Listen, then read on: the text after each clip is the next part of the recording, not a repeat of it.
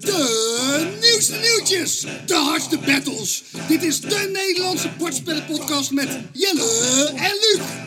Maak je klaar voor... Cartoon, cartoon.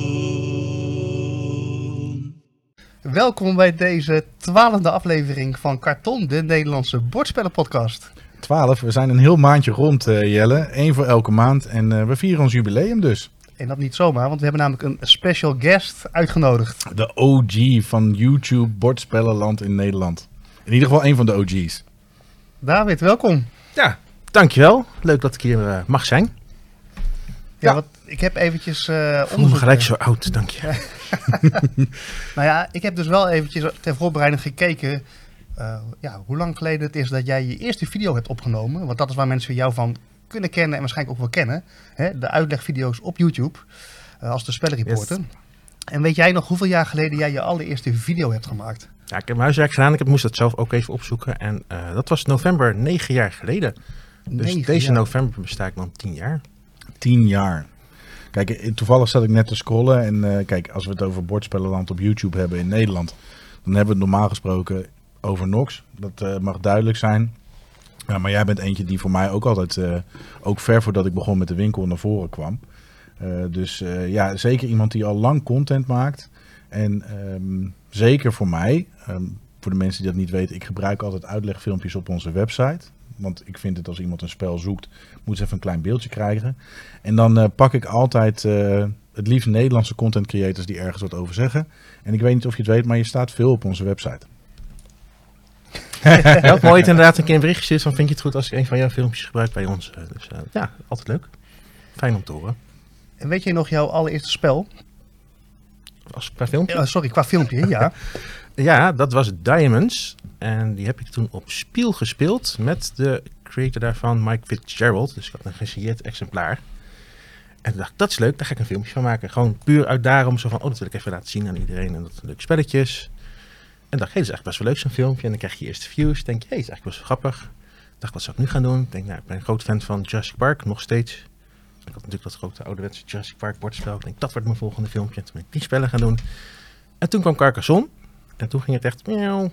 Die zijn echt... Nee, die zijn echt Oh, sorry. duizenden keren bekeken. Veel van mijn Ja. filmpjes komen niet eens boven de 100. Die maak, maak het gewoon voor de leuk. Ja. Maar die van Carcassonne... woetsch. Dan dacht ik zo. Nou, en even mijn kwam voort dat ik Carcassonne als zeer unpopular opinion eigenlijk gewoon helemaal niet zo leuk vind. Maar daar hebben we het eh, in het verleden al uitgebreid over gehad. Maar ehm, Jelle zal vast nog meer hebben hoor. Maar ehm 2015 ben je begonnen dus. Eh, dan eh, zit je in een tijdperk waar de mobiele telefoons nog niet zoveel kracht hebben. En dat elke Pipo de Clown met een mobiele telefoon content kan creëren. Dus dan ga je dat serieus aanpakken. Ik weet dat je fotograaf bent ook. Heb je altijd die equipment gehad? eh, dat, dat je dacht van, hé, dat kan ik inzetten voor deze hobby? Of, ehm, Nee, eh, gek genoeg heb ik mijn foto, fototoestel en mijn camera apart. Ik gebruik geen fototoestel voor mijn video's. Ik heb echt een speciale dedicated camera gekocht. Daar ga ik mijn filmpjes van maken. En mijn fototoestel maak ik foto's. en die, maar die heb je gekocht omdat je content bent gaan maken op YouTube. Dat dan weer wel. Dat vind ik best wel bijzonder in die tijd inderdaad. Want je had dan natuurlijk Bastiaan. Maar dat je dus wel dacht van... Hé, hey, je had niet heel veel mensen om af te kijken of zo. Dus ergens heb jij een eh, gedachte in jouw hoofd gehad van... Hé, hey, laat ik eens zo'n camera aanzetten en ga ik, laat ik eens een uitlegvideo maken. Ja, ik denk dat mijn inspiratie was dat betreft dan de Dice Tower. Toen al. Toen ging ik ook naar Spiel van, oh, de Dice Tower komt ook. En dan ga je met Tom op de foto en met G op de foto. En later dacht ik wel, toen ik die films eenmaal ging maken, dacht ik wel van, hé, hey, als we dan toch Nox gaan noemen. Die is natuurlijk wel binnen Nederland. Hè, het is Nox en dan komt er heel lang niks. En ik had de ambitie om dan als tweede daar ergens te komen.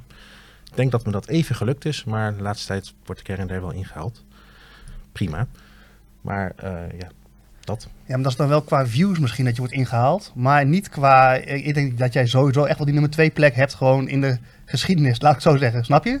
Dus Dat mogen anderen beoordelen. ja, nee, maar ik denk dus echt... Hè, we hebben het erover gehad. Ehm, we, hebben, we nodigen niet zo heel vaak mensen uit voor deze podcast. Eh Bastiaan was de eerste.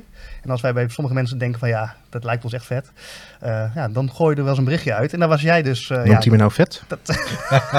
dat was wel een no-brainer. Omdat je ook, ja, je bent al negen jaar bezig. En ja, jij hoort echt wel bij de grondleggers van de Nederlandse YouTubers als je het hebt over bordspellen. Ik, ik zeg het gewoon, ja. Dit vindt hij ongemakkelijk, jongens. Ja, dat is echt niet beetje- normaal. Het is een beetje too much. Als je dit luistert, kijk het vooral ook even terug op YouTube. Want dit vindt hij niet grappig. Neem het compliment aan, zou ik zeggen. Want volgens mij eh, zit ik er niet heel veel naast eh, met de werkelijkheid. Het is natuurlijk altijd leuk om te horen dat dingen die je doet gewaardeerd wordt. En, eh, dus dank daarvoor. Ja, En eh, nieuwsgierigheid, hè? want ehm, ja, de eerste filmpjes die ik van jou ooit zag, ehm, kreeg ik een soort eh, Windows Movie Maker, had je een soort krantenkop gemaakt, zo'n eh, Herald Tribune-achtige lettertype eh, met de spellenreporter erop.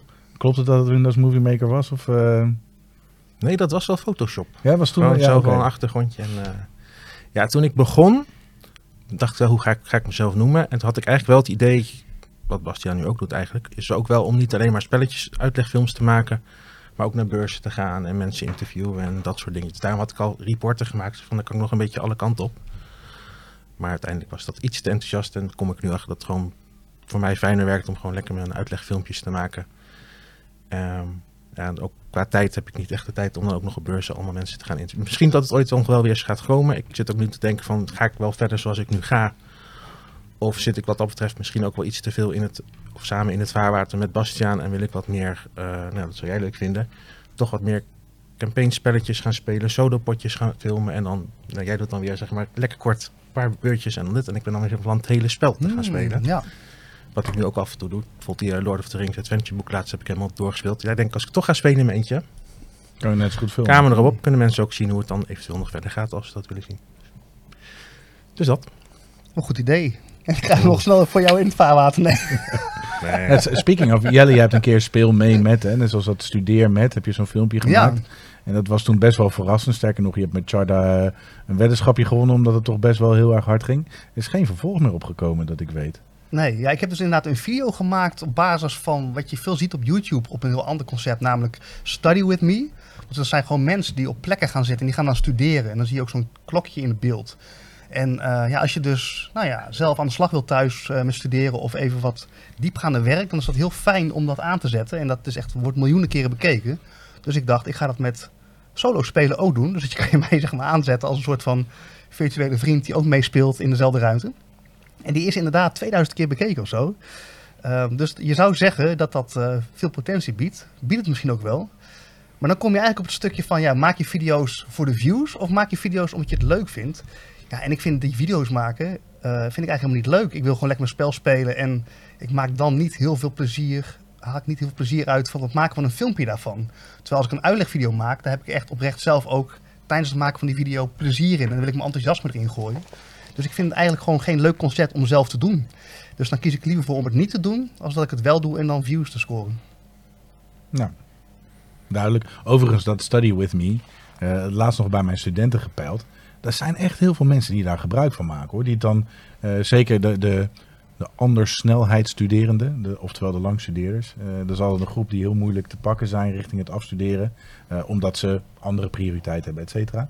Maar ik heb er laatst eh, wat meer tijd aan besteed vanuit mijn opdrachten op mijn werk. En er zijn heel veel die dus dat echt heel motiverend vinden. Ik ben niet alleen. Ik moet hiermee bezig zijn. Dat is misschien niet het liefste wat ik doe. Maar ik moet ermee bezig zijn. En dan als ik iemand anders het ook zie doen, dat motiveert mij. Precies. Hetzelfde als dat ik waarschijnlijk vroeger gewoon in de UB ging zitten als ik moest studeren. Want dan zaten er ook twintig andere mensen onder zo'n lampje te studeren. Precies, ja. Dus eh, ja, dus dat is ook nog een eh, mogelijkheid. Omdat eh, ik vind het niet leuk, dus misschien wil jij David dat wel doorpakken. Nou, wat ik, wat ik van jou dan wel knap vind, jij doet alles gewoon one take en geen knip en plakken volgens mij. En ik zit echt, mijn films duren altijd twee keer zo lang, want ik zit allemaal eus en toch even wat opzoeken. Dat moet ik dan wel allemaal uitknippen. Hmm. Ja, nee, ik heb inderdaad wel meer takes. Maar ik, ik ben ook niet, eh, ik praat toch al snel en ik zeg vaak eh. En dat is gewoon wie ik ben. Dus als je dat niet leuk vindt, moet je niet kijken. Ja, zo ben ik dan ook wel weer. Zo is het. We zijn nu wel, we zitten al lekker de, in de inhoud. Maar we hebben eigenlijk nog helemaal niet verteld wat we deze aflevering gaan doen. En dat is toch wel wat jouw hoogtepuntje, Luc. Want jij kan het altijd heel goed. Dat is mijn hoogtepuntje. Eh, Jelle is vergeten dat dit de twaalfde aflevering is. En dat we elf afleveringen gehad hebben. En dat het inmiddels 9-1 staat. eh, want die ene was een gelijkspel. Dus 9-1 voor mij in de battles. Dus eh, mijn hoogtepuntjes die zijn meer dan dat. Maar Fake nieuws was dit, hè? Wat zit er vandaag in de aflevering? Nou, uiteraard, we hebben weer een berg nieuwtjes. Het was, naast de nieuwtjes hebben we niet normaal veel vragen binnengekregen. Nog meer dan normaal, dus excuses als we die niet allemaal kunnen behandelen. We hebben er een paar uitgefilterd. Dingen die aanslaan op ons thema. Eh, dat soort zaken. Eh, nou ja, we gaan een klein beetje met David in gesprek natuurlijk om te kijken van... hé, hey, eh, wat doet David allemaal nog meer? Waar is het allemaal vandaan gekomen? Eh, uiteraard hebben we een battle. Die gaan we dit keer doen op basis van een content creator die wij heel erg waarderen... en het favoriete spel van deze betreffende persoon. Ehm, en we gaan onze top 3 fantasy thema spellen op tafel leggen. Eh, gewoon om jullie weer een beeld te geven. Wat kun je daar allemaal mee doen? Eh, en daarnaast gaan we natuurlijk ook een kleine vooruitblik eh, vragen naar de volgende aflevering. Want daar moeten we het ook nog over hebben. Dus dat. Vol programma. Maar David, Ja, ehm, we hadden toen we hier binnenkwamen en de tafels neer waren zet- aan het zetten waren, hadden we het er even over eh, dat jij veel, eh, vele hobby's hebt. Je doet veel, je hebt een kantoorbaan, je fotografeert, eh, je gaat ontzettend vaak naar de bioscoop. Ehm, soms ga je ook nog eh, op wintersport eh, met hele mooie vrouwen. Eh, allemaal, allemaal hele leuke hobby's lijken mij. Ehm, maar wat is, wat is jouw achtergrond daarin? Ben je, ben je journalist, fotograaf? Is dat jouw achtergrond? nee, mijn achtergrond is gewoon je schoolbaan doen. En dat is op zich wel weer heel leuk dat ik dan hier ben op Eemklaar. In de stad ook waar Oogappels is opgenomen. Een van mijn favoriete series. Vanochtend hebben ze hier nog in de Albert Heijn trouwens een eh, aflevering, eh, een deel daarvan opgenomen. Ja, en bij de juwelier zag ik. Kijk, Ja, ik zag ze bezig weer. vanochtend. Eh, maar ik, ja, school, HAVO, en MBO enzovoort enzovoort. En toen ben ik eigenlijk blijven hangen in mijn weekendbaan. En die was hier eh 100 meter verderop. Dat was Van Leest, platen- en cd-winkel was er toen nog. Tenminste, de platen heb ik gemist, maar wel de cd's en de dvd's toen die opkwamen. En ik hoorde jou in de vorige podcast volgens mij zetten dat je bij de React Shop hebt gewerkt. Zeker, we zijn collega's geweest. Con-collega's, collega's. En daar ben ik eigenlijk blijven hangen na mijn schooltijd. Zo van, ja, wat moet ik gaan doen? En Ja, toen, eh Even voor onze jongere kijkers. Hè, vroeger vroeg al. waren er winkels waar je alleen maar cd's en cassettebandjes en dvd's kon kopen. Nou ja, dat bestaat eigenlijk niet meer. Laten we wel wezen. Ik bedoel, je- hebt nog eh, cd's bij de Mediamarkt staan. En je hebt nog vooral vinylzaakjes waar je LP's, omdat het gewoon hip is. Maar zoals wij vroeger in de Free Record Shop hebben gestaan, of de Van Leest, of welke andere, de Fame, noem maar op. Uiteindelijk waren ze allemaal van dezelfde eigenaar, maar dat terzijde. Eh ja, dat was echt wel anders. Nou, ik was daar kind aan huis en als er dan een nieuwe cd van Scooter uitkwam, dan stond ik elke vrijdag. ik, Mag ik die luisteren? Ja, dan zet je, zet je hem voor je op en dan kreeg je een koptelefoon op en dan kan je muziek luisteren. Ja, ja. Dat ik het zelf dan voor andere mensen steeds moest gaan doen. En eh, ja, uiteindelijk ging de cd-zaak een beetje, ging al een beetje... Maar ik kon natuurlijk, eerst word je weekendkracht, dan word je vaste kracht, dan word je assistent, dan word je assistent filiaalmanager. En uiteindelijk kon ik ergens filiaalmanager worden. En toen was het klaar, toen was ik uitgegroeid en de cd en markt stond ook op het punt om in te storten. Dus dacht ik, ga maar snel weg. Het moet over spellen gaan dit. Maar goed, eh, toen nog een tijdje bij een, een bank gewerkt. En daarna toch gedacht, commercialiteit is niet helemaal mijn ding. Ondanks al mijn andere activiteiten. Dus ik ben eh, naar een steady back-office kantoorbaan gegaan. Die geeft mij de rust en mijn pensioen en mijn hypotheek. Maar daarnaast wil ik nog wel, ben wel onrustig wat dat betreft. Dus ik dacht, ik word eh, fotograaf. Ik ga eerst een fotostel kopen. Ik dacht, wat ga ik fotograferen? Ik denk, koeien. Toen kwam ineens de Ronde van Nederland voorbij, wielrennen. Toen dacht ik, oh, dat is leuk, ik ga sportwielrennen doen. En toen was er een première van, ik geloof, Harry Potter. De tweede film of zo, ergens in het Spoorwegmuseum. Toen mocht ik langs de rode loper staan en foto's maken van uh, Daphne Dekkers en zo. Nou, dat is eigenlijk ook wel leuk. Dat ben ik blijven doen. En uiteindelijk kwam er ergens een plekje vrij bij een persbureau. En zeiden, hey, wil je niet voor ons uh, foto's gaan maken? Dus zodoende sta ik regelmatig langs uh, de rode loper bekend Nederland fotograferen. Ja, hoe tof is dat, hè? Want je, je bent gewoon ook filmfreak. Dus je, je... Ja, ik blijf wel een beetje in de entertainment. Ja, uh, dat is echt wel leuk. Ja.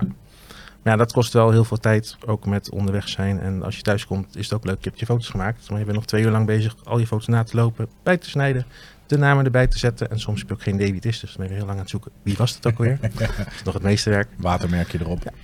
En daarnaast heb je inderdaad nog een, uh, een bioscoopabonnement bij een bioscoopketen in Nederland. En hoop ik, probeer ik toch wel gemiddeld twee keer per week naar de bios te gaan. Vorig jaar heb ik 114 films in de bios gezien. Dit jaar even proberen te overtreffen. Dat is, meer, dat is overigens, we hebben dat uh, in de BG Stats hadden we het bijgehouden. Jij hebt meer films gekeken afgelopen jaar dan dat ik spellen heb gespeeld. Holy moly. Dat is wel een hele leuke app trouwens. Mag ik alvast ja, ja. ja, ja. Uh, want we hebben het een beetje over content creators natuurlijk ook. En er is een relatief nieuwe podcast, is uh, Spel op tafel. En die heeft twee afleveringen geleden, aflevering 20, was zij op visite bij de, maak, de twee Nederlandse makers van die app. Dat is wel een leuk interview, leuk om te horen, om eens te horen wie de mensen zijn achter die app waar je steeds je spelletjes in zit eh, te loggen. Ja, want dat zijn Nederlanders, hè? Ja, Ik heb die aflevering inderdaad ook gehoord. En ik wist niet eens dat het Nederlands waren inderdaad. Het was echt gaaf om te horen. En ook dat zij er nu dus ook gewoon hun brood mee verdienen. Dus dat vind ik ook wel echt wel vet. Dat je dus eigenlijk een, uit een soort van leuk idee iets gaat creëren. En dat het zo groot aanslaat in de bordspellenwereld dat je er nu gewoon eh, ja, je, hypotheek mee kan betalen. Nou, besef even, het is een van de eerste apps waar ik ooit voor betaald heb. Want eigenlijk vond ik dat een soort principe ding om dat niet te doen. Dus er zijn twee apps waar ik voor betaald heb. Dat is de Terraforming Mars app en de BG Stats app. En ik geloof 3,5 euro of zo was het om BG Stats. En dan zou je eventueel nog wat moduletjes van een paar euro. Heb ik overigens niet per se gedaan. Maar al met al geef je dan 7 euro uit om die complete app te vullen. Maar ja, als die ondertussen een miljoen keer gedownload wordt, ja, dan Die allemaal een paar euro. ja, dan kun je een hoop. eh, nou, dan kun je wel een huisje van kopen, ja. Ja, maar vergis je niet. Het is niet zo dat je dat dan maakt en dat het is. Want ik heb dus ook nu door dat interview gehoord wat voor werk het kost. Tuurlijk. En alle ideeën die zij krijgen van gebruikers. Hè, van, oh, doe dat ook nog, doe dat ook nog. Oh, het is en een dat baan. updaten, dus het is echt keihard. Ook best wel droog werk volgens mij met dingen invoeren en eh, programmeren en zo. Dus het is hard werk hoor. Natuurlijk, maar het- luister, ik verdien het niet. Je verdient het wel, maar je krijgt het niet. Oh, dankjewel Jelle. Nee, maar even serieus. Natuurlijk is het hard werken. En de ontwikkeling daar... En het gaat om die voorinvestering natuurlijk. Nou ja, luister hem terug dan zul je het ook allemaal mee, eh, meekrijgen. Maar ehm, dat is echt tof. Het is, het is alsof je topsporter bent geworden. Hè? Dat is maar voor zo weinig mensen weggegeven... om zoiets tot een, een money-making machine te krijgen. En dat geldt ook voor content creators in het algemeen. Eh, iedereen denkt dat ze viral kunnen gaan op TikTok of Insta of wat dan ook. En daardoor ineens bakken met geld gaan verdienen. Maar zo is het niet. Weet je, voordat er daar überhaupt iets van, van geld tegenover komt te staan, eh, heb je daar zoveel tijd in zitten. De tijd die je nodig hebt voor het editen, ehm, voor het interacteren met je publiek. Ehm, nou, daar gaan we het zo meteen echt nog wel uitgebreider over hebben. Maar dat, dat, daar moeten mensen zich niet in vergissen. Daar gaat gewoon veel tijd in zitten voor iedereen die met, eh, met dat spelletje bezig is.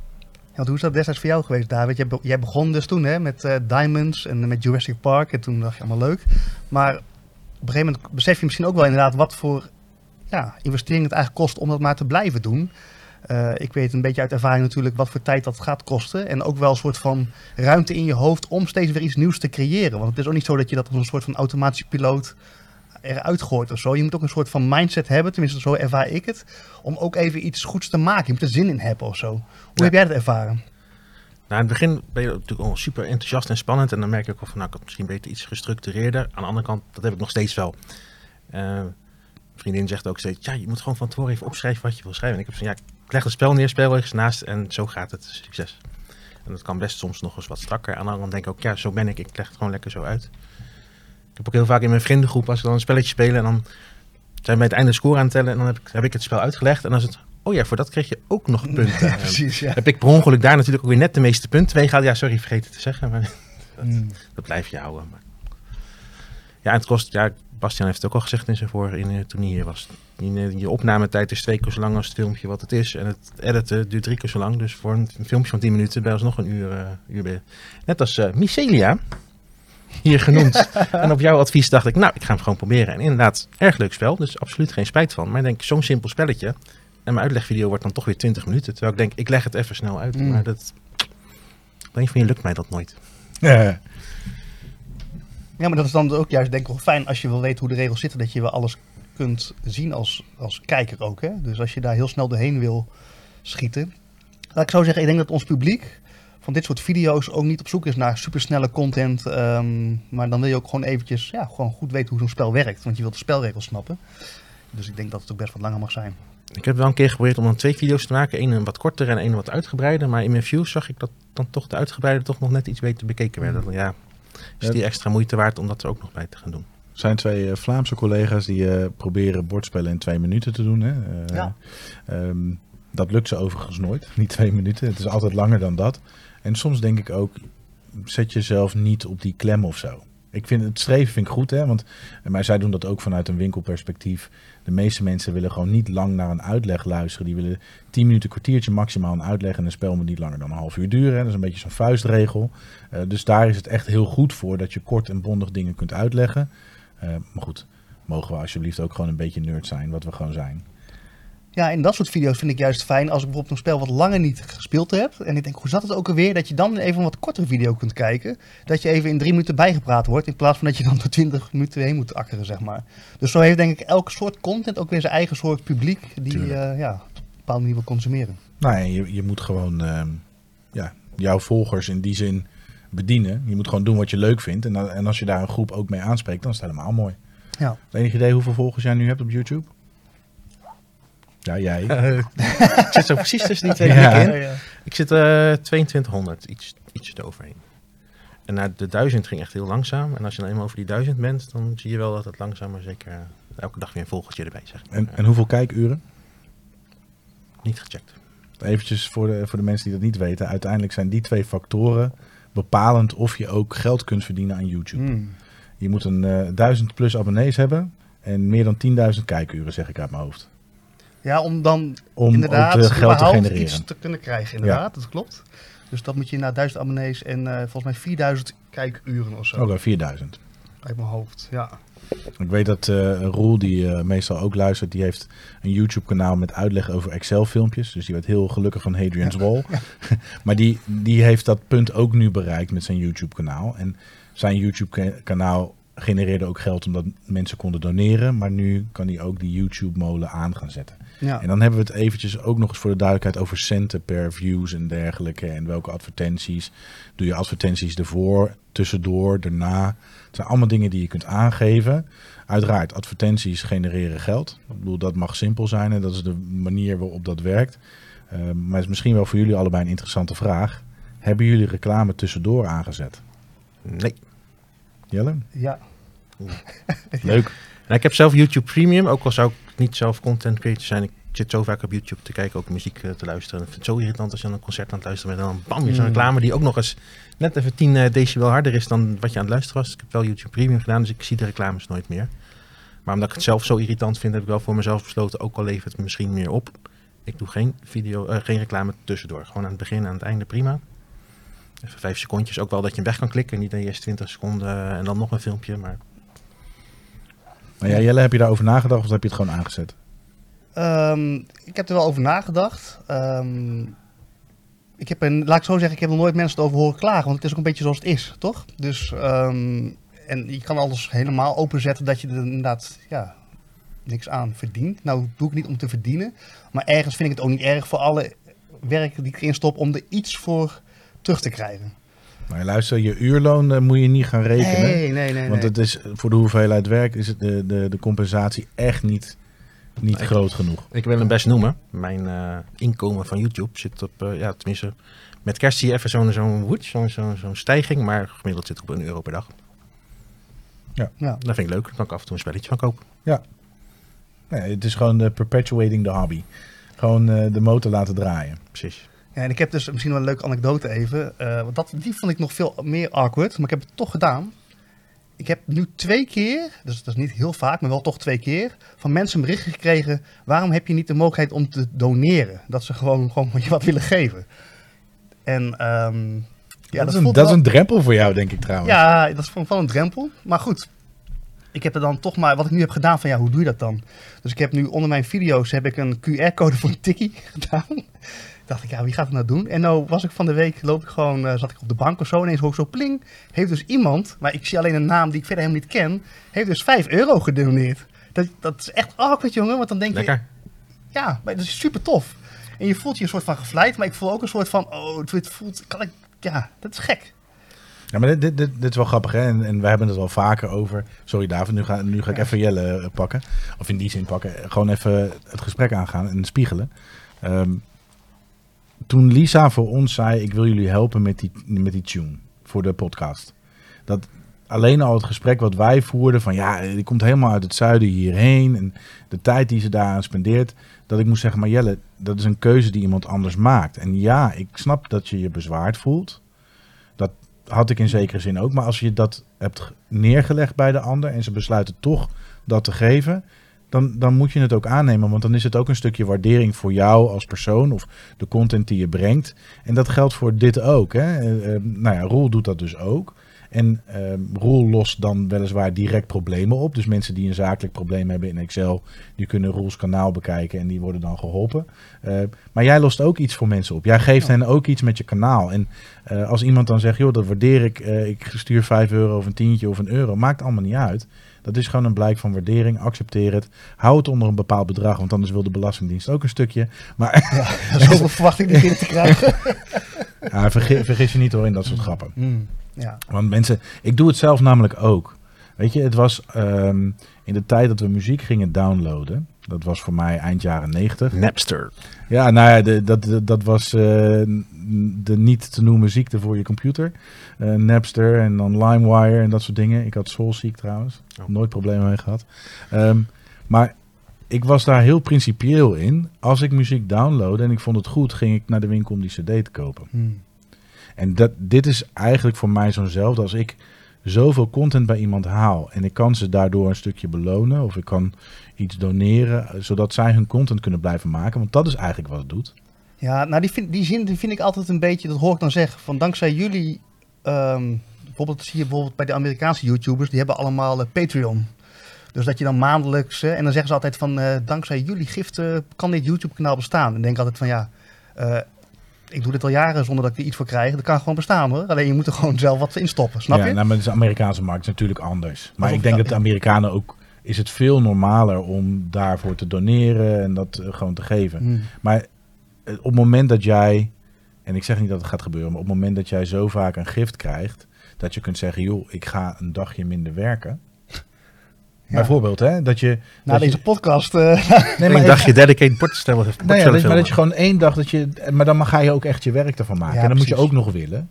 Maar dat, dat is wel hoe het werkt. Dus accepteer gewoon die gift die je krijgt. Het is een waardering voor wat je doet. Ja. Ja, dus eh doe ik ook zeker. Eh, Maar het zijn inderdaad interessante processen. Dus dat komt allemaal bij, bij het maken van video's kijken. Dit soort ook. Ja, dat, dat bedenk je van tevoren niet. Maar eh, ja.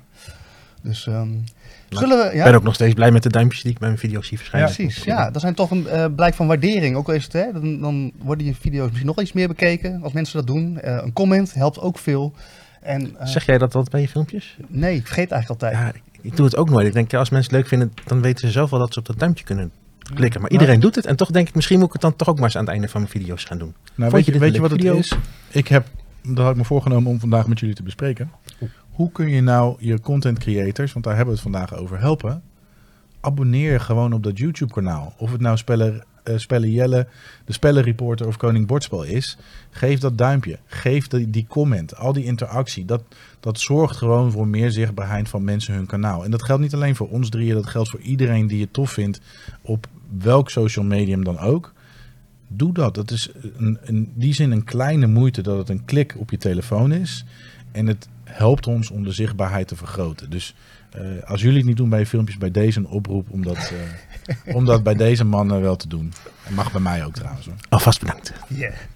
Hey, zullen we even, want anders wordt het echt een vier uur lang, de, lang durende podcast, denk ik. Zullen we eens even gaan eh, beginnen met de nieuwtjes?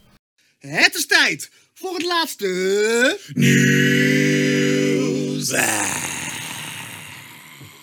David, Ja. wil jij ons aftrappen? Want jij hebt toch een bak nieuws vergaard als de spellenreporter. Ja, ik voelde het toch wel druk om ook iets in te brengen. Eh, nog even teruggaan naar de vorige podcast, waarin jij het had over de nummer 1 van Tom Ves. Of eigenlijk kwam jij ermee, maar jij had het er ook over, Ready, Set, Bet.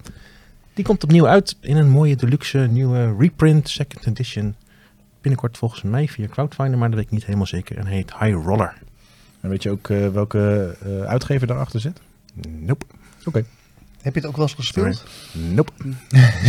Weet je wat leuk is? Nope. Nou, als Tom het leuk vindt, kan ik het meestal ook wel enigszins waarderen. Oh, dus jij wel, opmerking hier, maar... jij ligt wel in de lijn met Tom, zeg maar. Ja, ja, ook wel met... Ja, eigenlijk met allemaal wel. Ik vind, ik vind alle spelletjes wel leuk. Het is niet waar, maar de meeste. Wat is je favoriete eh, dobbelspelletje met kleuren? Eh, dan moet je wel de Dragon Expansion erbij doen van Dobbelland.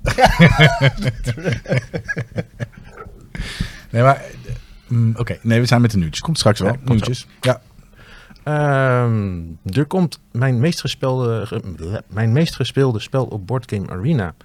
Dankzij een oud collega van mij die zei, je moet Take 5 een keertje proberen. Super simpel, maar toch lekker tactisch en heel gemeen af en toe.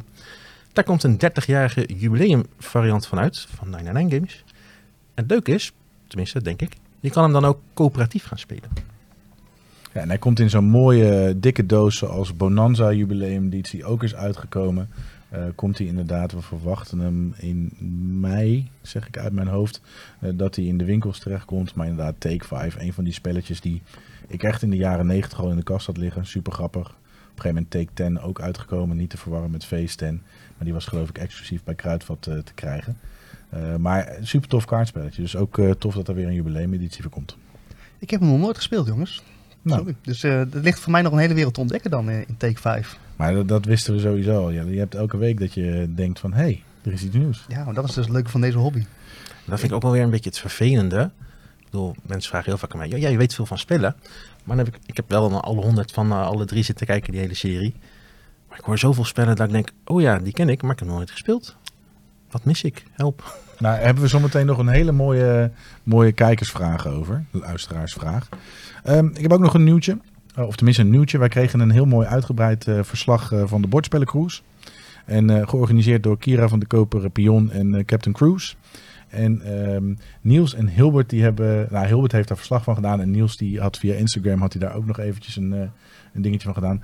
Het was zo'n groot succes dat er in ieder geval een tweede editie aankomt. En ze hebben onder andere een NK Noordzee, NK Libertalia gedaan. Een Earth-dag ehm, om de uitstoot eh, te compenseren. En eh, nee, maar het was een groot succes. En ik snap het wel. Super gezellig. Eten, drinken. Het enige nadeel wat ik las in het verslag is dat het restaurant pas op een bepaalde tijd open ging. Dus dat ze tot die tijd eh, maar wat anders moesten doen. Dat ze niet altijd een plek hadden om te zitten en te spelen. Nou ja, dus je kon dan dus, zoals ik hem begreep, je kon lekker gaan spelen. Maar er was een moment dat het restaurant open ging. Dus dat je je spel moest opruimen, want dan moesten mensen eten. Oh, ik had hem verkeerd om. Gewone begrepen. gepeupel. Ja, dus, en dat is ook logisch natuurlijk. Ja, Oh, het zat niet helemaal vol met alleen maar bordspelers. Er waren ook nog nee, gewoon. nee, sterker nog, het waren in totaal wel, wel veel trouwens. 100 mensen zijn meegegaan met Ja, de dat is cruise. geniaal, Dus echt prachtig. wel eh, voor mij een heel mooi eh, aantal mensen. Maar die begeven zich natuurlijk op een boot. Ik ben nog nooit op een cruise mee geweest, maar daar, daar lopen misschien wel duizenden mensen, noem maar wat. Dus je bent onderdeel van een groter geheel. En dat maakt ook dat je af en toe even wat aanpassing moet doen natuurlijk. Dus leuk als je net in je potje dobbeland zit. Maar ja, dan moet je hem toch even onderbreken. Het stokbrood moet op tafel. Ja, je mocht de spellen ook mee, zeg maar, daar halen en dan meenemen naar je, hoe noem je dat? Je, Ga je uit? Die kan je uit? naar je kamer en dan verder spelen of ergens anders gaan zitten en spelen. Maar Ja, Ja. dus ehm, en mochten jullie nou, eh, ik- we hebben verder geen reclame, maar ik heb, eh, eh, vind het toch even leuk om te zeggen. Wil je nou even wat foto's en filmpjes zien van die cruise? Dan heb je dus op Facebook de pagina All Games on Deck. Dat is ook dus van, eh, van Kira. En dan zie je dus best wel veel mensen die foto's hebben geplaatst. Ik heb daar onder andere ook nog een video gezien van een nieuwjaarsduik in het zwembad, wat eh, is georganiseerd. Dus eh, dan krijg je een goed beeld van, van die cruise. En volgens mij hebben ze wel een hele leuke gezellige tijd gehad daar. Was het een verwarmd zwembad? Dat kan je niet zien op de foto's. Dus het kunnen twee scenario's zijn geweest. Eh, of het was warm en ze deden alsof het koud was. Dan zijn ze slim. Of het was koud. Ja. Ja. En eh, even voor jou, Hilbert. eh, Niels, die, Niels is Move the Robert trouwens op Instagram als je hem zoekt. Die heeft mooi een foto gedeeld, zodat wij ook een beeld hadden van jou. Want ik was met Niels in gesprek over de cruise. En toen zei ik, oh ja, daar hebben we al een uitgebreid verslag van gehad. En toen zei hij, oh ja, van Hilbert, dat was mijn kajuitmaat. Ah, kijk. Dus vandaar. Top. Ik heb ook nog een, eh, een nieuwtje gelezen eigenlijk in een eh kijkers-luisteraarsvraag. En die is van Koen Penne. En de vraag van Koen Penne die komt eh, straks nog aan bod. Maar hij bracht dit nieuwtje, en die vond ik wel leuk, dat er nu dus een clever deluxe versie uitkomt. En die kun je al bestellen, zag ik bijvoorbeeld op Amazon. Maar je wil natuurlijk gewoon in je bordspelwinkel halen straks. Ik weet niet of je hem krijgt, Luc. Ehm, maar dat is de enige plek waar die nog te krijgen is. In Duitsland is dat volgens mij. En dan zie je dus clever zoals je het kent, maar dan met een dice tower erin. Dus je kunt je dobbelsteentjes in zo'n torentje gooien en dan vallen ze zo eh, op tafel. Maar eh, ze hebben ook al hun blaadjes gelamineerd. Nou, dat had ik toevallig al gedaan met mijn lamineerapparaat. Dat hebben ze waarschijnlijk gehoord in de podcast. Dus ze dachten, dit gaan wij gewoon standaard doen. En een coöperatieve versie van Clever. En hoe die dan precies werkt, dat kan ik je niet vertellen. Maar die zitten er dus wel in. Dus eh, ja, ze hebben wat... ehm, eh, en nog wat andere scorevellen. Dus dat je wel dat eerste Clever deel kunt spelen. maar dan met een ander... ander De challenges. ja, Ja, die, Dus, bes- eh, die bestaan ook gewoon al. Hè? De challenge voor eh, Clever en de challenge voor Doubles. misschien hebben ze die dan ook in deze versie gewoon toegevoegd. Ik zou net zoiets als de, de tienjarige jubileumeditie van Quicks, waar allerlei uitbreidingen ook in een eh, afwisbaar bordje zaten. Heb jij iets over deze uitbreiding ook gehoord vanuit eh nee, de van, van Koen inderdaad. Eh, ik denk dat het in eerste instantie alleen eh, via de Duitse uitgevers wordt gedaan. Ehm, het is niet altijd zo, ondanks dat 999 deze titel draagt, dat ze automatisch dit allemaal meedoen. Dat ligt aan allerlei afspraken die zij maken op de achtergrond. Ehm, toevallig een paar weken geleden gezeten met onze vertegenwoordiger van 999 en deze is niet langsgekomen. Ehm, wel die, die jubileumeditie van Take 5, eh een Sky Team natuurlijk en zo nog een aantal dingetjes. Ehm, maar deze niet. Dus geen, dat wil niet zeggen dat ze het niet gaan doen, maar ik heb er vooralsnog eh, geen eh, reden toe dat ze het gaan doen. Wat wel betekent dat ik hem ook niet in de winkel ga krijgen. Want meestal als een titel bij een specifieke Nederlandse uitgever ligt, is het niet de bedoeling dat een Duitse uitgever, distributeur het naar Nederland opstuurt. Hmm. Om een voorbeeldje te geven, Micro Macro. eh, Als ik die in het Engels wil bestellen, dan heb ik daar kanalen voor. Ehm, maar daar wordt White Goblin niet heel gelukkig voor. Want dan kan ik dus eerder deel 4 al in de winkel hebben liggen. En de bonusbox in de winkel hebben liggen. En dan voorzie ik de Nederlandse markt eerder dan dat zij hun Nederlandstalige versie op de markt brengen. Dus daar zijn afspraken soms over. Hmm. Als ze weten dat er een Nederlandstalige versie komt. Die komt er sowieso. Dat is inderdaad wel, dat is de, de crux. Pegasus is een van die Duitse uitgevers, die, eh, daar hebben wij een afspraak mee. Als zij nieuwe spellen uitbrengen in het Engels en er is geen Nederlandse op de markt, of er is nog geen afspraak over een Nederlandse versie op de markt, krijgen wij automatisch van hen de Engelse toegestuurd. Hmm. Als er wel een Nederlands spel op, eh, op de rol staat, dan sturen ze hem niet op. Omdat wij eigenlijk als vuistregel hebben, als dat enigszins tegelijk uitkomt, gaan wij voor de Nederlandse versie. In ieder geval bij de, de doorsnee spellen. Hmm. Bij expertspellen ligt dat anders. Nou, het is wel een mooi bruggetje naar dan nog een ander nieuwtje. Oh, daar, het heeft even geduurd, maar daar is het eerste bruggetje Ja, van. Jelle. over eh, Nederlandse vertalingen en dan eh expertspellen. Want ik heb in de vorige aflevering heb ik een relaas gehouden over een spel wat ik heel graag leuk zou willen vinden. Maar wat, ik, eh, ja, wat mij niet heeft bekoord tot op heden. En dat is namelijk Spirit Island. En die wordt natuurlijk door 99 Games. Is die nu deze week uitgekomen. Ik heb hem ook hier in de winkel gekocht. Dus ik heb een, eh, een mooi exemplaar nu thuis. Want, je zou denken, waarom koop je nu dit exemplaar als je het spel niet leuk vindt? Eh, ik heb dus door verschillende mensen, en dan voornamelijk uit de solo community, ben ik echt wel een beetje belaagd. Met, ehm, op een positieve manier. Van, hey Jelle, wij horen dat jij Spirit Island niet leuk vindt. Maar geef het nog een kans en probeer dan dit en dit en dit uit. Dus ze hebben me eigenlijk gemotiveerd om het een nieuwe kans te gaan geven.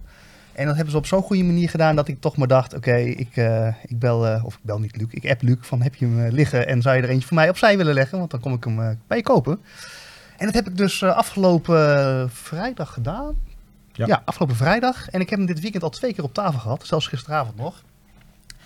En wat mij namelijk een beetje tegenstond in mijn allereerste ervaring met Spirit Island. En dat was in het begin van mijn bordspellentijd. Dus ehm, ik vond het thema toen heel gaaf, maar ik had nog niet heel veel ervaring met bordspelen.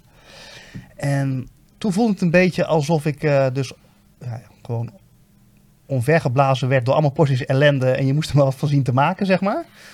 En ik moet voorzichtig gaan toegeven dat ik één, blijkbaar wat meer ontwikkeld ben in het spelen van bordspellen. Dus ik ben nu dit weekend erachter gekomen van, hey, dit gaat me eigenlijk best wel goed af qua regels. Het valt eigenlijk best mee.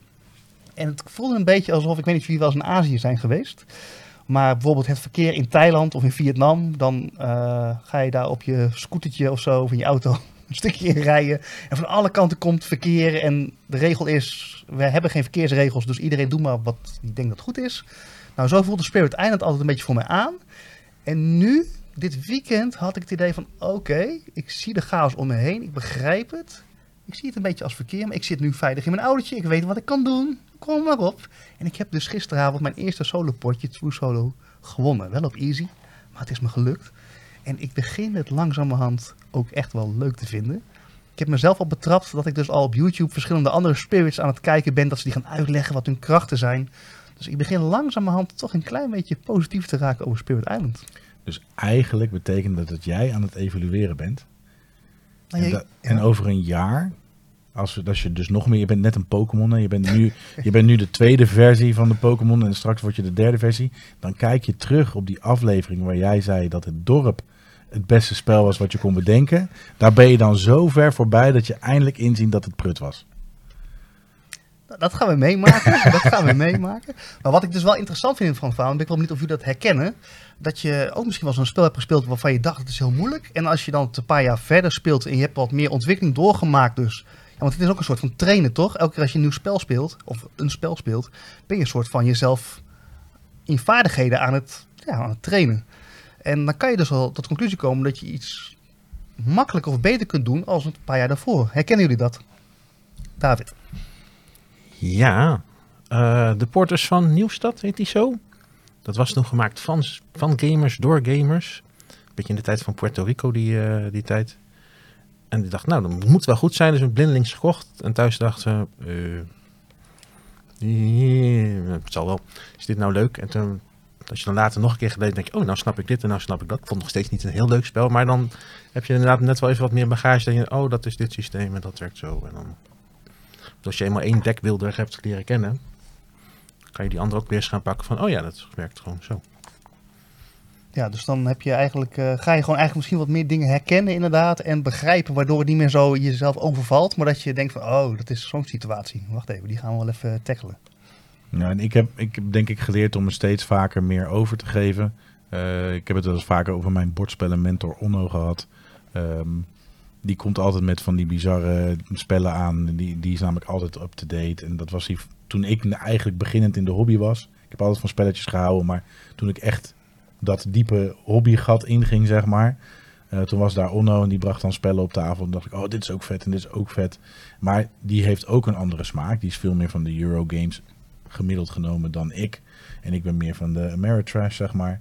Uh, maar dan bracht hij soms een spel mee, zoals Hallertouw. Heb ik misschien ook wel eens benoemd. Ik dacht, ah, ik heb helemaal geen zin in. Wat een ontzettend saaie doos. Uh, dit kan me helemaal niet... En dan in het verleden kon ik nog wel eens heel zagrijnig aan zo'n avond beginnen. Uh, maar tegenwoordig denk ik, oké, okay, ik laat het gewoon gebeuren. Want ook Hallertouw vond ik uiteindelijk tof. En dat kan ik nu aan. Dus het is inderdaad ook van, hey, als die complexiteit groter wordt... en er gaan meer dingen op tafel gebeuren, is het niet meer zo erg. Hmm. Ik kom wel zo'n avond doorheen en ik vind wel een route die mij punten gaat opleveren. En als ik dan een keer volledig van tafel geveegd word, zo so be it. Ja, ja dus uh, nou ja, ik ben benieuwd. Ik ga jullie nog wel op de hoogte houden over een paar afleveringen hoe ik mijn definitieve oordeel is over Spirit Island. Maar uh, het begint goed. Ja, begint goed. Nou, ik heb nog een klein nieuwtje. Nou, nog wel een grote. Ja, die, die ook. Maar ik heb, voor ik heb, die, die, daar kom ik zo. Maar ik heb een klein nieuwtje, Sea Salt and Paper. Uh, ook in het Nederlands uitgebracht. Uh, klein spelletje door Gaming Biz van Michiel de Wit. Uh, dat spelletje toen hij uitkwam in het Engels, het kwam binnen en het vloog er weer uit. Dus er is veel, uh, veel over te doen geweest. Leuk dat een keer een wat kleinere uitgever zo'n titeltje oppakt. Uh, want dit zijn normaal gesproken de dingen die heel snel naar nou, de twee grote, drie grote jongens gaan in Nederland.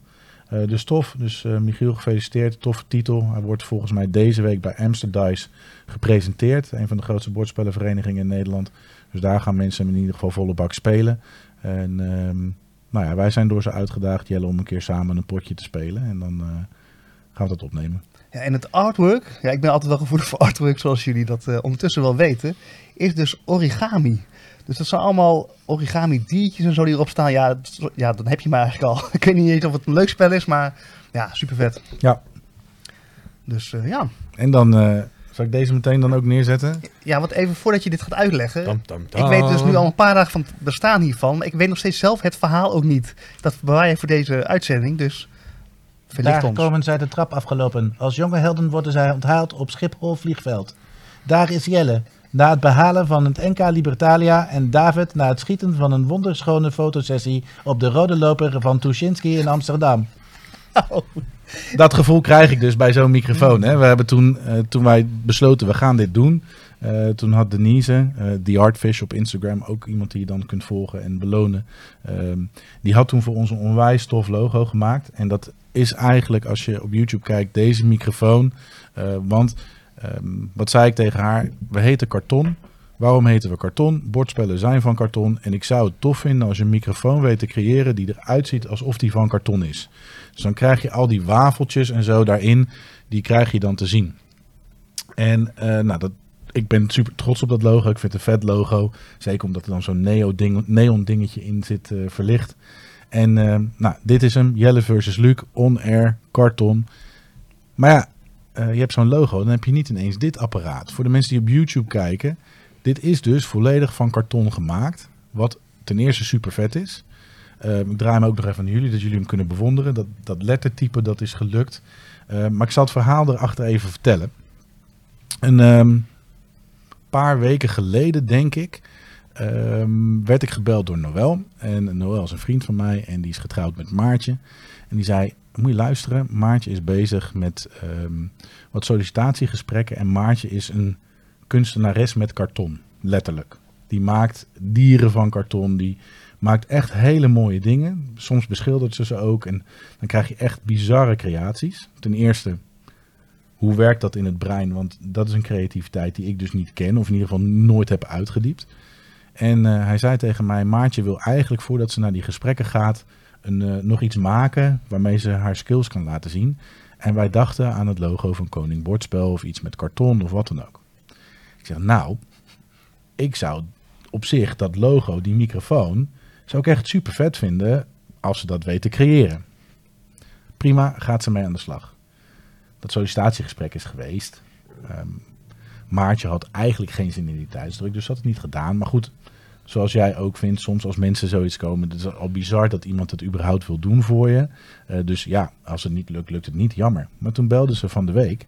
Zei ze, ben je zaterdag in de winkel? Ja, ik ben zaterdag in de winkel. Oh, dan komen we even langs. En wat schetst mijn verbazing? Toen kwam deze microfoon, ons logo verwezenlijk 3D van karton, ineens hier binnenwandelen. Ze had hem niet meer ge- gedaan voor dat gesprek, maar ze vond, ik heb dat beloofd, ik moet dat doen. Dus ik creëer jullie logo in 3D van karton. En hier komt de kikker. De hals van de microfoon is al op zo'n manier voorgeboord dat we nog een lampje achter het kroontje zouden kunnen fabriceren, zodat ook dat blauwe lichtje uiteindelijk in die microfoon zichtbaar kan zijn. Vet. Dus, Maartje, dit is zo ontzettend tof. En wij zijn hier zo ontzettend dankbaar voor. Dit is gewoon. eh, hier gaat geen QR-code of donatie tegenop. Ik vind dit tof. Ik kreeg hier kippenvel van toen ik dit kreeg. Echt, ja. Super vet. Ja, precies. Applaus waard. En dit is ook gewoon iets wat we nu gewoon standaard hier gewoon op tafel gaan zetten. Als, het, eh, als je het mij zou vragen in ieder geval. Uh, dit hoort gewoon nu bij ons. Want dit is gewoon ons logo van karton. In In karton. Ja. Ja. Echt super vet. Ja, ik, ik, ben, ik ben gewoon bang om hem in de winkel te laten staan. Omdat iemand er een keer lomp mee omgaat of zo. Dat, zou, dat is het enige waar ik over twijfel. Maar in je ik- vitrinekast. Ja, daar is hij net te hoog voor. Daar heb ik al meteen over nagedacht, maar daar is hij net te hoog voor. Dus hij stond er, eh, de afgelopen dagen stond hij bovenop. Maar ja, deze, deze verdient een- echt een plekje. En dit voelt echt als een trofee, eh, mensen. Dit is echt, ja, een trofee. Echt top. Ja, dus eh, mocht je nu luisteren, klik ook zeker eventjes nog een keer YouTube aan om eh, te zien hoe die eruit ziet. Want dat is echt, eh, ja, het is echt een kunstwerk. Ja. Super. Dus dat is het verhaal achter de kartonnen, Ja, de kartonnen microfoon. ook wel cool dat jij eh, dat nu pas vertelt. Ik zat een beetje met frustratie, want ik wilde zo graag weten wat dat was. Maar jij hield wijselijk je mond dicht. Je, je hield het vaag. Dus wel leuk dat je dat nu gewoon tijdens de uitzending gewoon even lekker eh, voor het eerst vertelt. Dus, ja, eh, wa- want even, jij, jij wist het. Ik wist niet dat jij het ging weten namelijk. Dus ik het werd hem- gedeeld eh, door haar op Door social media. Dus ik zag het ergens voorbij poppen. Toen dacht ik, huh, dat is ons logo. Ja. Er zat eh, hashtag spellen Jelle en hashtag koning bordspel gedaan. Ja. En zo kwam die op jouw tijdlijn waarschijnlijk voorbij. En toen kreeg ik een appje van, hé, hey, wat is dit? Want de foto was gemaakt met ons logo op de achtergrond. Dus je wist dat het hier was. Ja, precies. Ja. Ja. Ja. Dus, Nee, maar echt super gaaf. Ja. Ja. Had jij nog een nieuwtje? Een kleintje. Een kleintje, letterlijk. Want die past op je telefoon. Eh, hoe oud is Dominion eigenlijk al? 15 jaar? Ik denk minstens. Ja, gaat er al, eh, ook als we het hebben over OG's, dan is eh, Dominion ook wel een OG. Nou ja, er is dus nu een app van dat je hem ook gewoon lekker op je mobiel of je tablet kan spelen. Ik heb hem al wel geprobeerd, het speelt lekker weg. Ik dacht ook, oh leuk, je kan allemaal die uitbreidingen bij doen. En als je dan klikt op eh, alle uitbreidingen in één keer, denk ik, nou, eens kijken wat het kost. Maar dan moet je nog even 110 euro aftikken. Ik dacht, nou, laat maar, zo leuk vind ik het ook weer niet. Maar eh, mocht je Dominion dus lekker onderweg in de trein of eh, op vakantie willen spelen, kan dat nu ook eh, op je mobiel. En de gewone versie is dus gratis, hè, zei jij? Ja. En als je dat, ja, dat zo, zo werkt natuurlijk. Mocht je dan wat meer willen, dan moet je even je bijdel trekken. Ja, Luc zei net ook al dat hij niet zo snel geld uitgeeft aan apps en dergelijke. Het enige waar ik dat denk ik wel redelijk wat mee gedaan heb is met Hearthstone. Dat speelde op een gegeven moment zo vaak dat ik dacht, ja nou ze ook wel dat ik dan af en toe eens een pakje, pakje koop. En ja, een soort, soort, inderdaad een soort dank van, nou, zo'n leuk spel af en toe, dan koop ik even iets kleins erbij. Gewoon als waardering. En omdat ik het natuurlijk leuk vind, omdat je dan weer nieuwe kaarten krijgt. Ja. Maar dat, dat vind ik overigens anders, want dan ehm, mijn weerstand zat daar in eerste instantie in, omdat er, het ging heel snel om de commercie. En ehm, eh, er is niks mis met commercie, Ehm, maar nou, daar moeten we het zo meteen ook nog over hebben, content creators en commercie, commercie daarin. Maar heb je een prachtig mooi product gemaakt en voorzie je in een behoefte, dan vind ik inderdaad ook dat je daarvoor moet betalen helemaal niet gek. Weet je, je betaalt er namelijk toch voor. Of je doet dat door veel reclames op je telefoon te krijgen of data af te geven. Of je doet dat door geld te betalen voor de app. En soms wel allebei. Maar nou, in feit dat je soms moest betalen en je data moest afgeven en de reclames kreeg, zeg maar. Dat, nee. En heb je het nu over Hearthstone, heb jij het? Nee, nee, nee. nee dat, ik snap heel goed dat je daar geld aan uitgeeft. Dat heeft alleen mij nooit Hmm. gepakt verder. Wat jou wel heeft gepakt is altijd het artwork van Dominion. Hè? We hadden het even over Dominion. We Ehm, hebben even, even snel opgezocht. 2008, dus Hmm. eh, 16 jaar dit jaar. ben je ook een, eh, was je al een Dominion speler, David? Heel af en toe, mijn favoriete deckbuilder is en blijft Star Realms. Ah, leuk. Die ken ik ook al niet. Ja, Oh, Ja, dan gaan jullie gewoon met z'n tweede podcast. eh Ja, Star Realms. Nou ja, dat is, maar dat is dat een is wel wat thema, ouder. Je bent gewoon te jong, Jelle. We gaan het vandaag over fantasy hebben. Er is ook een Star Realms in een fantasy jasje en dan heet het Hero Realms. Hmm. Ja, ik ken de titel overigens wel, maar... Staat ook nog op mijn to-play eh, campaign eh, filmpjes maken list ooit. De Nee. Hero, de, de, die hebben dus ook een campaign dat je het gezamenlijk kan opnemen tegen een, een baas. En dat kan je dus dan ook weer solo of met één hand of dat je speelt alsof je het met z'n tweeën speelt. Hero Realms staat ook nog op mijn eh, to-do list. Hmm. Dat is misschien wel even een, een, ehm, een klein haakje waar we het nog over moeten hebben. Ook dacht een bruggetje. Ja, ja, dat ging je niet zeggen inderdaad. Ehm, maar jij zegt dus, Hero Realms is fantasy, Star Realms is dat niet. Zeg je dat daarmee of niet? Ja, dat heet dan science fiction, denk ik. Ja, en wat is science fiction dan? Alles buiten de aarde. Oeh. Misschien moeten we dit straks Ja, ja, inderdaad, ja, ja, als we de, thema, maar inderdaad, ja, hier, eh, ik voel ook wel nog vijf bruggetjes nu aankomen. Maar eh, Wat is fantasy? Ja, nou, dan ga Je je hoort het hier het eerst bij Karton. Ja, voordat we het daarover gaan hebben, hebben we natuurlijk ook nog eh, andere nieuwtjes misschien nog. ik heb nog één allerlaatste, Precies. dan ben ik door mijn nieuwtjes heen. Eh, die heb ik eigenlijk van David gekregen, ehm, via de app. die probeert mij toch ook eh, eh, aan het bekken te krijgen op Kickstarter of in dit geval GameFound. Het is hem bijna gelukt. Ik heb me wederom weten in te houden, maar het kost me wel heel veel moeite. Want, als je het hebt over een van mijn favoriete deckbuilders, dan is dat Aeon's End. En dat is ook al een spel wat heel veel uitbreidingen heeft en al heel lang bestaat. Maar er komt nu een nieuwe uit. En eh, die heet The Descent. En wat, wat ik daarover heb eh, kunnen bekijken is dat daar de Friends and Foes komen. Dus dat zijn eigenlijk... ehm, je bent een soort van mage in, in ehm Aeon's End. Dus een soort van tovenaar. Die op een breach, dus dan zie ik altijd zo'n soort eh, eh, blok waar vuurwerk wordt afgestoken naar een, eh, ja, naar een bad guy. En die heb je dus nu, dat je dat speelt en dan heb je zelf dus een vriend erbij, dus die jou gaat helpen op een bepaalde manier. En, maar de tegenstander, de bad guy, heeft ook zijn foes, dus ook zijn vrienden, zo'n matties die jou gaan helpen. Dus ze hebben een soort van nieuwe twist aangebracht in dat genre. En ja, ik, maar ik word daar wel heel vrolijk van. Maar wellicht in deze uitzending gaan we nog wat langer over dit spel hebben, dus misschien moet ik het hier even bij laten. Bom. Dan zijn we nu aangekomen bij de kijkersvragen.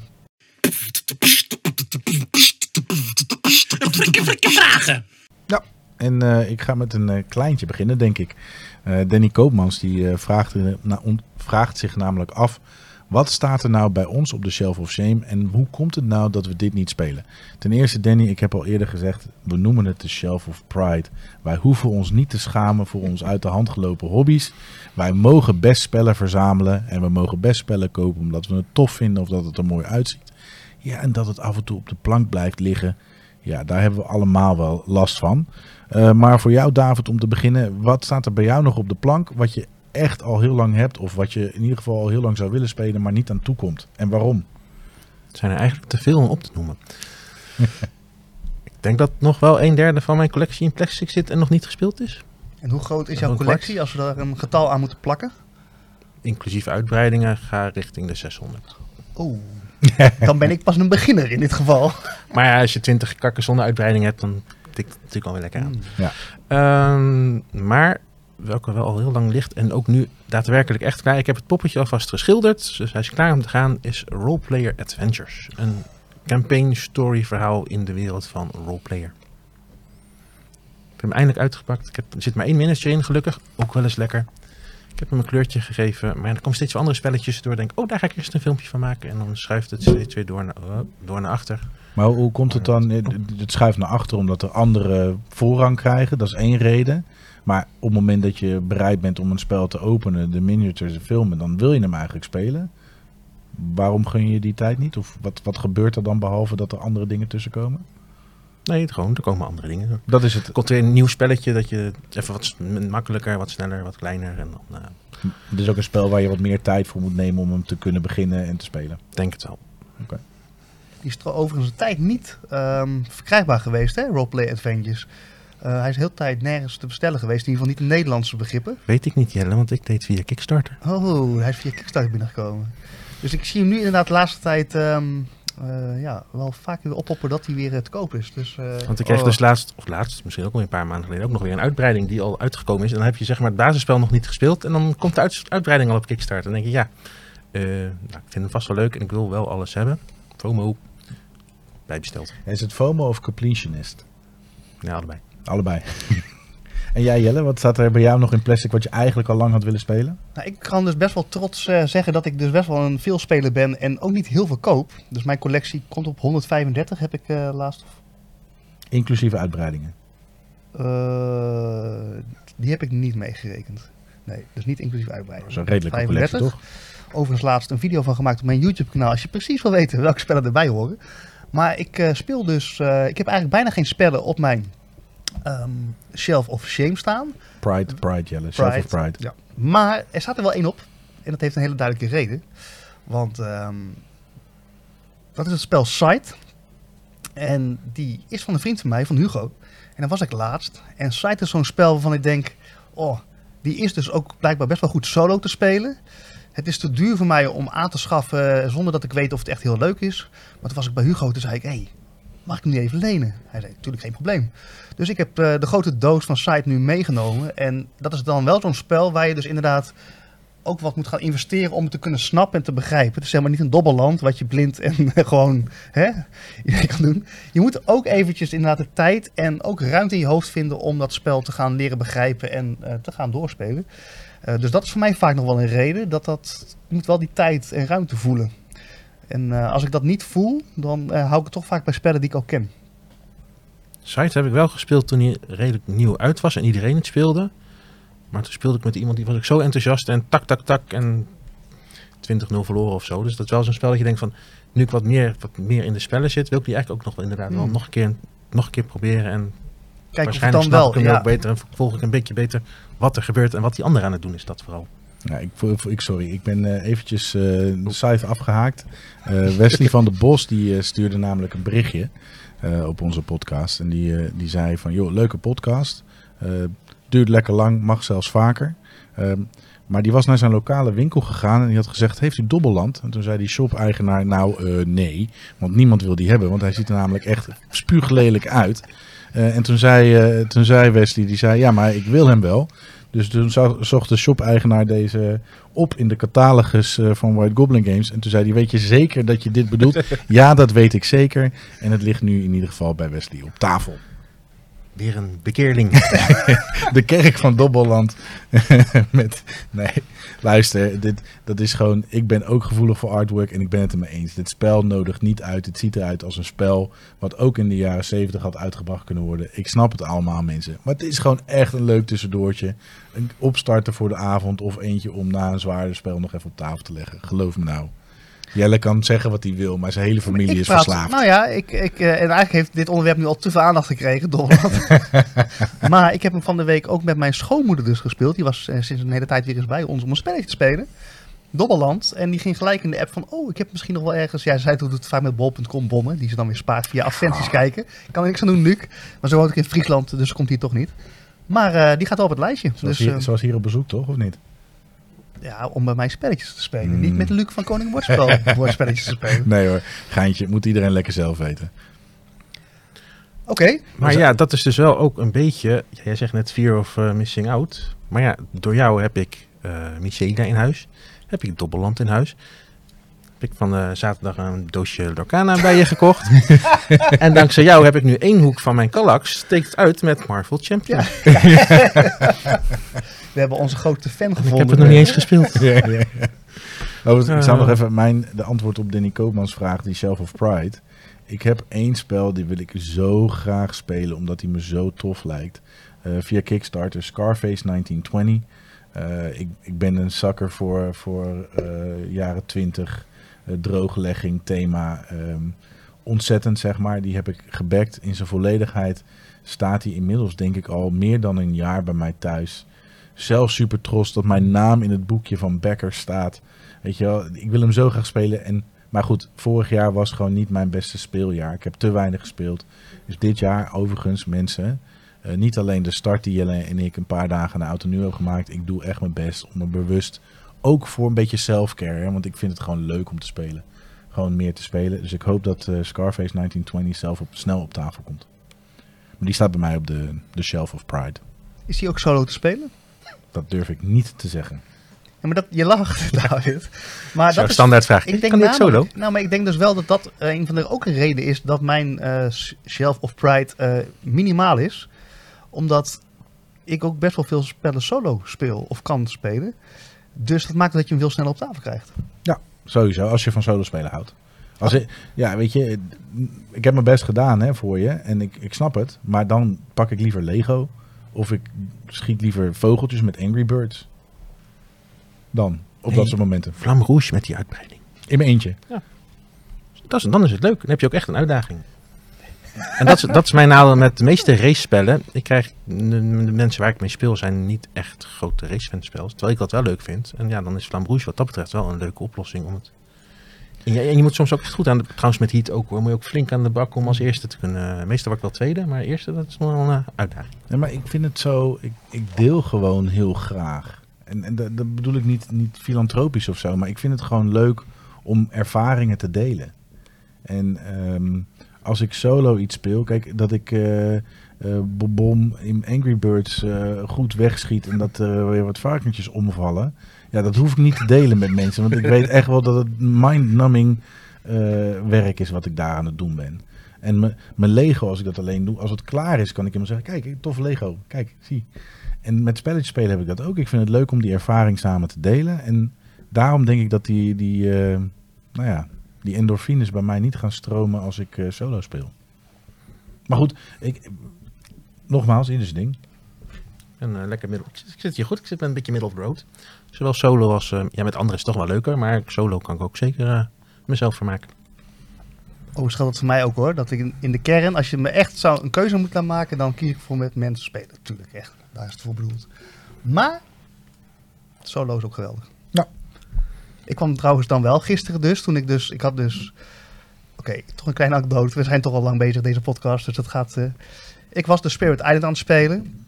Ik leek te gaan verliezen, maar ik had toch uiteindelijk de winst te pakken. Dus ik heb zeg maar allemaal ehm, ja, steden en zo van het eiland afgekregen. Mijn kracht, dat was in dit geval eh, een soort bliksem spirit, had gewonnen. En Tjara was al naar boven gegaan, want ik moest nog even wel mijn potje afmaken. Dus ik kwam, die zat dan een boek te lezen in bed en ik kom boven. En dan zeg ik dus ook letterlijk, ik weet dat het je niet boeit, maar ik moet het gewoon even kwijt. Ik heb Spirit Island gewonnen. dus ik moet het dan inderdaad wel even kunnen delen. Ja. En dan boeit het eigenlijk ook niet. En dan zeg je, ja leuk. Ben je nou blij? ja. Nu je mond houden en alsjeblieft, ik wil slapen. Ja. Dus, eh, oké. Ehm, de volgende vraag. En ik denk dat David daar misschien wel iets over kan zeggen. Of mijn inschatting van jou is totaal verkeerd. Eh Reinde de Boer, eh, geen familie van mij, zegt hij zelf.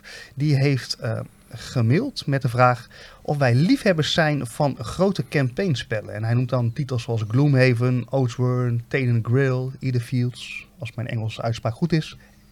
Eh, ja, en iets in mij zegt dat jij wel hè, als fantasy-liefhebber eh, ja, wel dit soort grote spellen leuk vindt. Maar eh vertel er vooral zelf wat over, zou ik zeggen.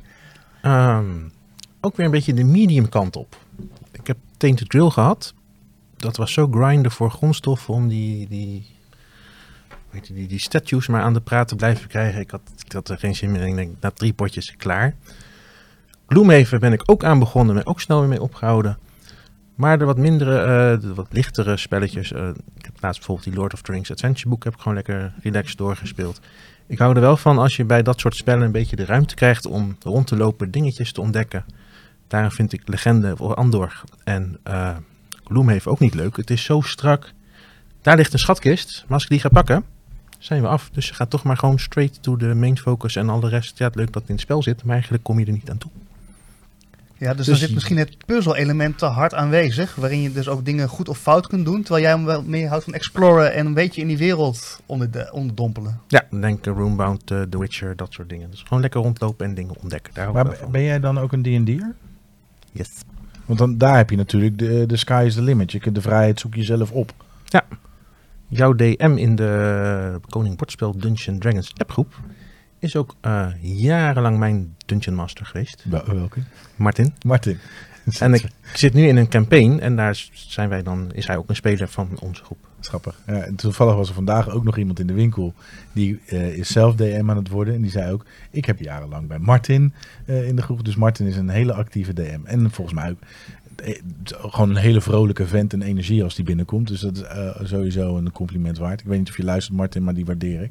Ehm, Zorg wel dat hij luistert. nou. Overigens hebben jullie nu wel, ik moet even de luisteraars opnemen nu, in, deze, in het korte gesprekje. Voor mensen die niet weten waar jullie het over hebben, dan, het gaat over DM's, het gaat over D&D. eh, zonder enige vorm van context. Ja, ik kom al een heel eind overigens, maar eh, misschien even heel kort toelichten wat jullie zojuist Nou. D&D Dungeons and Dragons, DM Dungeon Master. En ehm, waarom ik aanging is, eh David die zei, je, moet, je wordt, zit in een stramien in een soort van die campaignspellen. Dus je moet gewoon eyes on the prize, daar moet je naar voor gaan. Hè? Even vrij vertaald. Eh, dus je kan al die sidequests, al die leuke dingetjes die je zou kunnen onderzoeken, die laat ik links liggen, vind ik jammer. En toen dacht ik, ja, Dungeons and Dragons is zo'n is een rolspeler spel waar je eigen fantasie het verhaal bepaalt. En de DM, de Dungeon Master, is cruciaal of je een toffe ervaring hebt. Want die, die moet de sfeer opbouwen, die moet je meekrijgen. En ik zit dit te vertellen alsof ik zelf een hele ervaren en enthousiaste roleplayer ben. Helemaal niet, want ik kan dit volgens mij niet. Maar misschien moet ik een keer bij Martin aansluiten als die zo goed is. Maar eh, ik zie wel het verschil als ik DM's aan het werk zie. Ik zie de DM die zijn groepje in een verhaal weet te zuigen.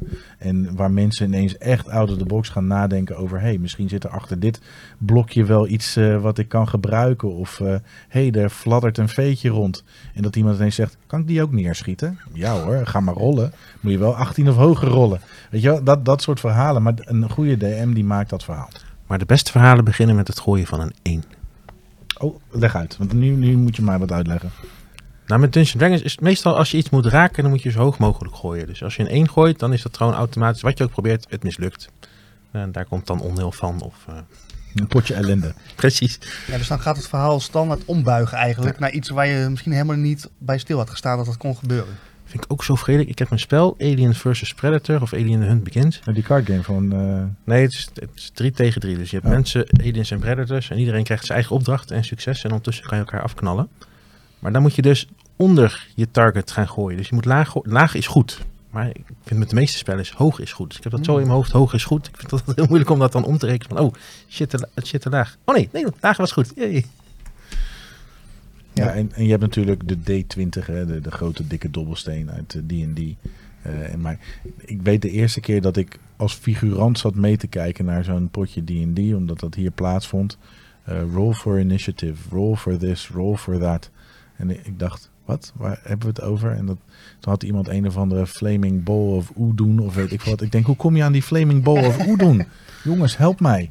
Dus het was voor mij niet gekaderd genoeg om om het te kunnen volgen. Maar goed, misschien dat was ook omdat ik niet zat en volledig meedeed. Maar goed, het antwoord op de vragen is dus eigenlijk, eh, nou ja, D&D wordt dus wel in ieder geval door David gespeeld. Wat vinden jullie dan, want als ik naar mezelf die, zou kijken voor die vraag, eh, ik denk dus dat ik het heel gaaf zou vinden, dat soort spellen. Alleen ik zou dat dus inderdaad met een groep willen meemaken. Dat zou ik dus wel niet ja, echt met een groep willen meemaken. En ja, ik heb gewoon niet de tijd daarvoor, of die neem ik daar niet voor. Want er zijn zoveel dingen in het leven wat je, wat je ook al moet doen. Tijd is prioriteit. Ja, dus eh, ik denk wel, ik zie mezelf dan wel later in een soort van verzorgingstehuis. Dat ik dan met een groep oude mannetjes en eh, vrouwtjes dat allemaal maar gewoon ga doorspelen. Maar ik denk dat ik het graag een keer wil ervaren, maar het komt echt gewoon niet van. Ja, maar het is, ehm, dat heb ik wel eens verteld, in ieder geval ja, maar volgens mij ook aan de luisteraars. Hero Quest is mijn gateway geweest in veel spellen. Het is natuurlijk ook een campaign game bij uitstek. Ehm, niet zo vrij als een D&D, maar ook niet zo gekaderd als bepaalde andere spellen. Of misschien voor jouw gevoel wel. Ehm, maar goed, toen was ik eh, mm, 17 of zo, 16, 17 toen ik dat begon te spelen. En eh, ja, elk weekend speelden we een potje. Ja, dus dan heb je die tijd er ook voor om dat te doen. En wij zijn met Frosthaven begonnen. Ehm, we hebben hem al meer dan een jaar in huis. En we hebben geloof ik twee, eh, twee hoofdstukjes gedaan. Ja, dat is, dat is eigenlijk echt zonde voor zo'n groot spel. 20 kilo, 300 dollar, eh et cetera. En dat, dat is volgens mij het nadeel. Ja, maar goed, David, als ik jou zo hoor, hè, jij gaat dus, eh, je zit bij een D&D groep, dus jij doet dat wel. Je gaat ook nog twee keer mee naar de bios. En, eh, dus ergens kun je dus ook keuzes maken om het wel te doen. Eigenlijk zijn wij gewoon excuses aan het verzinnen om geen campaignspel te spelen, Luc. Of Ja. denk je daar anders over, David? Met onze D&D-groep hebben we gewoon afgesproken. We spelen om de week op vrijdagavond. En gewoon in je Google-agenda. Plop, plop, plop, plop, plop, plop. Ja, dus gewoon staat vast. 26 keer per jaar spelen jullie een rondje D&D. In principe wel. En als iemand een keertje niet kan, kijken we eerst nog even. Kunnen we misschien op zaterdag of zondag voor een uitzondering. Desnoods spelen we eens een keertje dat er eentje niet is. Dan gaan we nog door. Daarom speel je D&D liefst wel met minstens vier of vijf spelers. Dat als een keertje iemand niet kan, kan je wel door. En anders is het gewoon eh, dan maar weer een maandje later. Ja, dus we kunnen er in ieder geval van leren dat het dus wel mogelijk is. We moeten gewoon beter plannen. Maar ik ben aan genoeg campaignspellen begonnen met een clubje. En eh, halverwege eh, ging er eentje verhuizen en de ander valt af. En die krijgt dit. En, eh, we Ja. gaan toch wat anders spelen. Ja, zeker. Ja. Oké, ehm, we gaan eh, door naar de andere eh, 27 vragen die we nog hebben. Ehm, oh, die, deze valt wel een beetje in de lijn die we al een beetje besproken hebben. Dus die is wel even eh, leuk. Dat is een mooi uitgebreid mailtje van Hans de Zwart. En die is eigenlijk maatschappelijk werker, zijn hele leven geweest, eh, social worker. En nou, even geparafraseerd van wat hij, wat hij beschrijft. Maar ehm, hij ziet bijvoorbeeld dat mensen best wel wat kunnen gaan verzamelen als je bijvoorbeeld live events meemaakt. Dus bijvoorbeeld er overlijdt, iemand of hè, een heftige gebeurtenis. Dan kun je wel eens in het, ja, in het verzamelen schieten. Als een soort van pleister voor de pijn die je eigenlijk voelt. Eh, nogmaals, dat zijn mijn eigen woorden geparafraseerd. Maar hij vraagt me eigenlijk, herkennen wij eigenlijk de grens dus tussen gezonde interesse, in dit geval in bordspellen, of het punt van doorslaan? Eh, Jij zegt ik heb 600 spellen. Dus ja, dat is natuurlijk wel interessant. Hè? Ehm, Ja, dat is best wel een diepe vraag. is die verzameling, is dat iets gewoon omdat je van de hobby houdt? Of is het soms ook gewoon een soort van een pleister plakken om iets niet te voelen of iets op te vullen? David, ik zag jou een soort van wegtrekkende beweging maken. Eh, kun jij hier iets meer over vertellen? Nou, het is heel simpel. Als ik iets leuk vind, dan ga ik meestal ook gelijk boom all the way en niet een beetje. Hmm. En dus ook met mijn spellen. Mijn woonkamer is een spellentafel. Daarmee staan spellenkasten en er staat ergens nog een bank met een tv. Maar spellen, spellen, spellen. Hmm. Maar want het, is, het is best wel een gelaagde vraag. Ehm, kijk, we hebben, het is niet heel verrassend als we het erover hebben dat iemand als je een, tot een aanschaf van iets overgaat wat je leuk vindt, dat, je daar, dat daar endorfines bij vrijkomen. En dat punt is, ga je dan kopen om die endorfines te vinden die je nergens anders vindt? Eh, dan wordt het natuurlijk een beetje een eh, slippery slope. Of kan dat een slippery slope zijn? Ehm, maar er is natuurlijk ook niks mis mee met die endorfines vangen door aan je hobby geld uit te geven. Want ehm, vroeger werden er wel eens grappen gemaakt over de de de D&D dance en de Magic dance die overal zaten en dat daar allemaal mensen zaten die verder geen zonlicht eh, zagen, maar wel eh, duizenden guldens en inmiddels duizenden euro's aan een eh, trading card hobby uitgaven. Aan de andere kant, of je nou een paar keer per maand uit eten gaat en daar veel geld uit uitgeeft, of rookt of een lekker flesje wijn of welke andere hobby je dan ook hebt of meerdere vakanties. Als jij ervoor kiest om dat in Magic kaarten te stoppen of in spellen of wat dan ook. Ja, dat mag toch gewoon een hele mooie autonome keuze zijn. En als ik hem op mezelf betrek, ja, ik verzamel soms. Of dat nou per se door live events komt bij mij, nou, misschien wel. Ehm, kan in ieder geval met het verzamelen van de honkbalkaartjes vroeger wel een paar issues bedenken, waardoor ik daar even net wat meer in ging zitten dan, eh, eh, dan daarvoor. Dus ja, dat kan wel. Dus ik snap Hans wel. Maar op het moment dat je dat in ieder geval op zo'n manier gezond blijft doen, dat er geen andere mensen of je financiën onder gaan lijden, ja, dan mag je die autonome keus maken, wat mij betreft. Ja.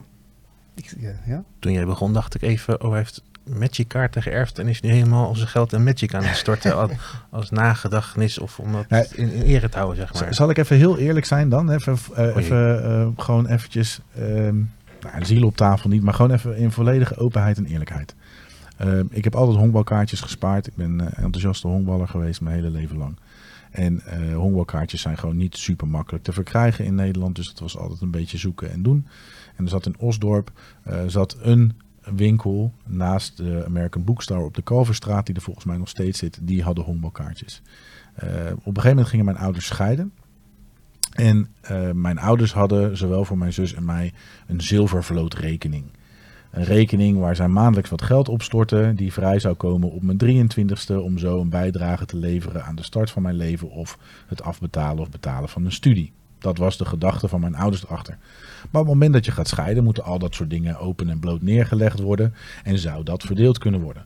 Mijn ouders zeiden nee, dat willen we niet. Maar ja, Luc is misschien nog iets te jong om nu dat bedrag wat daarop staat tot zijn beschikking te hebben. Want ik was nog geen 23. Ik was overigens ook geen 12 hoor, maar ik was, ik was 18 ergens in die contraien toen dat gebeurde. En toen hebben zij gezegd, je krijgt nu die helft van die rekening. De andere helft parkeren we bij je zus Ilse. En als je 23 bent, krijg je die, eh, dat gedeelte van je zus uitgekeerd. Want wij vertrouwen er meer op dat Ilse daar rustig op blijft zitten. En ja, we willen het gewoon geen onderdeel maken van de scheiding. Dus jij krijgt nu de helft. Laat ik het zo zeggen. Ze zullen niet luisteren, want mijn ouders leven helaas niet meer. Maar ze hebben er heel slim aan gedaan om de helft bij Ilse te parkeren. Want ik kan je wel vertellen, en het was best een flink bedrag. Dat bedrag is omgezet in honkbalkaartjes en andere dingen die ik beter niet had kunnen kopen. En ik denk dat ik de helft van die zilvervloot die ik op dat moment uitgekeerd heb, binnen anderhalve week, twee weken er doorheen gejast heb. Hmm. Live event verzamelen. Als je het hebt, geef je het uit. Nou, nu niet meer hoor. Nu ben ik daar iets slimmer in geworden. Maar toen was ik er wat onbezonnen. Ik heb ook een deel van mijn erfenis gebruikt voor de game table die nu in mijn eh, kamer staat. Ik vind, ik, dat, ik vind het toch een mooiere bestemming. Een Het is meubelstuk. nog dagelijks in gebruik. Ja, dan de gok op dat ik dat ene rookie kaartje uit dat pakje trek. Ik vind Ja. dat is iets meer sustainable. Ja. Heb je ooit wel een honkbalplaatje gehad die dan nog geld opleverde ook, of niet? Nou, ik zal je vertellen dat mijn honkbalplaatjes best een bepaalde waarde vertegenwoordigen. Je hebt ze nog steeds. Ik heb ze nog steeds, ja. En eh, ik heb geen kinderen, maar eh, ik denk dat eh, een van mijn neefjes of nichtjes, als ze dat ooit erven, er slim aan doen om dat niet zomaar aan de kant te schuiven. Want daar zit best wel wat waarde in. En ehm, nou, er zit gewoon best wel wat waarde in. Ik bedoel, het is hetzelfde eh, wat dat betreft als eh, bepaalde Pokémon kaarten of Lorcana kaarten. Ja, als je die ene kaart hebt waar er niet zoveel van zijn. Ik heb bijvoorbeeld een paar kaarten waar er maar eh 25 of minder van op de wereld zijn. Dat is sowieso best een unieke kaart om te hebben. Nou, dus dat vertegenwoordigt, als dat ook van een goede speler is, Hmm. vertegenwoordigt dat best wel een behoorlijke waarde. Nou, ik ben nu al in paniek. Ik heb dus twee van die boosterboxen klaar liggen. Wat als ik zo'n super rare enchanted foil, weet ik het wat, die zoveel waard is, trek. Is het dan tof dat je die hebt? Of denk je van mooi, dan verkoop je die en heb ik de kosten van mijn hele pakketje weer Ja, terugverdiend. Dat is aan jou, hè? Dat, Ik denk en- dat ik dan voor de verkoop ga. Ja, nou, en, en ook dat is helemaal prima. Hè? Er- zijn heel veel. Ik denk dat heel veel winkels zo ook hun, hun business hebben. Die kopen een x aantal dozen van welke willekeurige trading card game dan ook. Trekken de helft open voor die losse kaarten in de hoop dat ze die dure kaarten poelen. En de rest verkopen ze gewoon weer door om het motortje te laten draaien. En dat werkt bij heel veel card games ook. En ja, als jij, eh, nou heb je een, eh, eh, bij mij had je een set 2 gekocht en je had nog ergens anders een set 1 op de kop weten te tikken. Want die had ik niet meer. Ehm, als je uit die set 1 een Elsa pakt, die Elsa Enchanted uit de first chapter, ja, die gaat nog steeds voor ongeveer 500 dollar. Dan maak je winst op je Lorcana. Oh, hij gaat dit live doen op YouTube, mensen. Ja, zeker. Nou, niet live. Maar ik ga het wel ik ga het uitpakken ga ik zeker filmen. Ehm, en ik weet niet wat ik wou zeggen. Dat maakt niet uit. ik heb overigens die Elsa wel gepoeld uit de first chapter. Maar ik heb hem niet verkocht. Ja. En dat, is- dat een beetje speculatief, maar dat is, dan, dat is dan de verzamelaar in mij dat ik die graag wil hebben. Maar dat is ook dat is met die card game. Want ik zat ook een beetje online te zoeken. Maar je hebt ook mensen die doen gewoon al hun comments. Ploep, en dan voor eh 5 cent of zo per stuk kan je de hele set. eh, tenminste, kan je die je. Maar toch, je wil toch dan maar meer betalen om dat pakje open te kunnen maken. En die Ja, spanning ja, van die wat ervaring. komt eruit. en- Crack in a pack, mensen. Ja, het is, het is, achteraf is het stom, want je betaalt nu 120 euro voor een doos en je weet niet eens wat je krijgt. Terwijl je voor 50 euro weet je wat je krijgt. En toch wil je dat doosje dat je niet Ja. weet wat je krijgt. Maar dan moet ik wel zeggen dat bij de Arcana tot nu toe, en dat moet ik wel zeggen, want ook daar ben ik gewoon zelf de verzamelaar van. Hè, ehm, met het openmaken van twee dozen en een beetje ruilen met, met mede Lorcana liefhebbers, kun je een set compleet krijgen tot nu toe. Omdat ze niet super veel kaarten in die set rousen. Weet je, een Magic release, soms heeft een Magic release wel 500 kaarten. Serieus? Ja, Jelle wil door. Nou ja, ik ga, we zitten ondertussen in de lokale hoek. We gingen over eh, inderdaad de live events. Sorry. dat is toch part of life? zeker. Disney. zeker. Weet je hoe Disney part of life is van veel mensen? Nou ja, wat dus wel, dan wil ik eh, dit onderwerp daarmee dan afsluiten. Maar we hebben het natuurlijk nu over, er is een, je kunt het gebruiken als live event. Hè. Er gebeurt iets, dus je koopt spellen om het te verzamelen. Maar wat ik dus echt haal uit de hobby, is dat het me een soort van vreugde geeft, ook in wat mindere tijden. Dus bijvoorbeeld, ik neem even een voorbeeldje. eh, afgelopen, we komen toch best wel een beetje uit een regenachtige winter, eh, dipachtige tijd. Ik weet niet hoe jullie dat hebben ervaren. Maar dan ben ik dus blij dat ik mijn spellen heb. Dat ik af en toe ook gewoon solo of met mensen gewoon lekker een spelletje op tafel leggen. Dat, dat, dat trekt me er ook doorheen of zo, snap je? Dus het, het brengt me ook echt juist wel iets om het leven gewoon wat, eh, ja, wat, eh, wat leuker te maken eigenlijk. Dat is eigenlijk mijn hoofdreden van die spellen. Ja, en laten we even nog één ding bekennen dan. Ik ben zo ontzettend blij dat wij niet vorige week hebben opgenomen, wat we eigenlijk van plan waren. Want jongens, jongens, jongens, wat ben ik nu veel vrolijker dan vorige week. En dan zal ik nog iets bekennen. Ik fietste vorige week dinsdag heel snel naar de winkel toe, want ik had in mijn agenda staan opname met Jelle voor karton. Ik was hier alles aan het klaarzetten en toen dacht ik, oh nee, we gingen met David opnemen. Dat hadden we op donderdag gedaan. Oh, hier stond hier al. Dus ik stond hier op dinsdag in de winkel, op donderdag meldde ik muziek en nu zitten we op maandagavond de opname te doen. Heerlijk. Maar we zijn wel scherp in beeld, Ja. toch? Ja, dat, dat gaan we, ja precies. Ja, we hebben, Hey, ik heb ook nog een vraagje. Koen Penne, die, eh, die heeft dus ontdekt toen hij zich helemaal stierlijk verveelde omdat hij in het ziekenhuis lag. Daar lag hij zo lang dat hij al onze afleveringen heeft kunnen inhalen. Dus hij heeft ontzettend lopen bingen. En hij had meerdere vragen hoor, maar één deel van zijn vraag vond ik wel grappige. Ook omdat ik tenminste nu met David aan tafel niet de enige oude zak ben. Ehm, hij vroeg of we klassiekers van uit bordspellenland eh, ook nog meerekeningen als we hebben over onze bordspellencollectie. En daar noemde hij dingen zoals Risk of Scrabble en dat soort jij, zaken. jij hebt echt vragen anders geïnterpreteerd als ik trouwens. Deze.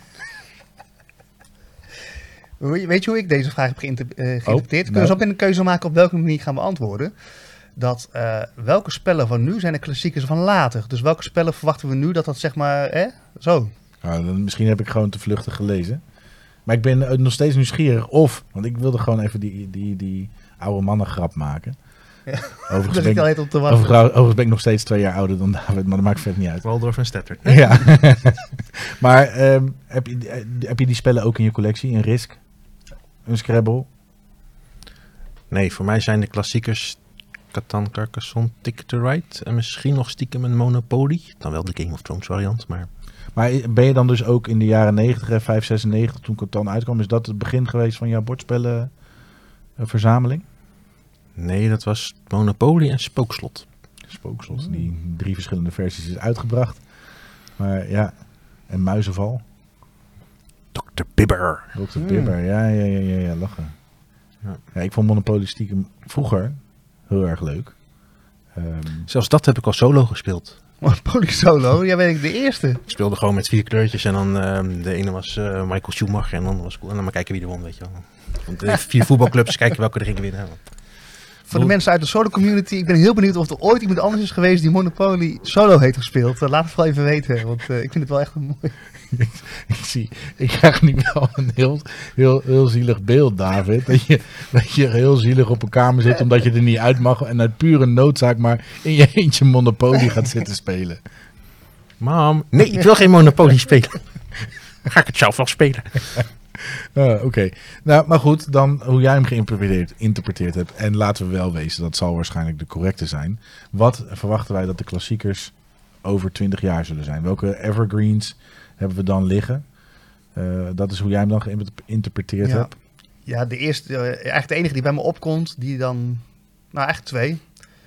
Eh, Arnak, denk ik dat hij wel kans maakt om te blijven de aankomende jaren. En ehm, ook wel Ark Nova.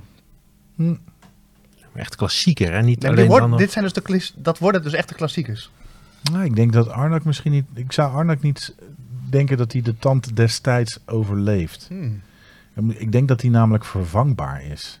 Voor mij is bijvoorbeeld een Terraforming Mars zo uniek eerst Ja, in het genre... Ja. dat ik denk dat zo'n spel langer overeind blijft. Dat Ticket to Ride nog, of is dat dan alweer te outdated? Ja, we zitten al inmiddels aan de 15th year anniversary. Hè, dus we bestaat ook al eh, net zo lang als Dominion. Goed punt. Ja. Nee, voor mij zou Terraforming Mars zo'n titel zijn. Dat ik denk van ja, die, die zie ik over 20 jaar nog steeds wel op lijstjes terugkomen. Ik denk dat Pandemic, de Legacies, ook zo'n status hebben verworven. Niet alleen omdat ze zo hoog op Board Game Geek staan, maar ik, ik denk gewoon dat dat spel ook goed staat. Hoewel die natuurlijk ook al bijna 15 jaar bestaat. Eh, in ieder geval Pandemie, het ori- ori- originele spel. Ehm, ja, ik denk dat dat wel. ook- Ik denk dat Wingspan ook wel een goede kans maakt trouwens. Ja, of, zit ik nu te bedenken.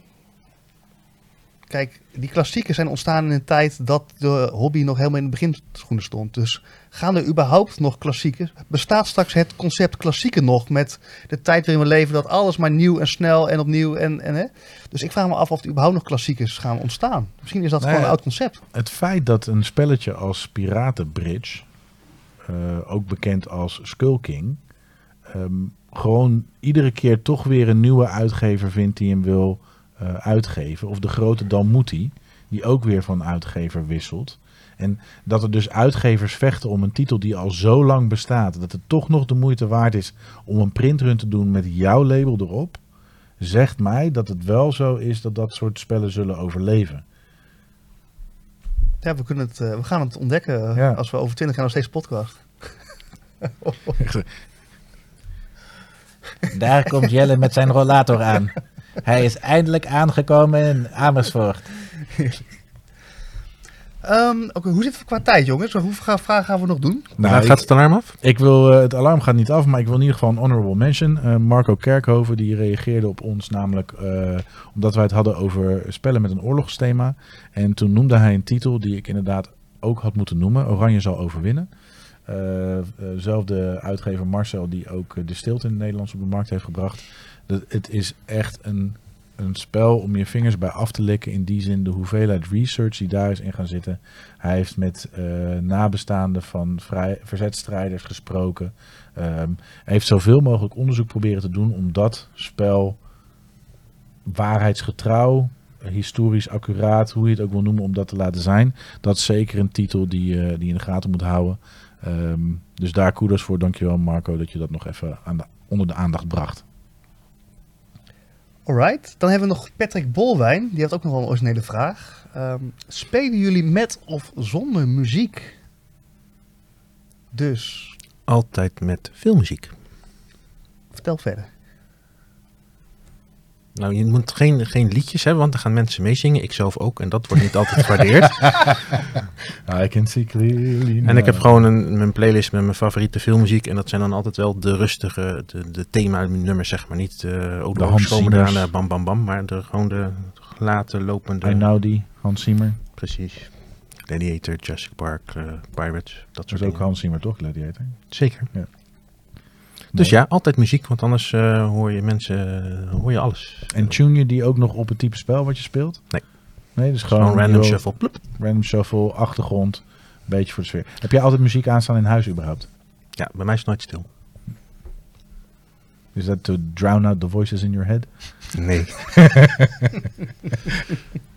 als ik buiten ben, hou ik van, dan, door het bos wandel, dan hou ik van stilte. Maar als ik thuis ben, dan wil ik wel muziek op de achtergrond of de tv. Er staat wel iets aan. Ja, Jelle? Nou, ik vind het dus wel vet als we bijvoorbeeld een spel zoals Nemesis, dat heb ik laatst eh, weer gespeeld met een groep. En dan vind ik, ja, dan heb je dus gewoon playlist Nemesis en dan zit je gewoon eh, met geluiden van het ruimteschip. Ja, dat, ik vind het wel leuk om dat nog eventjes dat sausje eroverheen te gooien. En zo heb je eigenlijk van best wel veel thema's dus wel eh, ja, muziek die je kunt vinden op Spotify, label Spotify. Je wil niet weten wat voor mensen, ja, hoeveel dingen mensen eigenlijk al bedacht hebben. Ehm, ook over bordspellen. Dus als jij een bordspel intypt bij Spotify, is de kans groot dat er al muziek bij komt.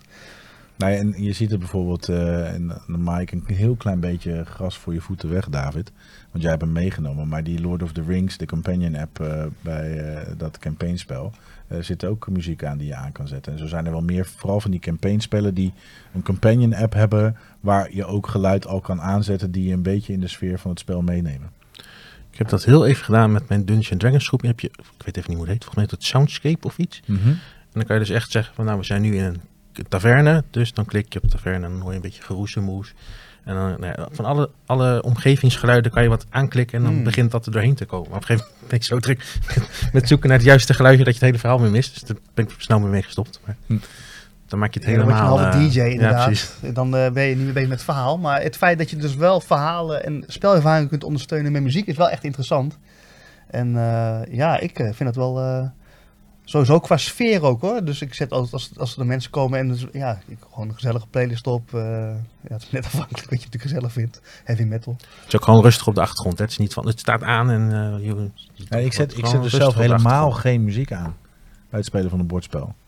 Niet, en ik denk als iemand anders het wel zou doen, als iemand in mijn vriendengroep muziek aan zou zetten, dat ik het helemaal prima zou vinden. Maar ik, ik denk er niet eens aan om muziek aan te zetten bij het spelen van een bordspel. Want hoe het met mijn vriendengroep gaat, wij gaan zitten. We zitten eerst gewoon eh, eh, lekker te kletsen en te doen. En eh, hoe gaat dit en hoe gaat dat? En dan komt er een, een bakje Engelse drop op tafel.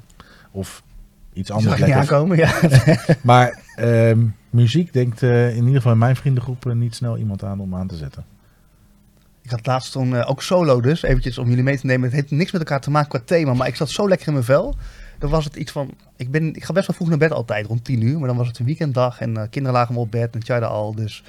En toen was het iets van half elf en toen zat ik dus Forest Shuffle te spelen op tafel, de solo variant. En toen had ik de Doors aangezet en ik had een glaasje whisky ingeschonken. En ik voelde me de gelukkigste man op aarde. Ja, dus probeer het eens uit. Een heerlijke combinatie. Forest Shuffle met een whisky en de Doors op. Nieuwtje, komt al een uitbreiding aan van Force Shuffle. De Alpen-uitbreiding. Mm. Die gaat al vrij rap komen. Kom maar door. Ja, echt goed spel. Bij je Ark Nova had jij trouwens eh, regengeluid op de achtergrond aanstaan, hoorde ik. Ja, maar dat was is eh, echte regen. Oh. dat was op mijn Ik dak. dacht misschien Marine World en dan was wat water. Het tikt inderdaad. Zo'n. Jurassic Park neus op de deur die zo'n stoompje uitblaast. Ja, maar ook Jurassic Park is zo'n spel, als je dat zou spelen. Dat is wel een van jouw eerste video's geweest natuurlijk. Maar dan is het heerlijk. Ja, Jurassic Park heeft ook allemaal van die achtergrondmuziek. Dan, eh, ja. Ja. Oh, dan ga ik nog mee zingen, sorry. Overigens. ah, bruggetje. Jurassic Park, ik denk dat ik... ehm, wanneer kwam die eerste film uit? 92? 1993. 93, nou ja, zo ergens. Dus ik was 14. En eh, mijn zus eh, is zes jaar ouder en die studeerde in de grote stad Utrecht. En die woonde daar op kamers. En ik mocht met haar en haar huisgenoten, of in ieder geval met haar, ik mocht in het studentenleven neuzen. En een van de dingen die we deden toen ik bij haar bleef slapen dat weekend was naar Jurassic Park gaan. In eh Rembrandt Theater in Utrecht. Ehm, hele fijne bioscoop. Die zat afgelaaien vol. Echt, echt stampers, stampers vol. Dat kun je, ik weet niet of bioscopen tegenwoordig nog zo vol zitten. Maar elke stoel was bezet.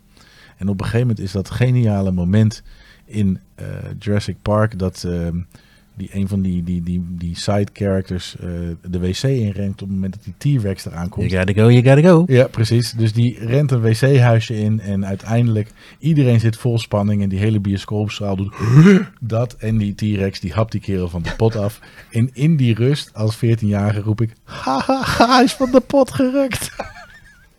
En ik kwam niet meer bij. Terwijl iedereen aan het schrikken was en heel erg hard riep tegen me. Maar goed, een leuke herinnering. Ilse, ik hoop toch dat je een keer luistert, want ze luistert eigenlijk nooit. Want die was hierbij. Ja, dat is mijn zus. Ja, precies. Ja, Dus zij zit in zo'n zo'n Discord groep eh, waar heel veel luisteraars van onze podcast zitten. Alle luisteraars zitten daar. Maar Ja. zelf luistert ze niet. Heerlijk, heerlijk. hey, en ehm, laten we toch even kijken, want ik wilde nog wel twee doen, denk ik. Want die hebben ook wel met ons thema te maken. Sowieso moeten we even onze Zweedse luisteraar, Eric Plastic, die heeft weer even wat, eh, eigenlijk twee vragen gestuurd. Laten we even eentje uitpikken in verband met de tijd. Ehm, David, wat is het allereerste spel geweest wat jou echt omver heeft geblazen? Dat je dacht van, Zo. Ik geef hem even door aan Luc. Nou, de allereerste is een inkopper. Dat was, dat was 100% HeroQuest. Eh de allerlaatste was Nemesis. Hmm. Die, dat, dat vond ik zo'n vette ervaring. En ik heb er wel meer die ik kan bedenken die me echt omverbliezen. Maar Nemesis vond ik zo cool. Er zat zo'n spanning tussen dat coöperatieve element wat het heeft. Want je moet samenwerken. Versus ja, ik heb toch mijn eigen opdracht. En ik kan iemand die dolk in zijn rug steken. Dat was gewoon zo'n toffe ervaring. Daar heb ik zo van genoten. Zo tof. Dat was, dat was er voor mij eentje. Maar ook een eerste keer memoir met acht mensen spelen was ook geniaal. Hmm. Het, en het, en dat, daarom vind ik dus het samenspelen leuk. Want dat zijn dan die. Wat maakt dat omverblazen voor mij? Niet per se dat spel. Het was echt die ervaring dan met die groep. Waarom dat zo'n zo'n herinnering is die bij mij in mijn geheugen gegrift staat. En dat, als ik zo'n vraag hoor, dan moet ik aan dat soort dingen Hmm. denken. Is dat genoeg tijd, David, om eh, nu terug te komen? Ja, ik heb hem. Ik heb hem maar één keer gespeeld. Ik was de kapitein. Het ging helemaal verkeerd. Maar het was... eh, Ik heb een sonar. U-boot? U-boot, ja. Ja. dat waren. Maar inderdaad, dat onderzeebotenspel. Ik heb hem nog steeds liggen. Ik betwijfel of ik hem nog een keer ga spelen. Heb je de volledige Kickstarter met alle rollen en... eh, Nee, hij kwam nog een keer, nog een tweede keer uit. Ik heb toen de originele, de eerste versie gebackt. Maar, eh boh, dat is werken zeg. Maar je hebt wel echt het gevoel dat je opgejaagd wordt. En oh shit, ik schiet mis. Wat, oh, ze hebben ons gezien. Duiken, duiken, duiken. En ah, het was echt madness. ja. Heb je hem real-time gespeeld toen? Ja, Ik heb toen op een gegeven moment wel gezegd, jongens, we gaan nu zes uur varen naar het oosten. Laten we alsjeblieft even doorspoelen. Want er wordt, gebeurt verder echt niks namelijk in die zes uur, tenzij we ergens opknallen. ja ik moest dus de koers bepalen. En, en dan heb je zo'n zo'n vel met ruitjes. En dan kan je bijhouden waar je bent. En je kan dus aanzetten dat op het moment dat je bij een bepaald vakje komt, dat er even een piepje afgaat. Maar dat wisten wij niet. En ik zat net één vakje ernaast en toen voeren we zo het mijnenveld in. ik zeg, oh, waren we daar? Maar net waren we nog daar. Oeps. Het is eigenlijk een soort simulator van een duikboot. Hè? Je bent Ja. allemaal een crewlid en je hebt allemaal zo je eigen taak. En je had je taak net niet goed genoeg uitgevoerd. En dan Nee. Ja, als, voer het, het mijnenveld in. als we het over spellen hebben die overbramming zijn, dan is U-boot er wel eentje van. Zit je met je iPadjes rondje te draaien om je periscoop eh, alle kanten te bekijken, komt er weer een, een vatsige mail langs of zo. Met die rare lineaaltjes en van die Ja. en je route en je snelheid en de snelheid van die boot en die richting waar die op vaart. Ja, Dan dat wordt het bijna werk, een bordspel. Ja. ja dat, dat, was, dat was het wel. Maar wel, mijn ervaring was ook leuk daarmee. Nou, de eerste ervaring die bij mij opkomt was toch wel het eerste keer het gevoel dat je King of Tokyo bent met King of Tokyo. En dat je dan ook gewoon vijf klauwtjes gooit. Nou, dan, dat is wel gewoon alsof je bovenop de apenrot staat. Als alfa gorilla en gewoon eh, ook alles gewoon ja, compleet vernietigd. Ja, Ja. heerlijk. Nieuwtje, er komt een King of Tokyo Origins. Dus een iets kleinere versie van de gewone King of Tokyo. En dan is die voor vier spelers in plaats van de zes. Dan heb je dus ook een wat kleiner doosje. Hmm. Iets korter spelletje. Wel cool, want daar blijven ze toch ook wel in doorgaan, hè, dat concept King of Tokyo. Je hebt natuurlijk ook King of Monster Island en eh, dat is coöperatief. eh, dus het is En solo. en solo inderdaad. Ehm, maar ja, dus eh, nu King, wat King of. New York. King, ja, precies. King of maar Tokyo goed, Dark Edition. dat zijn dus wel van die dingen inderdaad. die- Mooiste koffer van een spel. Dark Edition? Voor mij. Mijn Ja? nummer één Hmm. bordspelkoffer. Omdat hij zo weinig weggeeft als je die cover ziet. En het is een beetje Godzilla look. Heerlijk. Ja, ja, ja. Hmm. En daar zou ik dus Jamaica, Jamiroquai bij willen opzetten. I'm going deeper underground. En dat was ook, eh, ja, Kom maar David. Oh, I'm going. Je hoort hem gelijk al in je hoofd. There's too much panic in this town. We gaan eh, een boyband beginnen, jongens. Ja. Oké, we gaan eh, toch wat vragen moeten skippen, denk ik, want het Ja. wordt echt heel laat. Ehm, dus we gaan eventjes, want we kunnen natuurlijk één vraag stellen, niet skippen, want dat is de, onze allereerste en Guido? grootste vraag stellen. Ja, dat is Guido. Dus Guido, jij moet zeker weer even in de, uit, in de aflevering. Hij verdient ook wel een jingle. De vraag van Guido. Ja, precies. De vraag van Guido. En eh, die heeft, dat is namelijk een mooi bruggetje ook naar ons onderwerp. En ehm, als we het hebben over fantasy thema, en daar is waar we zo meteen natuurlijk een beetje in gaan duiken. eh, welke voorkeur van subgenre hebben wij dan als we het hebben over fantasy? Dus bijvoorbeeld superhero of sprookjes of cartoon.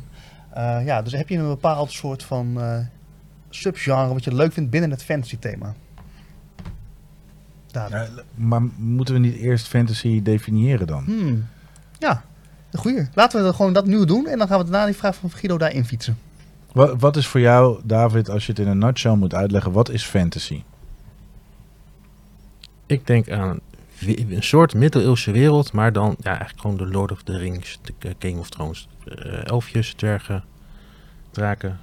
Eigenlijk vrij basic, gewoon de standaard general fantasy voor mij. Maar ja, of je het dan eh, Japanse monsters zijn of eh, de standaard middeleeuwse monsters, de medieval monsters. Maar we hadden het er straks even over sci-fi, science fiction. Dus als het, jij vindt als het in de ruimte speelt, vind jij het geen fantasy meer? Nee.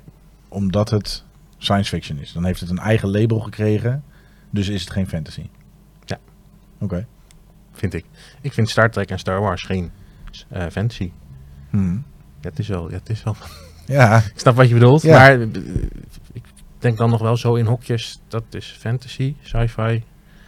En eh, fantasy is echt gewoon meer gewoon hoe het op aarde had kunnen zijn als er magie was. Jij denkt dat er geen magie is? Jelle heeft ooit een spel gespeeld, dat heet Het Dorp. Er zat zo ontzettend veel fantasy in, niet te normaal. Nou ja, maar ik denk dus, als ik dan toch even mag inbreken daarin, is dat dus het mooie van fantasy is, is dat er een soort van scheidslijn is of er iets nog waar, werkelijk kan zijn of niet. Ehm, zoals bijvoorbeeld superhelden-thema. Ja, je kunt heel erg plat naar kijken van ja, superhelden bestaan niet, die kunnen vliegen. Maar in het dagelijks leven zien we denk ik toch dagelijks best wel wat superhelden hier op deze aarde rondlopen die superheldenacties doen. En waar ligt dan die scheidingslijn tussen wat nog wel kan en wat niet kan?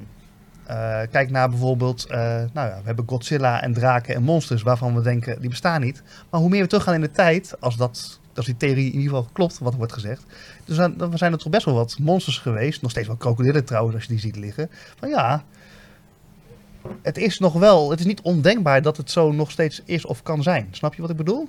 Zeker. Dus dat vind ik wel een, eh, voor mij een mooie van fantasy. Dat ik dan, als ik er dieper op inga, dat ik bij elk onderwerp wel denk van, hmm, maar zo ver gezocht is het misschien niet. Interessant. Ik heb, ik heb even een hele korte research gedaan, ook om gewoon wat helderheid te scheppen. Er staat hier, fantasie is het genre, en ik vertaal hier eventjes natuurlijk vrij, waar we het hebben over fictie, waar magische elementen, eh, normaal gesproken vindt het al plaats in een bedacht universum en is meestal geïnspireerd door myth- mythologie of folklore. Ehm, en meestal worden dus gebruikt om een genre in literatuur of film te beschrijven. En ehm, in principe, je kunt natuurlijk discussiëren over wat fantasy is. Ik heb hem veel breder getrokken, want ik zou eh, de fictional universes in space natuurlijk nog steeds een fictional universe. Eh, magische elementen, als je het over teleporteren hebt, ja, is technologie of wetenschap dan niet net zo magisch in die context? Als dat het enige waar het niet op aanslaat, is het eh, dat het op eh, mythologie of folklore is gebaseerd. Daarentegen, als je vooral naar de literatuur kijkt, er zijn natuurlijk altijd een bepaalde basisprincipes die rollen spelen in, ehm, die, die, die ons gevormd hebben. En ehm, sorry, ik ga even een klein college geven. Als we het hebben over de frontier theory. Meester Luc. Ja, nee, de Frontier Theory van Frederick Jackson Turner. eh, dat gaat over wat is voor ons de, hetgene wat we weten en welke grens komen we daarin tegen. En die is ontstaan in het ontstaan van de VS.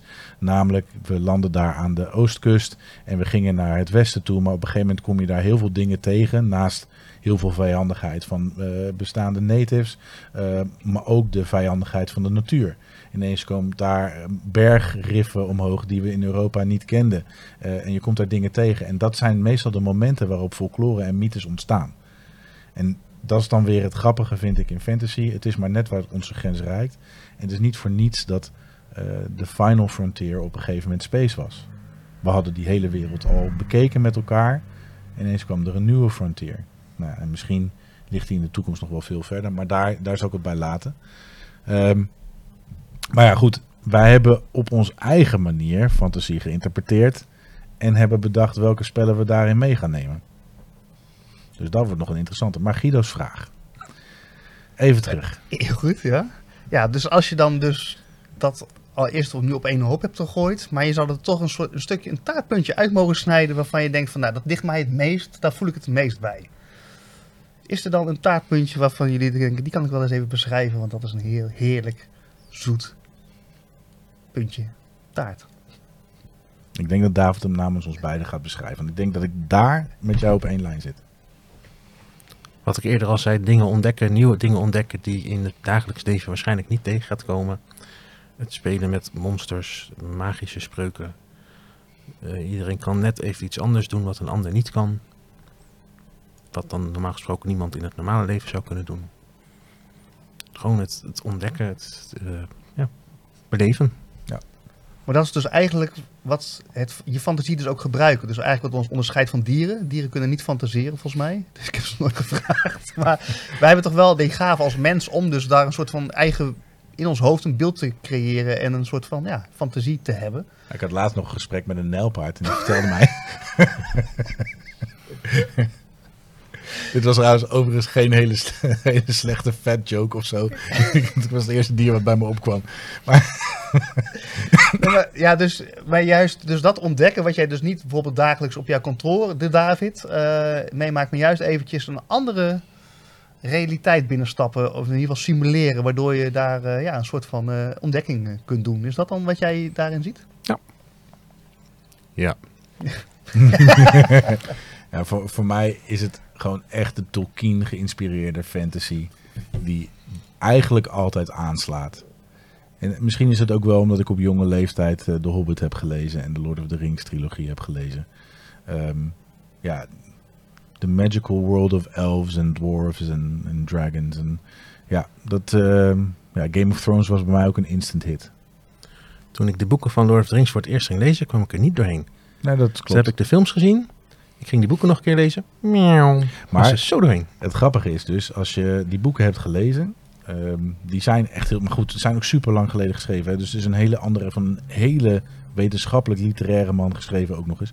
Maar die zijn ook zwaar, want elk grasprietje wordt in detail beschreven. En je denkt, hoe kan ik in godsnaam al 30 pagina's verder zijn en die gasten die hebben gewoon net, zijn echt net 100 meter opgeschoten. Dat idee.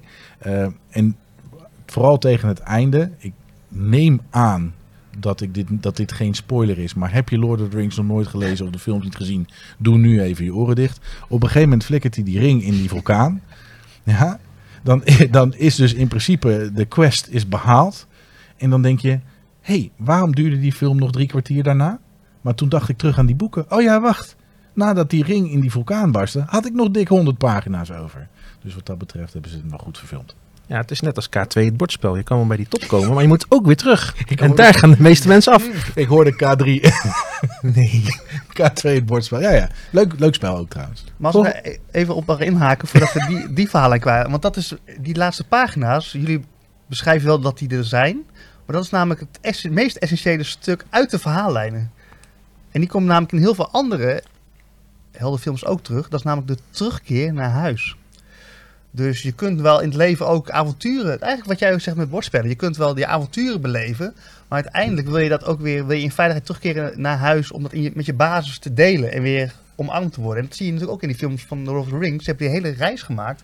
En uiteindelijk moet dat nog wel terug worden gebracht weer terug naar huis. Nee, en, En en die dat terug naar huis gedeelte, dat is heel essentieel. snap ik ook. En dat, dat, er is ook helemaal niks mis met die 100 pagina's. Maar het beschrijven van die grasprietjes, wat ik bedoel. Hè, dus de manier waarop Tolkien de details beschrijft in, in zijn boeken. ehm, daar moet je even doorheen komen. En ehm, daar... David checkt net zijn agenda en zegt zijn eerste afspraak voor morgenochtend af, want het wordt een latertje. Nee, ik wou zeggen zaterdag K3, de drie biggetjes première in Rotterdam Luxor. Hey. Geen foto's maken ook. Ja, ja. Yes. Ik weet inmiddels niet meer wie er in K3 zit, want volgens mij zitten er geen originele zangers meer in. Nee, al lang niet meer. Nee, nee. Maar ook trouwens, waar hebben, we het in, waar hebben wij het over in deze podcast? Eh, bizar wat voor... com- Ja, het is mijn schuld, ik weet het. maar het is bizar wat, wat dat productiehuis heeft weten te creëren met drie zangeressen. Oh, gaan we echt over K3? Ja, Begon my, met Gert en Samson. my god, ja, echt bizar. Ik ga, Nou je, ik ga je wel even een streep trekken, want Ja. ik ben net... Oh, mooi, Gertje. Om toch nog even terug te komen. Ik vind, wat ik dus met fantasy... eh, ik had nooit wat met fantasy. Dus ik kom echt... Misschien is dat ook een soort oordeel van vroeger. Volgens mij is dat jouw openingszin. Ik heb er niks mee, maar... Precies. Nou, maar ik ben dat dus later als een soort van... Oh ja, een whisky vond ik ook nooit lekker. Totdat je het gaat leren drinken. Hij is zich nog als Pokémon aan het ontwikkelen. Precies. Maar ook daarin vind ik dus mooi dat je dus... Als je dat wat dieper op de ruimte geeft en over nadenkt... Dan komt daar dus, nou in dit geval bijvoorbeeld de heldenreis van de Lord of the Rings. Dat is gewoon een, een- ja, die heldenreis wat mij dan enorm aantrekt. Nou, ik heb al eens een pleidooi gedaan over Marvel films. Hè? De superheld in jezelf eh, ontdekken en die wat diepere laag. Dus fantasy is vaak toch niet zoveel fantasy als, als dat het is. Dus ik vind het eigenlijk, ben, ja, ben het meer gaan waarderen omdat ik met een andere bril naar kijk. En ehm, in alle eerlijkheid, eh, ik heb ook wel eens eh, gereisd met eh, bepaalde plantmedicijnen. Ik heb oprecht met iemand die een andere taal sprak, namelijk Braziliaans en ik Nederlands, na dat drinken van dat middel gewoon kunnen communiceren. Dus er zijn ook nog heel veel dingen gewoon mogelijk, waarvan wij nu denken, ja, dat is fantasie. Maar met de nodige hulpmiddelen op deze aarde zijn dingen toch minder fantasie als dat je zou denken. Echt. Weet je nog waar je het over gehad hebt? In die Nee. reis. Nee, maar je, ik, laat ik zo zeggen, dingen die je in films ziet, heb ik wel eens beleefd op deze aardbol, die gewoon kunnen hoor. Maar goed, dat is een andere podcast. Dit wordt ehm, Paddenstoel, de podcast. Ja, nou ja, het is, wel, eh, het is wel interessant dat we dingen die we nu als fantasie voor mogelijk houden, toch minder, eh, ja, misschien tot meer tot de werkelijkheid komen, laat ik zo zeggen. Oh ja, maar dat, dan heb je weer het science fiction bruggetje. Namelijk dat dingen die wij voor onmogelijk houden, eh, mogelijk bleken te zijn. Precies. Het is, eh, eh, het is de trein die voor het eerst ging rijden, waar mensen vroeger dat niet voor mogelijk hielden. De, de auto, maar ook de computertechnologie. Kijk ineens wat AI. Ch- ChatGPT vinden we eigenlijk al redelijk sinds normaal, terwijl het echt net een jaar oud is. Weet je wel, dat soort dingetjes, dat gaat zo snel. En dingen die als magisch leken. Ik heb toevallig woensdag nog een presentatie gehad van Microsoft Copilot. Wat dat kan genereren binnen echt, echt secondes. Dat is niet normaal. Zolang je het maar de juiste prompt geeft. En nou ja. Dus ja, dingen die fantasie lijken kunnen Precies, werkelijkheid ja, worden. ja. Dus, eh, ja, dus ik ben het gaan waarderen, fantasy games, ja. Dus eh, Guido, dit was totaal geen antwoord op je vragen, maar je hebt weer lekker mee kunnen luisteren. Ehm, laten wij overgaan naar het moment waarop wij elkaars top 3 gaan verkennen. Ja, hier komt de top 3 fantasy games. Niet één, niet twee, maar een top drie. Ja, David die dacht, eh, ik, eh, ik doe een reis en ik neem mee alle spellen uit de top 3. Terwijl wij eigenlijk alleen maar de, de spellen bij ons hebben die we in de battle doen. Daar komen we zo meteen nog op. Ehm, maar wil je als eh, gast ook eh, het aftrappen en met jouw nummer 3 fantasy spel eh, op tafel gooien? Nee, want ik ga beginnen met nummer, mijn nummer 4. Dat deden jullie de vorige keer namelijk ook, dus ik vind dat ik dat ook mag. Daarnaast vind ik dat een mooie eh, crossover met jullie vorige podcast, waarin jullie het over uitbreiding hadden. Ik heb namelijk ook één spel. Meestal vind ik uitbreidingen leuk, maar vind ik het ook prima om zonder te spelen. Maar er is één spel die ik inderdaad ook gewoon weiger zonder uitbreiding te spelen. Ik heb dan alleen even de doos van de basisspel meegenomen. En dat is Lords of Waterdeep. En ik was echt wel een beetje verbaasd dat geen van jullie tweeën die noemde. Maar als jullie allebei niks met fantasy hadden op dat moment, Noemde waarin? prima. Oh, toen. In Ja, de vorige Vorige aflevering. podcast. Hmm. kan veel veranderen in een maand. Eh, voor heel veel Dungeons and Dragons spelers was dit ook een mooie stap richting de bordspellenwereld. En in dit geval is dit een worker placement spel met, Lord, met eh, Dungeons Dragons thema. Maar je bent dit keer niet de helden die gaan vechten. Jij bent een of andere baas hoog in zijn kasteel. En jij gaat de mensen erop uitsturen om voor jou de quest te doen. En daarmee ga je punten scoren. En als je het heel spat, eh, als je het spel heel plat slaat, is het gelijk van ik wil graag een oranje blokje en een wit blokje. Maar je moet natuurlijk zeggen ik wil die fighter en ik wil die rogue en ik wil die wizard. Die moeten voor mij gaan vechten. En dat is recht toe, recht aan spelletje. Gewoon je zet je poppetje daar neer, dan krijg je dat. En je gaat de, grond, de, poppetjes, ga ik al grondstoffen zeggen. De poppetjes samen die je nodig hebt voor de questen die je hebt gekregen. En wie dat het meest effectief doet, die krijgt de meeste punten en heeft dan het spel gewonnen. Met de uitbreiding krijg je iets meer erbij. Onder andere eh, skulls. Dat zijn schedeltjes en die zijn corrupt. En dat geeft jou strafpunten. Maar door naar een vakje te gaan waar je zo'n schedeltje krijgt, krijg je wel in plaats van maar één sorcerer, krijg je twee sorcerers. Of je krijgt twee fighters en twee goud. Dus je krijgt veel meer met een kleine kostprijs. De grap is, de eerste skull die je krijgt, levert je één strafpunt op. Maar naarmate er meer skulls van dat bordje met die skulls afgaan, worden ze per stuk steeds meer strafpunten waard. Dus als iedereen die schuldjes maar zit te verzamelen, krijgt iedereen strafpunten. En als één iemand dat het veel doet, krijgt die heel veel strafpunten. En daar kan jij dan weer mooi gebruik van maken. En dat voegt voor mij zoveel toe dat ik zeg, die speel ik nooit meer zonder. Hmm. Oké. Nou ja, misschien dan een brugje naar mijn nummer drie. En we hebben dit dus niet voorbereid. hè. We zien echt nu voor het eerst onze top drie's. En ik heb dus op nummer drie... Ik dacht, de kans dat iemand die gaat benoemen is niet groot. Maar toch wel, want ik heb Lords of Waterdeep op mijn nummer drie staan. En ik vind het wel grappig dat bij jouw uitleg... dat ik me wel eens heb afgevraagd... zijn er mensen die Lords of Waterdeep spelen... en die echt zeggen... ik ga een fighter inzetten en een rogue? Ik zeg inderdaad... ik een oranje blokje daar en een zwarte daar en hè, zo. Ehm, maar de kracht vind ik dus inderdaad dat je kunt hem dus op beide manieren spelen. Dus ben jij een groot fantasy liefhebber, kun je daar lekker in losgaan en kun je wat meer die wereld ontdekken. Door alleen al de blokjes eh, te gaan benoemen qua naam. Ja, maar dat geeft een andere spelbeleving. Ehm, terwijl als ik met mensen speel die niks met het thema hebben, kan ik gewoon zeggen... Je kunt het thema ook even naast je neerleggen, want het zijn ook gewoon oranje blokjes. Dus dat maakt eigenlijk dat je mensen heel makkelijk in een spel kunt krijgen die qua thema niet heel toegankelijk is voor iedereen. Je hebt er een klein upgrade setje voor en die heb ik ook. En dat maakt het ook makkelijker om dat te zeggen, want dan zijn die blokjes namelijk veranderd in houten miepeltjes, houten figuurtjes in de vorm van wat ze zijn. Oh, echt? Ja. Oeh. Hebben, hebben. Ja, dus, eh, maar echt, ja, ik, toen ik dat spel zag qua doos, dacht ik echt van, dit ga ik dus nooit spelen, want dit is echt, echt ver, en dat was ook in mijn begintijd overigens als bordspeler, ver uit mijn comfortzone. Ik hou niet van eh, fantasy. En toen zei dus iemand van, ja, maar dat kun je dus loszien, ga het eens spelen. Echt een super leuk en goed spel. Ehm, waarbij je dus inderdaad kan kiezen of jij die hele fantasy wil voelen en ervaren, maar je kunt het ook een beetje naast je neerleggen en gewoon eh, ja, dat, wat droger bekijken. Ja. Heb jij hem eens gespeeld, Luc? Nee. Nee, ja, sorry, je mag me uitdagen hoor. Ik eh, laat me tegenwoordig graag over, eh, overhalen om nieuwe ervaringen te, te delen. Maar nee, eh, ik ken hem wel. Ik heb, natuurlijk ken ik het. Maar nooit gespeeld. En jouw nummer drie. Mijn nummer drie is Descent Legends of the Dark. Een behoorlijk eh, grote doos campaignspel ehm waar je echt op zoek gaat. Waar ik voor mijn gevoel niet mijn eyes on the prize hoef te hebben. Ik kan wel allerlei dingetjes uitvogelen. Ik kan een boom inklimmen. Ik kan de monsters gaan bevechten. Ehm, wat ik super goed vind aan het spel is ook nog eens dat je een hele goede companion app hebt. Dus je kan eh, het spel echt opslaan op een manier. Je kan schade bijhouden op een hele prettige, makkelijke manier. Waardoor dit spel ook wat dat betreft eh, foolproof is. Je maakt niet zo snel een foutje.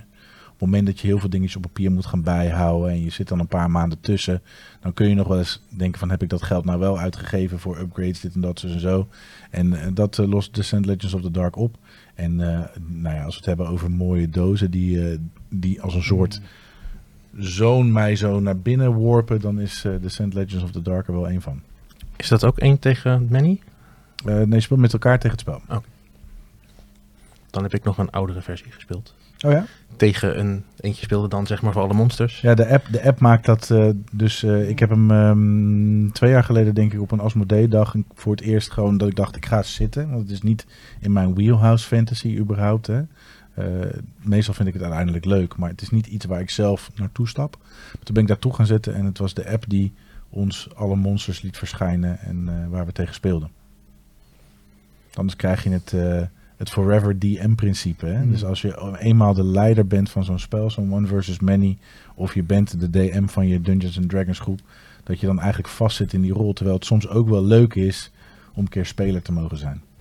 En dan is zo'n app ideaal natuurlijk. Wat ik decent nog wel een beetje gepriegeld vond op de vierkant. eh, het waren wel kleine, het zijn hele kleine maps waar we op stonden. Oh, nou, dat, dat is in deze versie ook ook beter. minder. Het zijn een beetje dezelfde soort stukken als je eh, ook in een Gloomhaven tegenkomt. En ehm ehm ehm, hoe heet dat andere spel waar ik nu niet op kan komen? Nou, ja, in ieder geval van die grote... Oh, ehm, mijn nummer twee. We wachten Nee, nog even. maar dat zijn, dat zijn allemaal van die, van die Tetris stukken waarmee je het kunt in elkaar kunt zetten. Nou, moet ik die zeker nog maar een keer gaan proberen. Jouw nummer drie, David. Ja, dat begon, het spelgenre begon eigenlijk met Machikoro. Daarna werd eh, Space Space heel populair en is er ook nog een gangsterversie van gekomen, Bad Company. Maar volgens mij als tweede, en ik dacht ik neem een paar doosjes mee, maar ik was even vergeten dat dat kleine doosje inmiddels is eh ingeruild voor een big box waar alle uitbreidingen ook in zitten. En dat is Card Kingdoms of Valeria. Het staat volgens mij niet eens op de voorkant van de doos. Maar eh, een dobbelspel Waarbij het heerlijk is dat ook als je niet aan de beurt bent en er wordt gedobbeld, je krijgt wat. En je gaat je kaarten ga je, je, je, ga je verzamelen. Dan krijg je steeds meer karakters voor je die je kan inzetten om een ding te doen. En het fantasy thema hierin is dat je ook een monsterdeck krijgt. Of je krijgt zelfs meerdere monsters die bovenaan het bord liggen. En je kan ook je, eh, je, nou ja, je kan gevechtspunten verzamelen. En die kan je gebruiken om die monsters te verstaan. En ook daar krijg je punten voor. En kan een weg zijn voor jou om de overwinning te pakken in dit spel. En er zijn dus allemaal uitbreidingen met heel veel nieuwe monsters en gebiedjes waar je naartoe kan gaan. En voor de mensen die luisteren en niet kijken, die eh, big box die David net op tafel legt, is een, eh, een soort borderless, brandless piece of art. Dus er zit echt gewoon, eh, er zit geen merkje op aan de voorkant. Het is echt gewoon een hele mooie art piece die, eh, eh, nou ja, die, eh, die je aanspreekt of niet natuurlijk, want dat is natuurlijk verschillend. Ehm, ik, had er, ik had er nog nooit van gehoord, David, maar eh, Nou ja, nou, er zijn ook spelen waar jij toch nooit van gehoord hebt. precies. Ik heb het net al Hoop ik, bekend. hoop ik. Heleboel nog.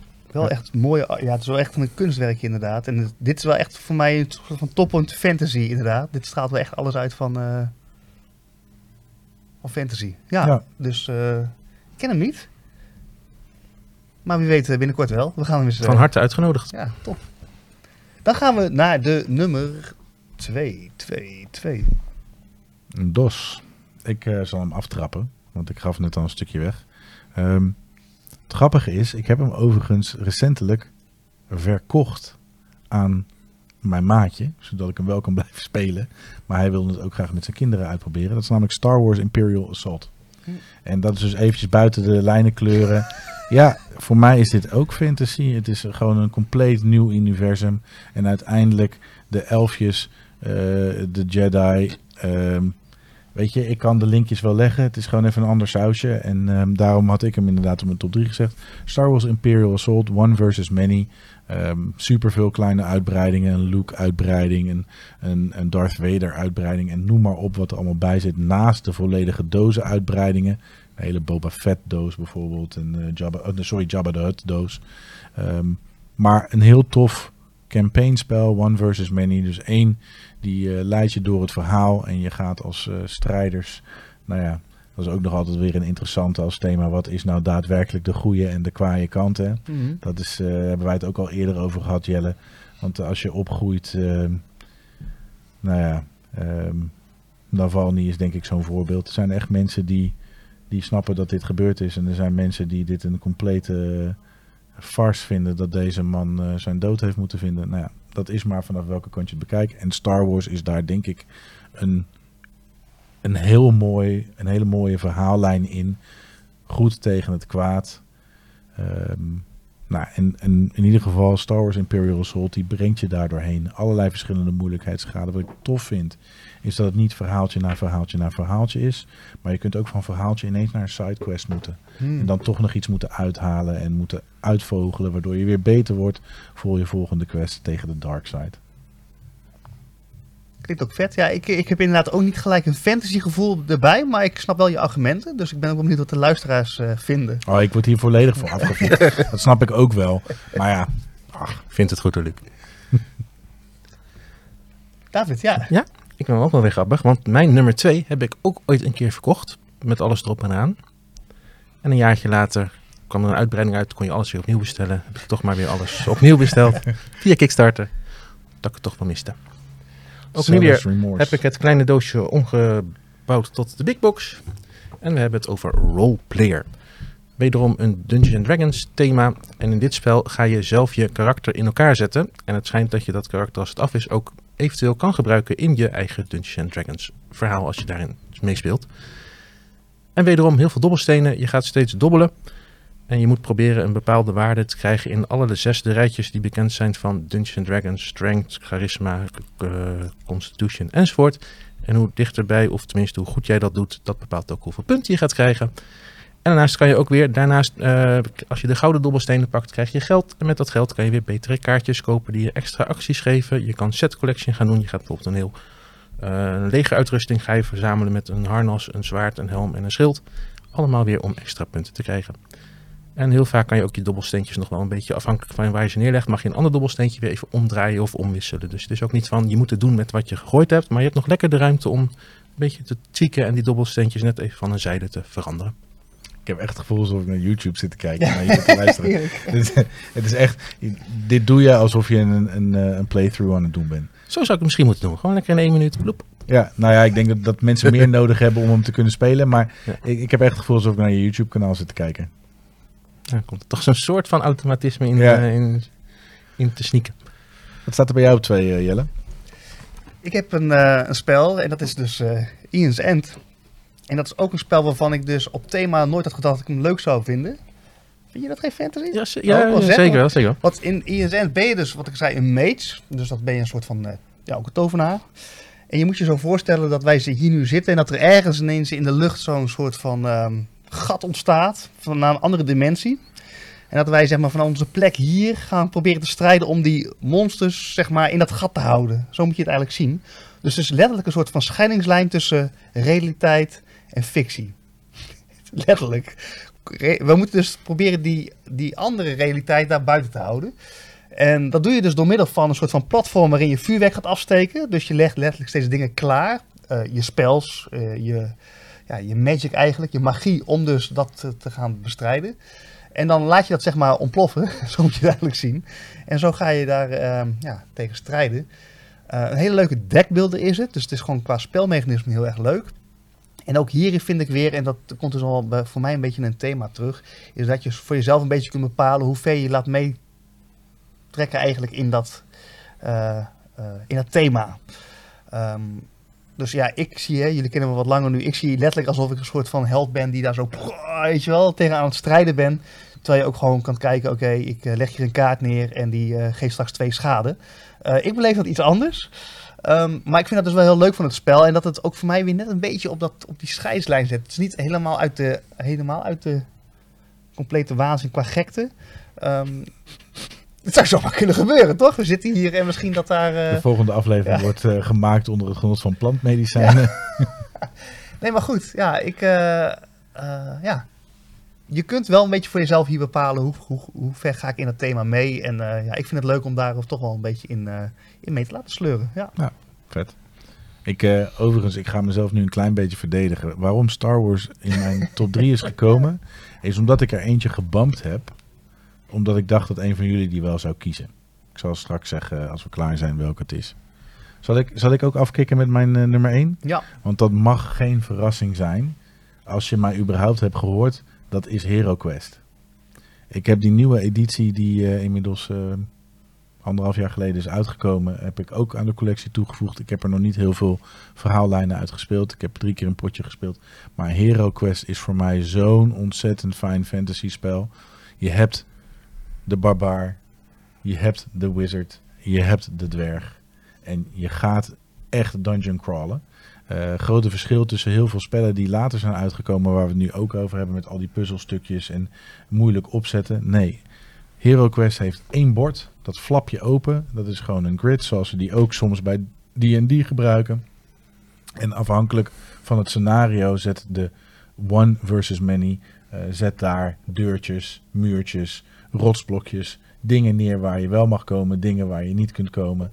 En vervolgens start je bij de wenteltrap, zoals altijd. Je gaat met elkaar op pad. Je bepaalt, wat gaan we doen jongens? We kunnen straks, als we hier dit kamertje uitkomen, linksaf of rechtsaf. Gaan we met z'n allen een kant op? Of splitsen we ons als party op, omdat we denken dat dat verstandiger is in dit scenario? Stukje introtekst eh over wat er staat te gebeuren. Je verzamelt geld en schatten eh, terwijl je onderweg bent. eh, waar je weer wapens van kunt kopen, die je dan de rest van je quest bij je hebt. En het is gewoon een, eh, echt een heel... Ik denk dat het dat dat voor mij D&D heeft kunnen zijn waar ik denk dat de D&D te vrij was. Het heeft mijn D&D ervaring gekaderd en ik denk dat ik een vergelijkbare ervaring heb. Heb jij het ooit gespeeld, David? Zeker, zowel de oude als ook de nieuwe versie. Wat ik wel heel slecht vind, is dat voor de nieuwe versie is zo'n companion app. Waarbij je dus geen iemand meer nodig hebt die alle deuren en eh, kamers openbaart. Maar dat doet die app voor je.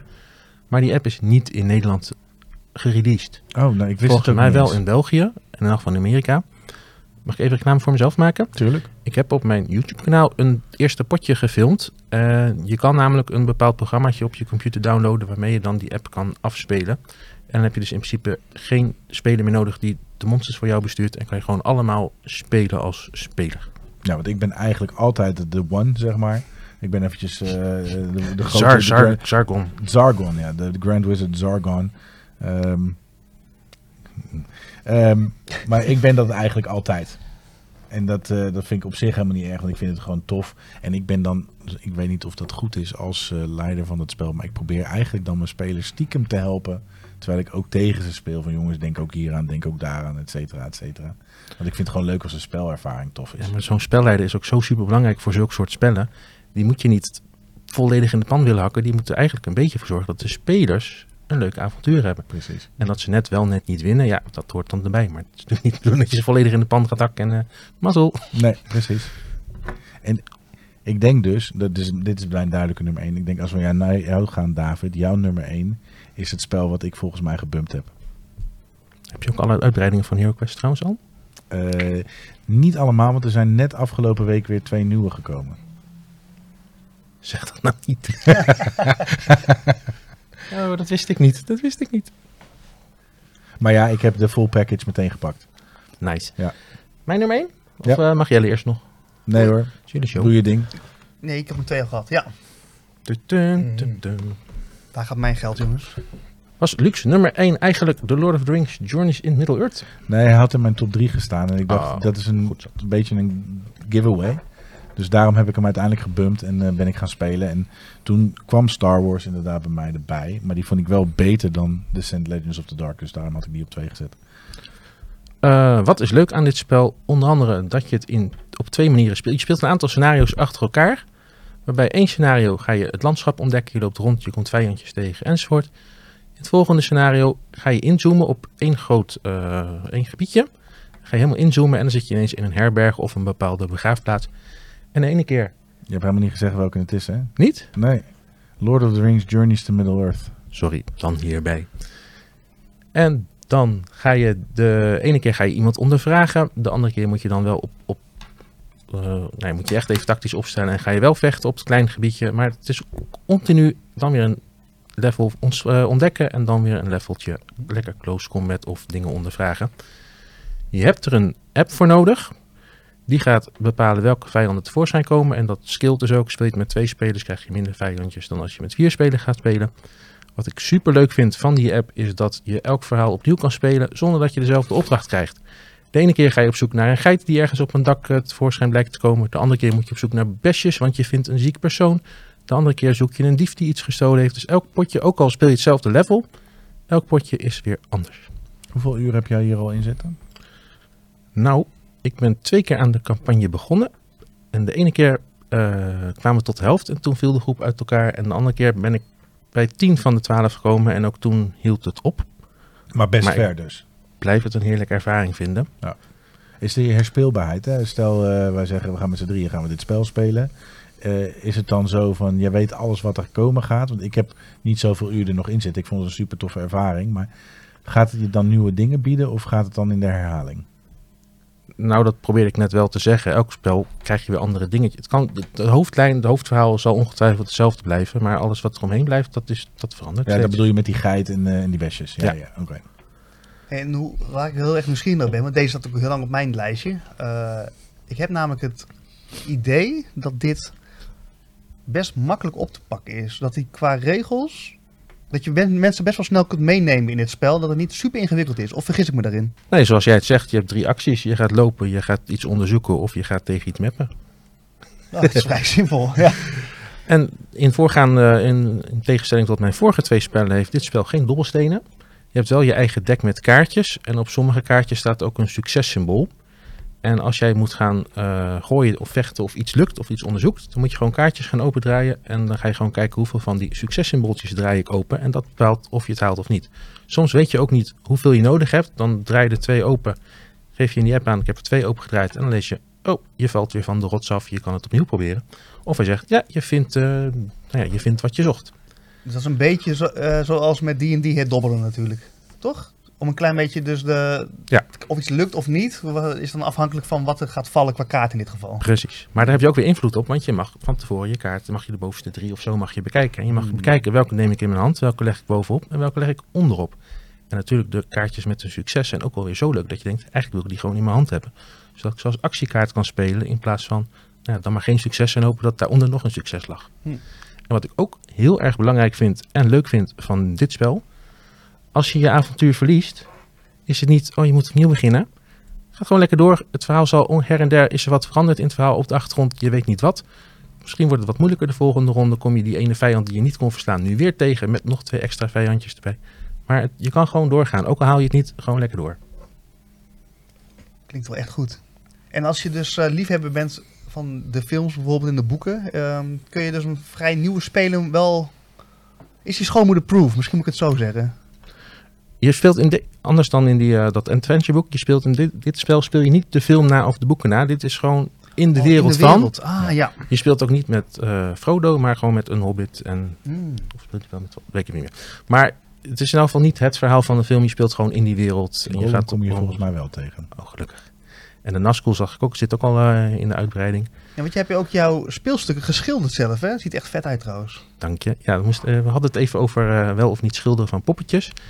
Ik zal gelijk zeggen, ik ben absoluut geen goede eh, schilderaar. Ik neem er absoluut de tijd niet voor. Maar ik kan zo niet tegen al die grijze, saaie poppetjes op het bord. Hmm. En ze zeggen vaak, de reis is eh, wat belangrijker dan de eindbestemming. Leuker dan. Ik vind schilderen op zich niet leuk. Ik wil het gewoon af hebben.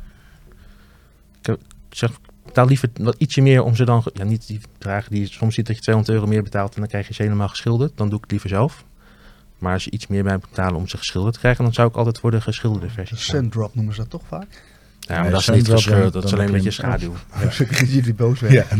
Ja, dan heb je net wat kleurverschil in plaats van die basisprint. Nee, dat is niet hetzelfde. Maar overigens, ehm, ik vind het super tof. Ik kan het echt niet. Ik ben echt te blind voor dit soort dingen. Ik heb de fijne motoriek niet. Ik ben daar super jaloers op, want ik vind het echt heel tof.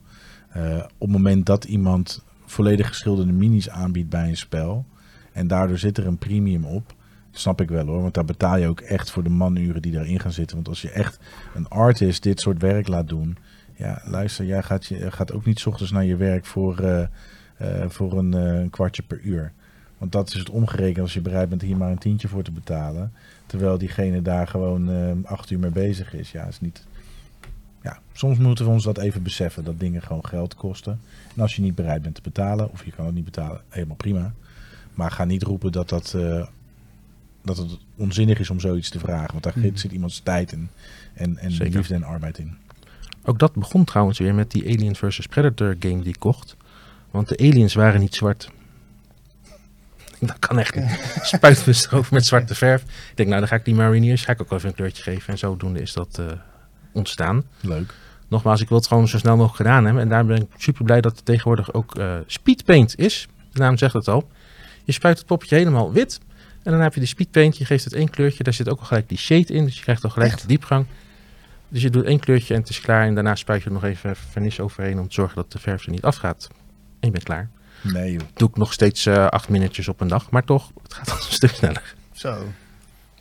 Overigens, ik heb mijn, eh, mijn Terraforming Mars eh, start token. Het was zo'n eh, Mars, rover. Die werd daarvoor uitgegeven op een gegeven moment. Die heeft eh, Onno voor mij geschilderd. Ik vind het zo tof.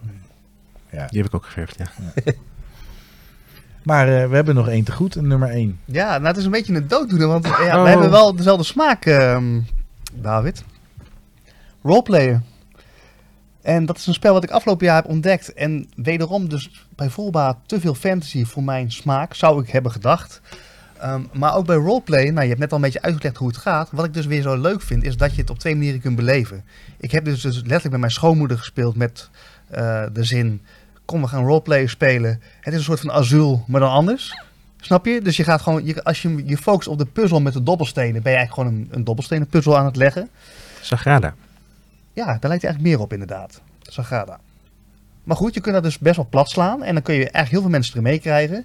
Maar als ik, als ik een roleplayer speel, zit ik daarin en ben je echt je personage aan het bouwen. En dat vind ik dus ook wel de kracht ervan. Het is een spel waarin je inderdaad met dobbelstenen bezig bent, het plaatsen en het manipuleren. Maar je bent dus ook een karakter. En die krijg je van tevoren krijg je die toebedeeld. En zo was ik bijvoorbeeld een, eh, een halfling. Dus dat ben je zeg maar half mens, half elf. Met een, eh, wat had ik nou? Ja, zeg maar een, niet psychotisch karakter, maar wel zeg maar dat je een soort serial killer. eh, dus dat je A, dat je gewoon geen karakter hebt. Geen leuke eigenschappen naar andere mensen toe. Dus dat betekent ook dat als de kaarten op tafel komen, dat jij wel naar jouw karakter moet gaan spelen om de juiste punten te verdienen. Dus als ik met dat karakter aan het spelen ben en ik koop allemaal kaarten die bijvoorbeeld andere mensen helpen, dan ga ik, geen, ja, ga ik niet veel punten verdienen. Dus je, je wordt soort, soort van verplicht om je te verdiepen in je karakter en daarop te gaan spelen. En dat kan roleplay dus ook brengen. En ja, mijn hoofd gaat dan helemaal aan de haal. ik ben op dat moment echt zo'n eh, eh, ja, zo'n halfling die volledig eh, asociaal rondloopt en mensen eigenlijk pijn wil doen. Maar andere, andere keer kan het ook andersom zijn. Hè? Dus dat je juist een heel erg behulpzaam karakter bent. Eh, maar misschien wel een goblin die door iedereen wordt, eh, gek wordt aangekeken. En eh, moet je je in die wereld zien te handhaven. Dus roleplayen geeft mij die mogelijkheid om dus wederom weer te kiezen van hoeveel wil je erin meegezogen worden. Je kunt het zien als een gewoon een puzzelgame. Maar je kunt ook helemaal los in ja, je karakterbuilding eigenlijk. Ja, en dat vind ik dus wel heel erg leuk. Nou, want je krijgt een karakter en daarnaast krijg je ook nog een kaartje met een achtergrondverhaal Ja. en een speciale eigenschap voor jou. En dat zijn gewoon echt random, hoe zeg je dat? Random dingen die je kan zijn. En die worden gewoon op een hoop gegooid. En dan maak je gewoon een leuke mix van. Dus je hebt soms hele rare combinaties van figuren die je hebt. Inderdaad, een schizofrene elf die... eh, Ja, mm, ja. Ja, maar dan ook uitleg erbij. hè. Dus dan zie je bijvoorbeeld ook dat komt dan omdat hij eh, vroeger eh, is verstoten door zijn ouders, is opgegroeid in tehuizen en daardoor eigenlijk altijd een muur om zich heen heeft gebouwd. Ja, dan ga je niet een leuk, leuke elf worden die de wereld wil helpen. Dan word je ook een beetje gewoon, snap je? En dat zit er dus allemaal in verwerkt. Terwijl je uiteindelijk gewoon dobbelsteen aan het rollen bent en die op een bordje aan het leggen bent. Er is trouwens ook nog een leuke uitbreiding daarvoor verkrijgbaar. En dan kan je ondertussen ook nog met eh, vijandjes gaan vechten. Je hebt On the er overigens side. ook monsters en minions. Ja, die is zeer aan te raden als je roleplayer leuk vindt om die er zeker ook bij te doen. Ja, dus nou, mooi. als ik mijn top 3 moet samenvatten, vind ik het dus leuk dat je zelf kan bepalen hoe ver je dat fantasy thema gaat doorvoelen. Maar dat de mogelijkheid er wel in zit. Maar dat je het ook kan platslaan naar gewoon eh, ja, spellen die je gewoon met je schoonmoeder kunt spelen.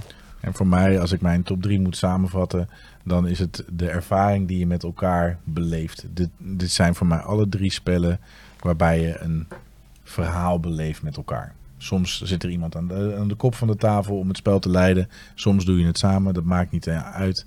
Eh, je gaat gewoon dat avontuur aan met elkaar. En als je jouw spellen samenvat, dan gooi je gewoon even voor de Nou, trein nou. ik, heb, ik heb veel dobbelstenen, maar mijn nummer 1 is dan weer geen dobbelsteenspel. Dus ja, het is toch avont, het avontuur. Het avontuur, hè? Ja. Monster, vooral monsters. Ik denk dat monsters wel het, thema is dat je monsters kan of moet verslaan om te Heb je daar vroeger veel over gedroomd? Monsters verslaan?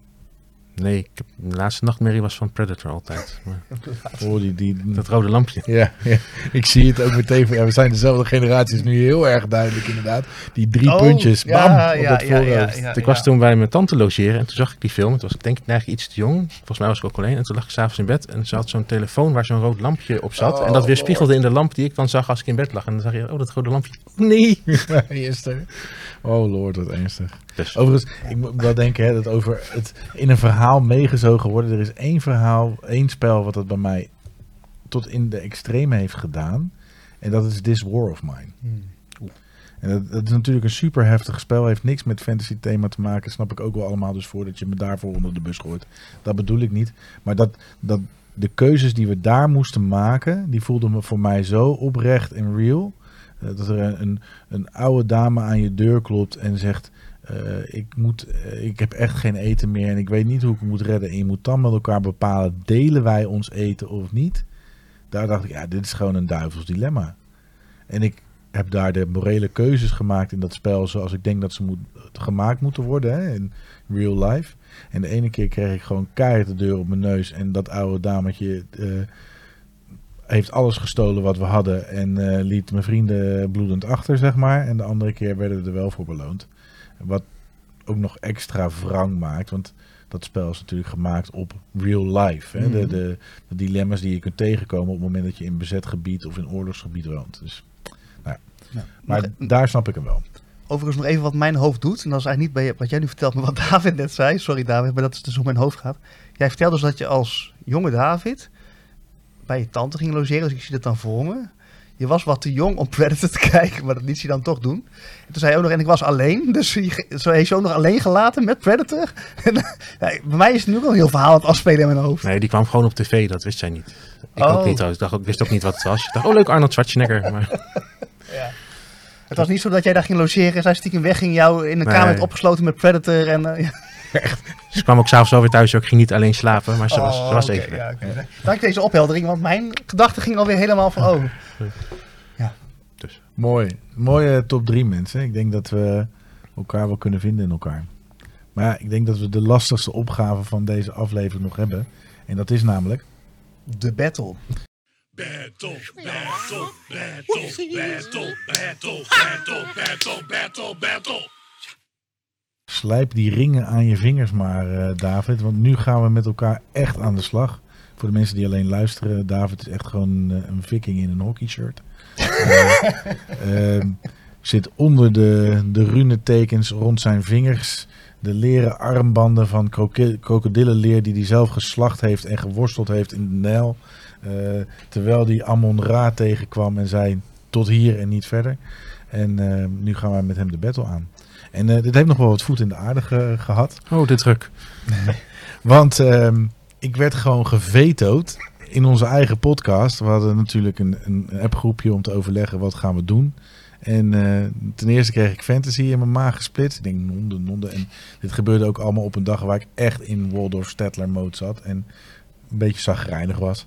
En, ehm, en vervolgens moesten wij het gaan hebben over content creators. Dat vond ik overigens wel leuk. Want wat hebben wij gedaan? Wij, hebben, wij maken natuurlijk alle drie op onze eigen manier content. Eh, YouTube, Insta, ehm, noem maar op. Met allerlei verschillende doelstellingen.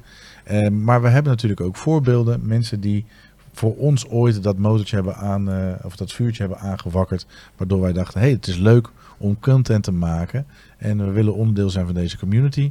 Daar gaan we het een stukje over hebben. En wij hebben allemaal een spel gekozen van een van onze favoriete content creators. Die we tegenover elkaar gaan zetten in de battle. Onmogelijke opgave, maar we gaan het wel proberen. Laten we eerst even beginnen met, eh, met het onderwerp. Content creators. Hmm. Het, is een, het, het voelt bijna als een, ehm, een, een modern, hyperig woord.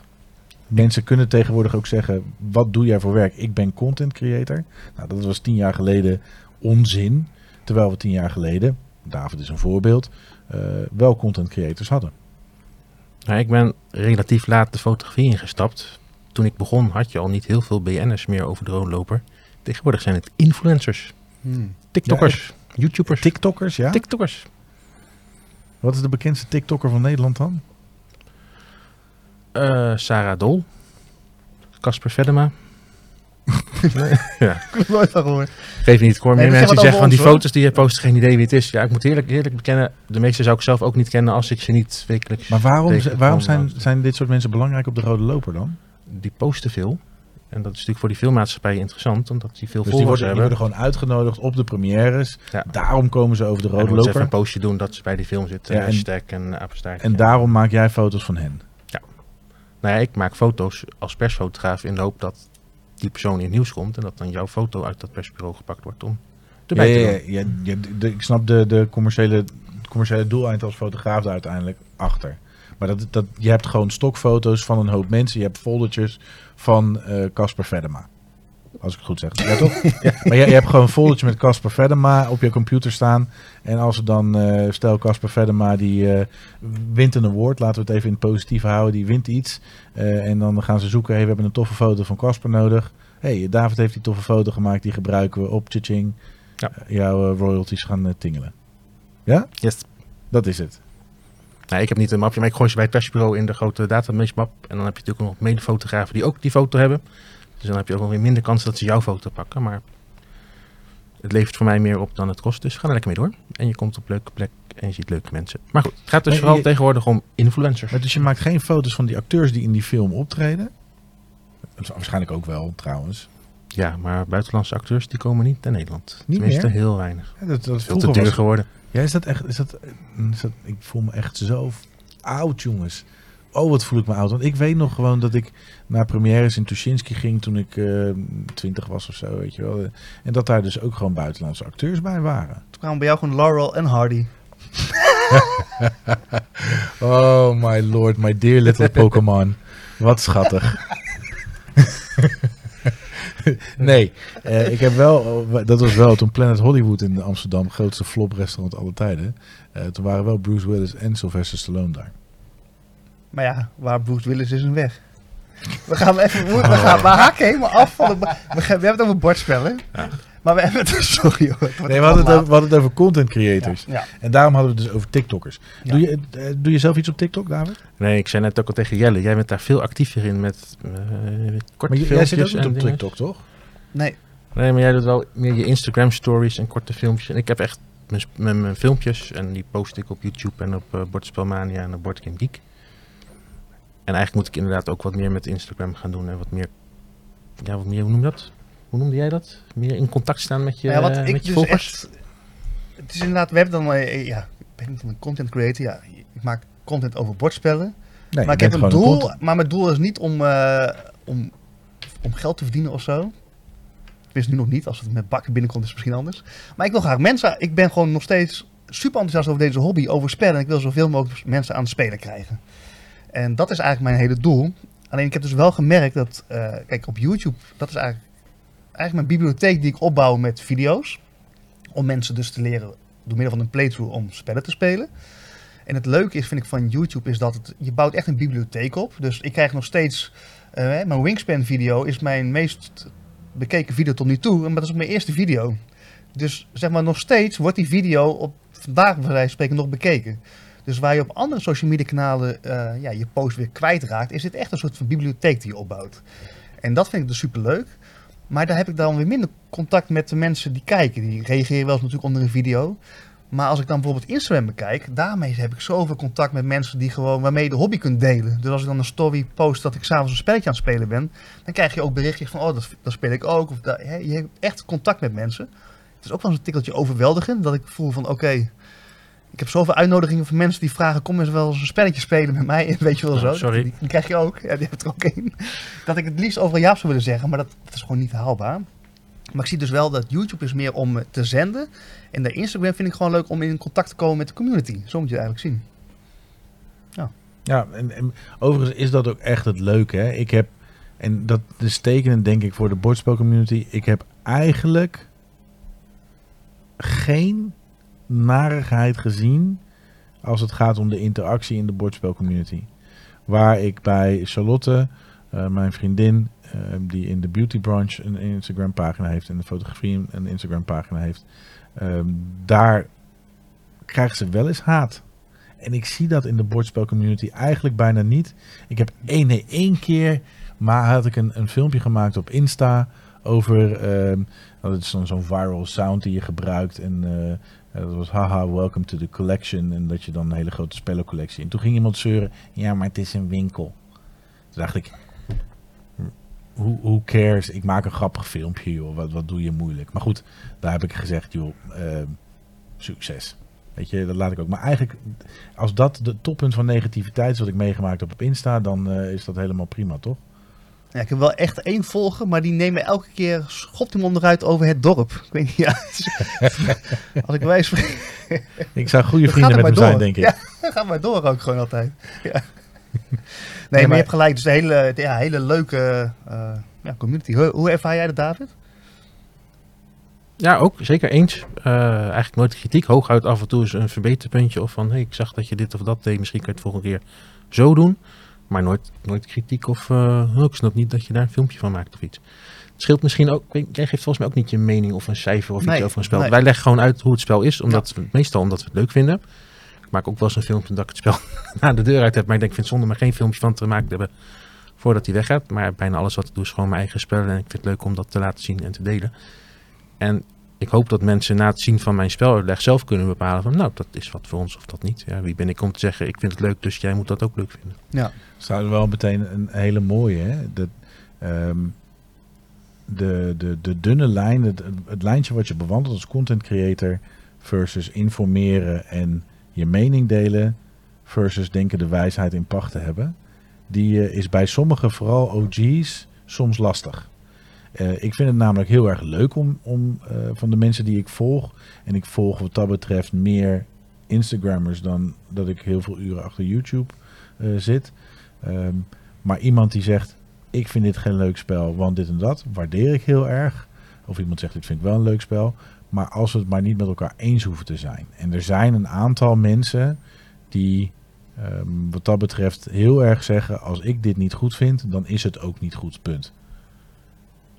En dat, dat, dat, dat, daar, dat zijn dan ook wel de mensen waar ik dan niet zo heel erg veel meer naar volg. Net zoals dat er mensen zijn die alles goed vinden. Nou, dat geloof ik ook niet. Dat, dat, dat kan ook niet, denk ik. Maar die heb je ook. Dus dat vind ik ook een ingewikkelde. Nou ja, Als je maar genoeg betaalt, vind je alles leuk, hè? nee, maar ik, Oh, maar oh, nou, maar nu, nu, dan gaan we daar wel naartoe. Jelle, kom, kom maar Kom maar door, op. maar voordat ik deze nou ja, maar aanpak. ik denk dus als je, mijn, als je nu vandaag gaat starten, je gaat al mijn video's bekijken, denk je, goh, Jelle vindt alles leuk. Maar dat komt dat ik alleen maar spellen behandel die ik ook echt leuk vind. Dus ik doe Ja, het, snap je? En dat geloof ik bij jou ook oprecht dat je dat doet. En ik ken meer mensen die zeggen: als ik het niet leuk vind, dan bedank ik voor de review copy. Dan zeg ik: joh, deze wil ik liever niet doen, want dit is niet voor mij geschikt. Of ik vind hem eigenlijk niet leuk genoeg. Wil je toch dat ik het doe? Dat kan, maar dan, dan wordt het een onvoldoende in de rating, zeg maar. Eh, maar er zijn inderdaad meer mensen die het op die manier behandelen en dat, dat respecteer ik. Ehm, maar we hebben het wel over smaak. Hè? Net zoals dat we het met Bastiaan gehad hebben over eh, June Imperium. Hij geeft dat een heel slecht cijfer. Wij vinden het goed. Bastiaan is heel erg stellig. Die zegt gewoon, joh, je kunt hoog of laag springen, maar mijn mening verandert niet. Want zo zit hij ook gewoon in elkaar. Geloof ik wel. Maar we mogen het wel met hem oneens zijn. Precies, ja.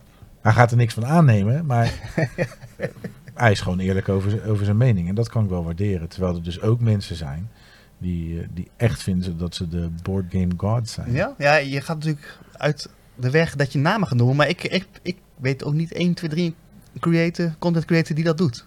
Maar eh, ja, we kunnen uiteraard niet op namen gaan zitten. Nou ja, de- Maar hij zit wel naast je, dus je kunt het ook gewoon tegen hem zeggen.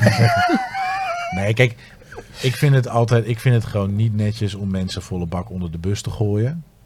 Ehm, want iedereen doet, ik ga, ik ga er altijd vanuit, iedereen doet het met zijn volle intentie in zijn best. En laten we wel zijn, iedereen die wat dat betreft een volging heeft op social media, YouTube, Insta, TikTok, maakt niet uit. Die voorziet in ieder geval in een behoefte van een bepaalde groep mensen. En dan is het goed.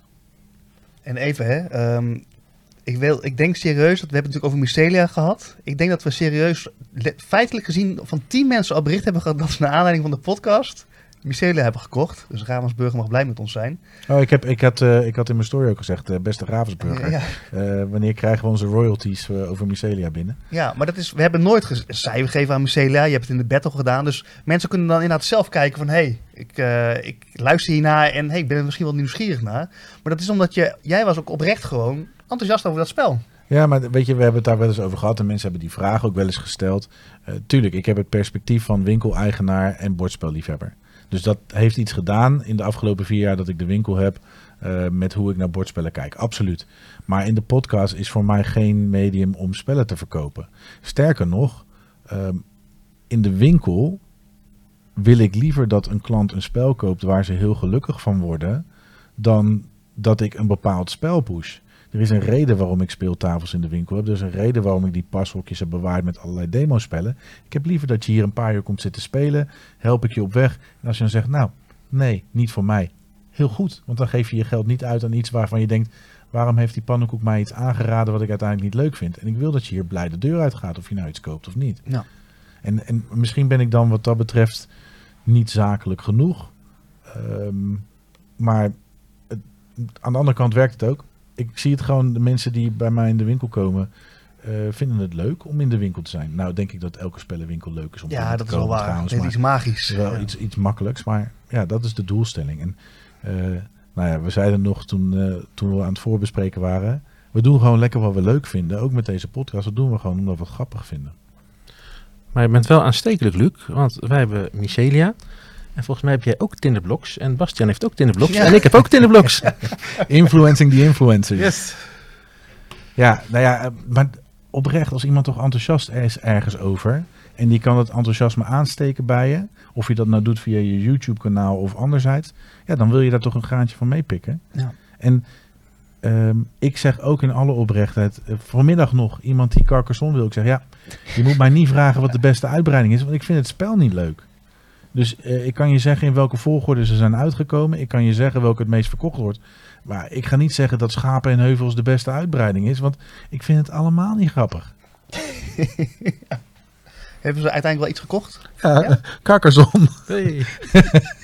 Nee, ja, Big ja, box. nee die, die had ik eerder op de dag al verkocht. Oh. Maar ja, nee, ik, ik vind echt... Maar dat, nou ja, vroeger had ik dat bij de Free Record Shop ook, joh. Luister 10 cd's voordat je er eentje koopt. Het is zonde, je kunt je geld toch maar één keer uitgeven? Nou, Ja. Anyway, maar jij, jij triggerde mij, David. Jij zei, als je maar genoeg be- betaalt, dan komt er wel een positieve review uit. Dat was een grapje. Nee, dat is geen grapje. Nou, het is in die zin geen grapje dat ik wel weet dat er inderdaad genoeg reviewers zijn die geld vragen voor een review. En bijvoorbeeld bij Watch It Plate kan ik dat best nog wel voorstellen ook. Ik heb het zelf nog nooit gedaan. Het enige wat ik dan soms vraag is, dan wil ik wel het exemplaar wat ik krijg, wil ik houden. En soms moet ik hem ook weer terugsturen. Nou ja, prima, als zij de verzendkosten betalen. Prima. Ja, je gaat er zelf geen extra geld aan uitgeven, in ieder geval als basisregel. Eh, maar oh, heel gek vind ik het ook weer niet dat een bedrijf een influencer betaalt om, een, om zijn tijd te investeren of haar tijd te investeren in het maken van een video. Dat is toch eigenlijk helemaal niet zo'n gekke gedachte? Nee. Nee, maar dat is dus inderdaad afhankelijk van of je dat zelf wil als eh, influencer in dit geval. Ben je dan nog een onafhankelijke reviewer? Dat is wel een interessante Ja. vraag. Want als jij ehm, een paar honderd euro krijgt, eh, of 50 euro, überhaupt als je geld krijgt voor het reviewen van een kopie, ben je dan niet verplicht om daar ook positief over te zijn. Dus net zoals het Nutri- Nutritia Science Research Institute op de Uithof. Je werkt voor Nutritia, je moet producten van Nutritia researchen, die betalen jouw salaris. Kan je dan ook nog, tuurlijk, de ethiek zegt ja, je moet dat doen.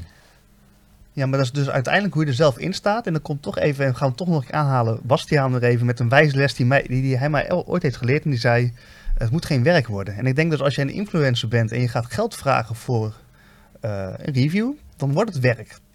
En ik denk dat wij, eh, ehm, eh, hoewel ik nog niet eens in jouw schaduw sta van eh, alles wat jij hebt gedaan qua video's, maar toch, als ik mezelf toch eh, even hierbij zet. ehm, we zijn beide mensen die doen vanuit hobby en passie. En het is bij mij nog nooit werk geworden. En daar ligt op lange termijn, denk ik, ook voor de kijkers eh, waarde. Denk ik ook. En eh, nou ja, ik hoop het zo te houden ook. Wij van WC Int adviseren WC Int. Nee, maar ik denk, ik, ik ben wat dat betreft, eh, ik creëer content op Insta en ik probeer een beetje met YouTube wat dingetjes te doen. Ehm, maar ik ben geen content creator zoals jullie dat zijn. Eh, maar ik denk het wel dat ook dat enthousiasme eh, voor mij in- als kijker interessanter is. Ja. Dat ik liever kijk naar een. Ik denk dat authenticiteit voor mij, als ik kijk wat vind ik toffe content creators, iemand die authentiek overkomt. eh, laat ik er zo meteen maar eentje noemen ook. Ehm, dat, dat, dat haakt mij aan. En eh, voor mij eentje die ik. Ik heb drie content creators op mijn lijstje staan. En uh, Woosong Games, een Amerikaanse eh, Instagrammer. Eh, deze man knalt er ontzettend veel filmpjes op Insta uit. En ook op TikTok, maar dat heb ik niet. Ehm, waarbij hij hele korte speluitleg eh, geeft, nieuwe spelletjes. Hij heeft bijvoorbeeld een hele serie over alle verschillende Uno-versies en zo. Maar deze man, ik vind hem oprecht heel fijn om, om hem te horen. Dus ah, dat is een van de weinige plekjes op Insta waar ik... hey, Woosong is er weer. Hij heeft een, een, eh, een, een, een, een filmpje. Ik luister, ik kijk naar hem. Een Koreaans-Amerikaanse kerel. Echt heel erg fijn. Hij heeft me net terug eh, bericht. Dus ik kan, Oh, ook, dus zijn het- spe- ik kan ook zijn spel voor de dit is battle jouw gebruiken. battle inbreng. Even voor Nee, de... nee, ik, ik, Oh, ga, ik hou het bij degene die ik uiteindelijk besloot. Want ik wist niet Ja. of die op tijd ging reageren. Wil je die inbrengen dan? Voor de battle? Want daar waren we eigenlijk al beland in de battle, Nou, in, toch? overigens, hij, Woosong heeft mij dus... niet? Gaan we de battle Ja, ja, we zijn in de battle. battle, ja.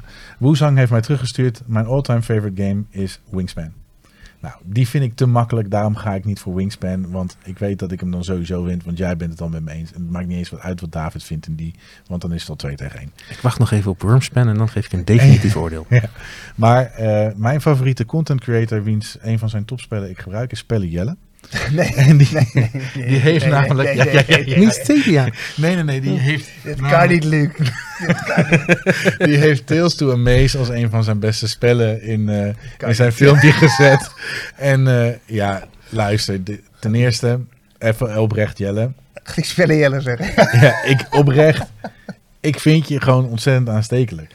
De reden waarom wij viben in deze podcast en waarom we gewoon lol hebben in wat we doen, is ook wat jij in je filmpjes doet. Dus eh, in alle oprechtheid, ik zit niet, niet te klooien omdat Ik, je ik ontvang hem, ik leer hem ontvangen. Ja, dat Eh, ik, compliment. vind, je- ik, vind je echt, ik vind je echt heel leuk. En eh, de filmpjes zijn goed. En mensen worden enthousiast van jouw enthousiasme. Ik, die VR-bril in het dorp, vergeet het maar. ik ga niet aan. Maar je werkt aanstekelijk. En dat was natuurlijk ook nog eens een dingetje. Je moest natuurlijk wel ook met een spel eindigen waar je ook echt voor kon strijden. En Tales to Amaze, we hebben hem samen gespeeld. Ik heb hem sindsdien nog een keer gespeeld. Volledig in de pan gehakt door de Martian Invader overigens. Want dat is inderdaad echt wel een stukje moeilijker dan Mothman. Eh, maar Tales to Amaze, de coöperatieve versie van Unmatched... eh, ja, dat, die, eh, die deelt grote klappen uit. Ik weet het zeker. Ja, ik moet even bijkomen dat ik tegen mezelf gaan strijden in de battle. Dus ik moet, ga jij maar eerst, David. Oh, mag ik al? Eh, nou, mijn eerste, eh, mijn eerste content creator die ik wou kiezen was eh, Rodney Smith van Watch It Played. Toch wel voor mijzelf, als ik een spel ga spelen voor het eerst en ik denk ik wil toch even een film zien, hoop ik eigenlijk stiekem altijd dat hij er al een filmpje van heeft gemaakt. Super clean, strak, regels gaan gewoon roep er doorheen. En je weet als je klaar bent, weet je ook gewoon gelijk hoe je moet spelen en kan je beginnen. En Oh ja, chips, dat moest ik nog even gaan proberen van jou. de De boxflip. boxflip. Welke box zoek je? Ja, Ik doe het wel met deze. ja precies. Pas Maar- je niet de microfoons om een box flipt. Ja. Eh, Mr. Rodney Smith himself eh, stuurde mij dat hij geen favoriet spel heeft, omdat hij gewoon meerdere spellen leuk vindt op bepaalde situaties. Dus ik ging even doordenken wie ik verder nog interessant vind om te volgen. Overigens, jij had ons gestuurd dat hij geen antwoord gaf. Ik vind het wel een flauwe cop-out. Nee, hij- hij gaf wel antwoord. Ja. maar hij heeft wel gecommuniceerd. Ja, ja, nee, dat vind ik tof. Maar ik vind het... Ja, Ik zat vind, echt soft vind te scrollen. Hij zal toch wel ergens een top 10 of een keer of mijn Ja. favoriete game. Maar nee, nee, hij zal het niet gedaan hebben. hoor. Ik geloof dat. En ik vind het tof dat hij communiceert met jou, omdat je me een bericht stuurt. Dat is dat sowieso. Dus niks negatiefs over Rodney Smith, want het is ook van mijn go-to kanalen. Maar ergens denk ik ook dat hij het heeft gedaan om gewoon neutraal te blijven en geen Ja, voorkeur oké, uit te spreken. fair eh, respecteer. Eh, toen ging ik even mijn Instagram langs en daar zit iemand op Instagram. Trouwens, sinds corona is volgens mij Instagram wel echt ontploft, zegt mijn vriendin, met content creators in de bordspellenwereld. Hmm. En stiekem ben ik dan soms ook wel eens benieuwd hoe lang gaat iedereen het nog volhouden. Maar goed, dat zullen we dan wel weer zien. Ja. Ehm, eentje die ik daarin hele mooie plaatjes vind maken. En dan gaat het echt om de foto's. Is Vief Board Games. Ehm, niet gewoon een, een doos en een, paar spelonderdelen. Maar die maakt er hele kunstwerkjes om een soort fotolijstje maken van met bijpassende bloemetjes en dingen. Maar Die maakt er echt kunstwerkjes van. Dus ik dacht, nou, ik ga eens even aan haar vragen wat ik heb al een paar keer gesproken via Instagram. Toch vragen wat haar favoriete spelletje was. En die gaat jij leuk vinden, want ik zag dat jij hem aan het spelen bent in jouw Hmm, laatste video. Ja. En dat is eh, Lost Ruins of Arnak. Ehm, wederom, ja, ja, en de Ik- Missing Expedition, hè? Expliciet. Of is dat eh ja, dat is even omdat het doosje klein is. Oké. Ook de doos van het basisspel even meegenomen voor de volledigheid.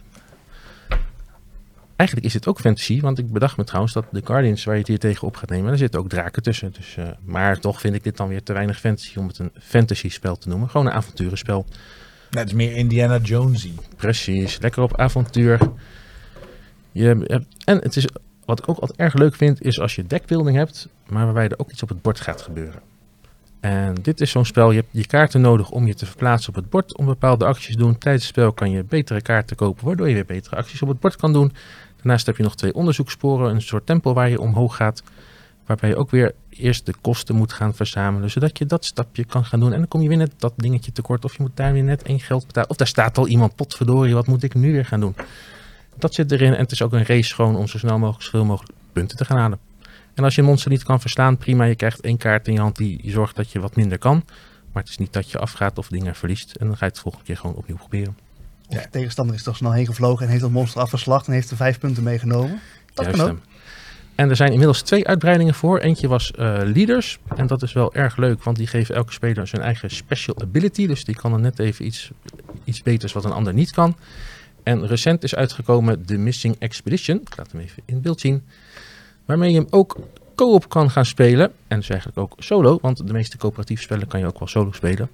En daarmee ga je, eh, nou ja, krijg je een opdracht. Zorg ervoor dat je dit of dat haalt binnen het einde van het spel. En dit is wel een gevalletje. Je moet ook echt wel daarop gaan richten. Je moet zoveel juwelen gaan verzamelen. Dan moet je geen kaarten in je hand gaan doen die je geen juwelen opleveren. Dit is ook wel echt zo'n eentje van. Je moet focus. Focus, you must. En dat vind ik dus wel weer het grappige van, eh, van Lost Ruins in zijn algemeenheid. Eh, ik weet dat we in een battle zitten, maar eh, we kunnen het ook een keer. We laten het toch altijd aan de luisteraar over. Dus eh, wat ik zo tof vond toen Lost Ruins uitkwam, is dat er. Je hebt verschillende sporen die je tot de overwinning, kunnen brengen. En ehm, als je een beetje van alles gaat doen, dan weet je zeker dat je niet wint. Dat is, dat sowieso voor mij een, een ding. Dus die focus snap ik. En misschien is dat het onderzoekspoor bij Lost Ruins misschien wel een van de belangrijkste sporen is. Maar wat ik altijd grappig vind, is als je de strategie van de ander door lijkt te hebben. En je kunt daarop anticiperen door echt iets anders te gaan doen. En dan toch ook eventueel de kans op de overwinning pakken. Want als ik, stel wij gaan allebei op dat overwinningsspoor, maar jij loopt op mij voor. Dan kan ik er achteraan blijven hobbelen, maar dan word ik sowieso tweede. En daar speel ik geen spelletjes voor. En dat vind ik zo tof aan Lost Ruins, is dat je verschillende mogelijkheden hebt om aan je punten te gaan bijdragen. Nou, ik schrok me wel een hoedje. Eerste paar keren dat ik het speelde, speelde gewoon lekker op tafel met het bord en casual. En iedereen doet een beetje wat. En je ziet wel waar je eindigt. Ik ging het op Board Game Arena spelen.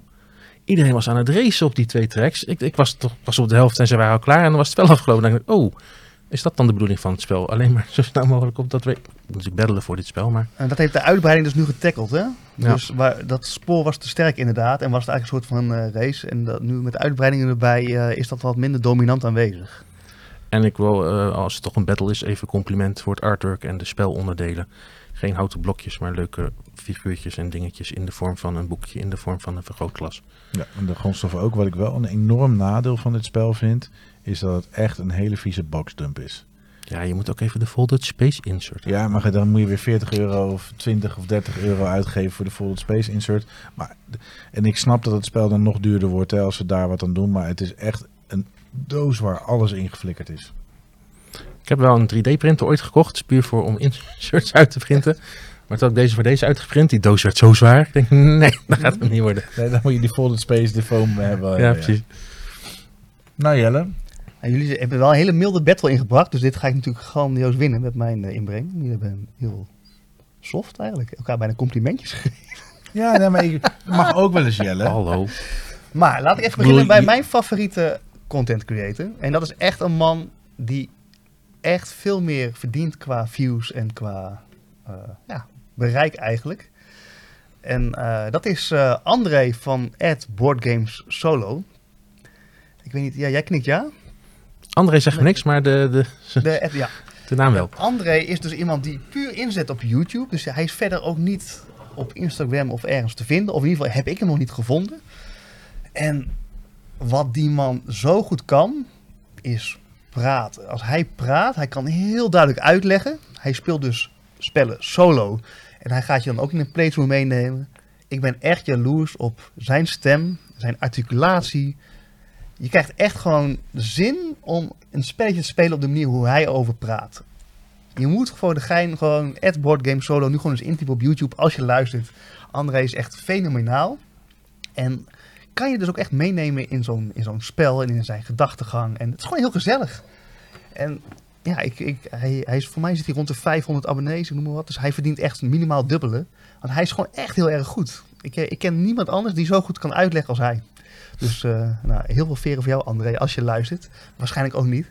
Maar eh, ik ga je wel eventjes proberen te bereiken via YouTube met een comment of zo. Van hey, ik heb je ja, hoog zitten. Want hij is echt gewoon de beste uitlegger van Nederland, denk ik wel. En dan- en dan komen we, voordat je naar je spel gaat, dan komen we toch weer. Hè? Jij, jij zet iemand in de spotlight, we doen het wel vaker. Eh, dat is wel nogmaals hoe je content creators, mensen die iets doen in de bordspellenland, kunt helpen. Volg ze, bekijk het, interacteer met ze. Ja. Dus eh, Ja. André, eh, hopelijk eh, levert het je nog wat op. ja, ik hoop het. Ja, want hij verdient echt meer. Maar ja, toen zat ik te denken. Ik, wat is dan zijn favoriete spel? En nou ja, ik heb dus het geluk dat hij laatst een top 10 solo spellen 2023 heeft eh gereleased. En op één heeft hij Odin staan, Feast Odin. Die ik nog nooit heb gespeeld. Ik denk dat wordt lastig battelen. Maar toen dacht ik, nou, Hij komt binnenkort weer. hè. Nee, ik pak gewoon de nummer 10. Want mijn André's nummer 10 wint natuurlijk gewoon nog van jullie nummer 1. Dat is al gewoon. ja, je voelt hem, hè? Dus ik heb op 10 heb je. ehm ik wil zeggen Tuscany. ehm holy moly. Ik ben nou gewoon de altijd. Ja, viticultje. Ik heb de baasdoos niet Help je mee. wel hoor met je Dank battle. je, Dank je. Oké. Viticulture. Ehm, en dan heb ik nu even de Tuscany uitbreiding meegenomen. Ik speel ze altijd samen. Wacht, vraag. Maar je had toch een, een, de top spellen van 23 van hem beluisterd? Ja. Hoe staat Viticulture daartussen? 10. Ja, maar hoe? Dit, dit spel is... dit- Dat is hetzelfde als dat jij de Castles of Burgundy gaat inbrengen voor het beste spel van 23. Eh, Goed, dankjewel dat je dit zegt. eh, want dit is dus ook hoe jij content creators kunt gaan bekijken. Je kunt ze dus echt naast een meetlat leggen. Of als ze uitleggen van, hey, dit zijn de spellen die ik in 2023 heb gespeeld. En dan heb jij maar mee te gaan met jouw favoriete content creator of je daar iets mee wil. In dit geval eh, is dit dus het spel wat André heeft gespeeld in 2023 en wat hij eh, op zijn nummer 10 heeft gezet. Of het was zijn top 10 aller tijden, editie 2023. Kan dat ook nog? Dit was in dit geval niet zo. Ja, ik maakte mezelf wel gemakkelijk als ik ja zeg, maar volgens mij was het niet zo. Maar goed, dus, Maar viticulture. En je was te lui om die viticulture mee te nemen, dus je hebt Tuscany meegenomen. Ja, die doos was te groot. Je ziet al een beetje als je kijkt eh, naar de doos, waar jullie natuurlijk ehm, eh, met wat, ja, toch een beetje een fantasy thema blijven. Hè? Dus een Arnak met wezens die eigenlijk niet bestaan. Een ehm eh, Tales to Amaze waar je moet vechten tegen monsters uit andere dimensies. Eh, ja. Is dit gewoon lekker aards? Je, stel een Italiaans dorpje voor Waar jij dan een klein boerderijtje hebt met wat grond. En waar jij gewoon denkt van ik ga mijn leven omgooien. Ik ga emigreren. Ik word wijnboer. En dat is wat je in dit spel gaat doen. En waarom ik... ehm, nou ja, en het is gewoon een heel leuk spel qua worker placement. Dus je gaat eh, nou ja, aan de slag met het plaatsen van planten, struiken of ranken zijn dat volgens mij. En die ga je oogsten en dan ga je wijn van maken en die ga je verkopen. En dat in worker placement stijl. Erg goed spel. Maar waarom die deze battle sowieso gaat winnen, is omdat je in dit spel niet gewoon maar eventjes begint met spelen. Hè. Bij jullie breekt de pleuris uit, een professor is kwijt, of je, gaat, hè, je wil zo'n jungle gaan ontdekken. Of, in dit geval is het veel diepgaander, want jij krijgt, ja ja, van jouw ouders, en die mag je nog zelf uitkiezen ook, krijg jij het familiebedrijf overgedragen. Dus jij kiest aan het begin van het spel, krijg je een papa en een mama, en die geven jou een gift. Dus je krijgt iets zonder, je krijgt Het iets zonder wat voor hoeft te doen. Het feit dat jullie nu alle twee aan dit door elkaar beginnen te praten, begin- is al een punt voor mij voor de battle. Ja. Ja, maar je hebt het gewoon over levensweg. je speelt gewoon levensweg in een Italiaans dorp. Je krijgt van papa en mama een bedrijf. Maar voel je al die druk op je schouders van, oh, dat moet ik wel tot een succes gaan brengen. Want ja, dit is toch wel een familiebedrijf wat doorgepakt moet gaan worden. En heel de Voel familie, ik, voel ik niet druk op mijn schouder? Nee, niet echt. Nou, Gewoon doorteren op bestaande kennis. Je wilt toch nieuwe dingen leren, nieuwe dingen ontdekken? dat is dus... Ja, bij ontdekkingen in het leven. Jij bent in jouw spel ben je bezig om die rijke familie die je toch al was, om dat white privilege nog wat verder uit te breiden en door te teren op oud geld. Bij mij, wat gebeurt er bij mij? De aarde wordt bedreigd. En als de filantroop die ik ben, werp ik mij op als strijder om dat kwaad eh, te bestrijden. Dat is wat we aan het doen zijn. En hoe zag jij er precies uit als filantroop toen jij dat speelde? Qua outfit, wil je het even beschrijven? Qua outfit, in het geval dat het potje dat ik met jou speelde, was ik Nikola Tesla. En was ik eh, bezig met eh, de energiebronnen goed in te zetten. Die hing Op de je juiste rug, toch? Er Ja. waren twee van die tanks op je rug met Ja. energie erin. Mhm, Ja. ja. En was ik bezig om eh, Mothman te bestrijden. en al zijn handlangers. Wat me verdomd goed afging trouwens. ja. Ja, ik bedoel, that's it. David? Ik ben het er helemaal mee eens met jullie allebei. Het was Nee, allebei. Ik, nou ja, ik vind, eh, ik moet zeggen, ik heb, nog, ik heb alleen nog maar Viticulture zonder de uitbreiding gespeeld. En ik vond het erg leuk. Ook dat seizoenelement wat erin zit. Maar ik mag natuurlijk geen complimenten geven aan het spel van mijn mede podcast eh, waar ik te gast ben. Dus eh, ja, voor- nee, ja, voor zes spelers, dat is toch veel te veel. En dan zit je maar te wachten op elkaar. Ja, wel overigens van 1 tot 6, maar dat hebben jullie, al jullie spellen die kunnen solo. Maar goed, je start dus een spel en je voelt al van, nou, ik word, eh, ja, ik heb gewoon een soort van ehm, familie. Uh, Hey, ja, draag je met je mee. Ja, super tof. Echt. Ja, echt vet. Luister, ehm, hoe is elke keer als je dit spel speelt, de spelervaring anders? Sowieso zijn je papa en je mama zijn anders. nou ja, dus dat schept, dat schept al een heel ander leven natuurlijk, hè, als jij Hmm. andere papa's en mama's hebt. Ehm, opdrachtenkaartjes die je gaat krijgen, hè, dus de wijn die jij wil gaan verkopen, zijn natuurlijk elke anders. Dus ja, ga jij champagne maken, ga je rode wijn maken, witte wijn. Einddoel is Zoveel mogelijk wijn Zaaien, planten, en, oogsten. en zorgen. geld verdienen. Zaaien, planten, oogsten. Nou ja, en wat ik dus wel... eh, jij bent natuurlijk een groot fan van distilled. Hè? Dat is zeg Mhm, maar dat jij... mhm. Ik voel dat ik erin geluisterd ga worden. maar- In Distilled ga je dus ook aan de slag met het creëren van drank. En dat is zo ontzettend breed. Dan ben je zeg maar een generalist. Dan maak je zo ontzettend veel drankjes. Van snaps tot aan whisky. Tot aan wat. En in mijn spel, in dit geval, eh, ga je ook aan de slag. Maar ga je echt fine-tunen en verfijnen op dat wijn maken. En dan maak je echt de lekkerste wijnen. Dan heb jij de stil dus niet gespeeld, Jelle de Boer. Dat klopt, heb ik niet gespeeld. Nee, want je bent zeker niet allerhande drankjes aan het maken. Het karakter waarmee je speelt in Distilled bepaalt welke drank jij goed in bent te maken. Dus je gaat je wel degelijk specificeren. Maar ik ben niet Distilled aan het verdedigen. maar Nee, even maar wel dus dat jij wel geraakt wordt. Dus je karakter, dus kortom ook je karakter wordt geschapen door je vader en je moeder. Dat komt een zaadje eitje bij elkaar. Dat hoef je ook niet uit te leggen. Dus wat je zo waardeert in Distilled, ga je ook waarderen in Tuscany. Ja, maar ik ben, eh, in, in Distilled ben ik niet, denk ik niet dat ik zelf die brouwer ben. Ik zet die VR-bril niet op, loop dat dorp niet binnen en denk dat ik whisky ga brouwen. Wat doe je dan? Ik ben gewoon whisky aan het brouwen. Ik ben Ja. gewoon grondstoffen bij elkaar aan het mikken en aan het zorgen dat ik de beste recepten maak. Ben je toch whisky aan het brouwen? Ja, maar ik voel me, ik voel me niet een kind van een stelletje wijnboeren in Italië. Dan gaat me echt de brug te ver. Daarentegen voel ik mij wel alsof ik tegen aliens aan het vechten ben in Tales. Daar, daar wordt de fantasie pas van aangewakkerd, Jelle de Boer. En hoe eh, vind jij Arnak in het, eh, tussen deze twee geweldenaren eh, passen? Ik zie mezelf een rondlopen als zo'n ontdekker. En dan wow, monster. En dan toch proberen te vechten. En dan toch net niet lukken. Maar ja. Het komt voor mij wel een wereld tot leven. En als Maar dat is misschien ook omdat ik te veel films heb gezien. Ja, maar als je dus zeg maar ehm, het wat, de mag, eh, wat meer agressieve vorm van zo'n eh Tales to Amaze eh, ve- versus het wat meer explorerende van Arnak. Welke vind je dan in deze battle dan beter tot zijn recht komen? Dat is weer niet eerlijk, want ik heb de Tales niet gespeeld. De enige unmatch die ik heb is natuurlijk de Jurassic Park variantjes. Hmm. Ah, met de grote T-Rex dwars door de, de hele... Maar dit zijn van die spellen die ik heel leuk vind, maar waar ik zo slecht in ben. Ik word altijd in de pan gehakt. Nou, dat is wel trouwens een, een pluspuntje voor mijn spel. De, de hoeveelheid ellende die je krijgt, de zwaarte van het spel is aanpasbaar. Dus je gaat, ehm, ze zeggen ook Mothman en ehm, de Martian Invader. De Martian Invader is wat moeilijker te verslaan in de makkelijkste vorm dan Mothman.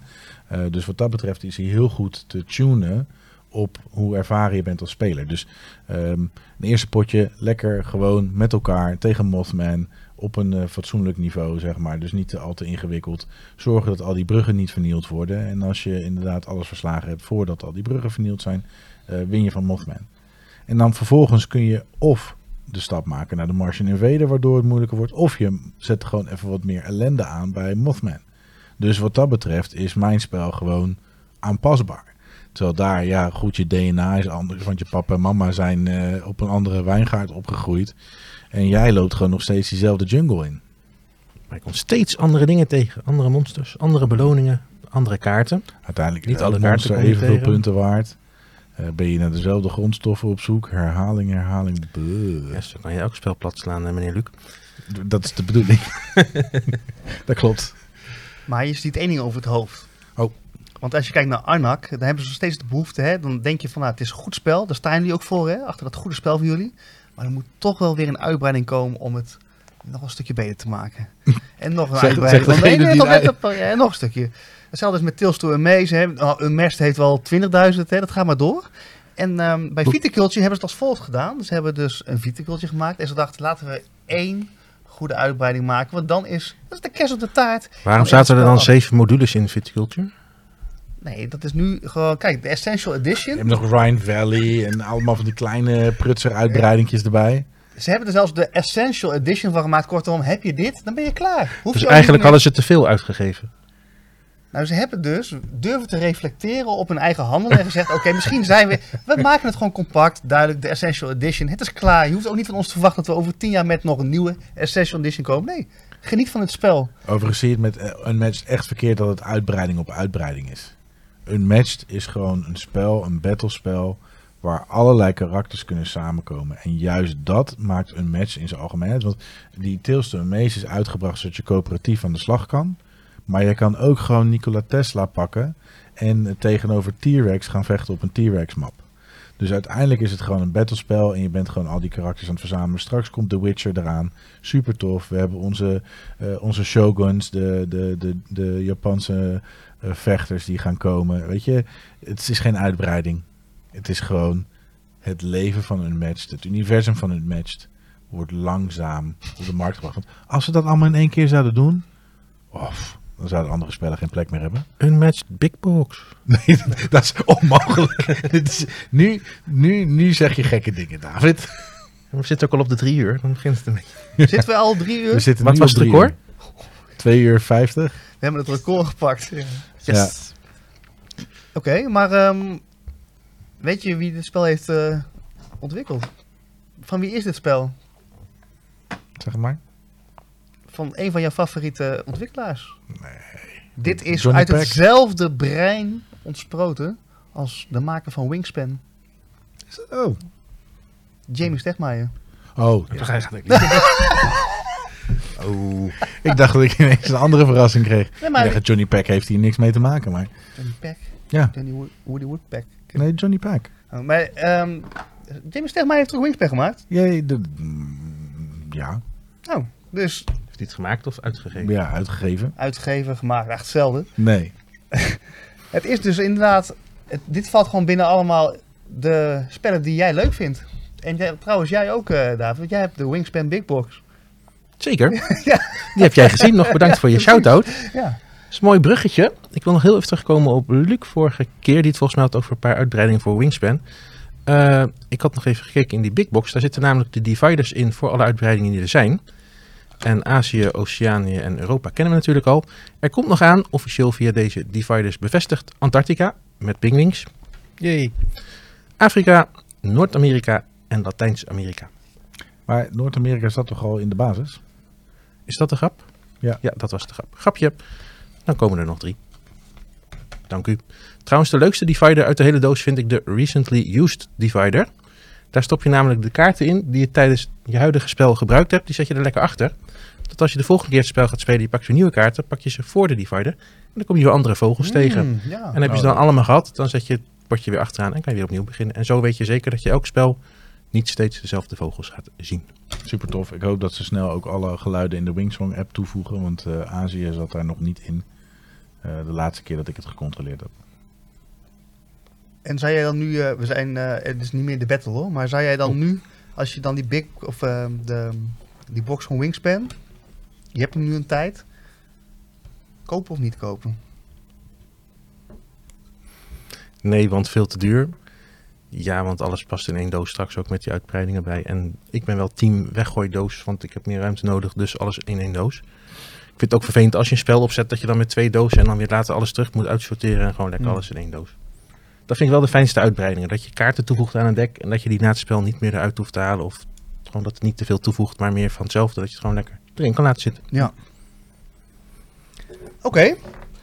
Volgens mij eh, moeten we gewoon eh, zeggen, die battle, dit, dit, dit is geen battle. Het is geen battle. Alle drie toppers. Nee, ja, weet je, het lastige is dat we nu zo'n random keuze aan spellen op tafel konden zetten. Omdat we eigenlijk gewoon een tof spel uit de complete scala kanon aan spellen op tafel konden gooien. Dat de vergelijk is, is weg. Eh, we kunnen onze voorkeur hebben, maar ik weet zeker dat onze luisteraars ook een voorkeur hebben voor hetgeen wat ze gespeeld hebben. Heb je ze alle drie gespeeld? Ben ik heel nieuwsgierig wat je vindt. Ehm, maar ja, eh, David zegt al, Tales to Maze heb ik niet gespeeld.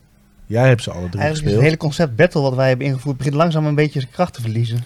We gaan het gewoon over toffe spellen hebben. Die En, van eh, vorige keer was echt heel verwarrend. En jouw nummer 1 was niet je battlespel. Ja, maar deze is ook verwarrend, want ik heb juist tegen mezelf zitten battelen, want hij heeft mij als eh, YouTube of eh, ja, content creator ingebracht. Maar dit zijn natuurlijk ook drie hele andere spellen. Dus dat is ook wel lastig om te battelen. Overigens, ik moet Het gaat om idee. Ik, ik heb Viticulture nooit gespeeld, dus ik kan het oordeel ook niet vellen. Dus eigenlijk, Jelle, ben jij de enige die een, een voorkeur zou kunnen uitspreken. Welke van deze drie leg je het meest op tafel?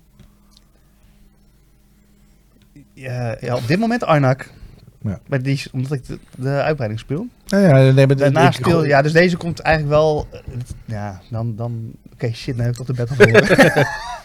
Nou ja, daar, daarom vroeg ik niet. Maar je bent wel de enige van ons drieën die oprecht alle drie de spellen Ja. gespeeld heeft en wat zou kunnen zeggen. En dan is de conclusie dat je Arnak het meeste speelt vanwege de laatste recente uitbreiding.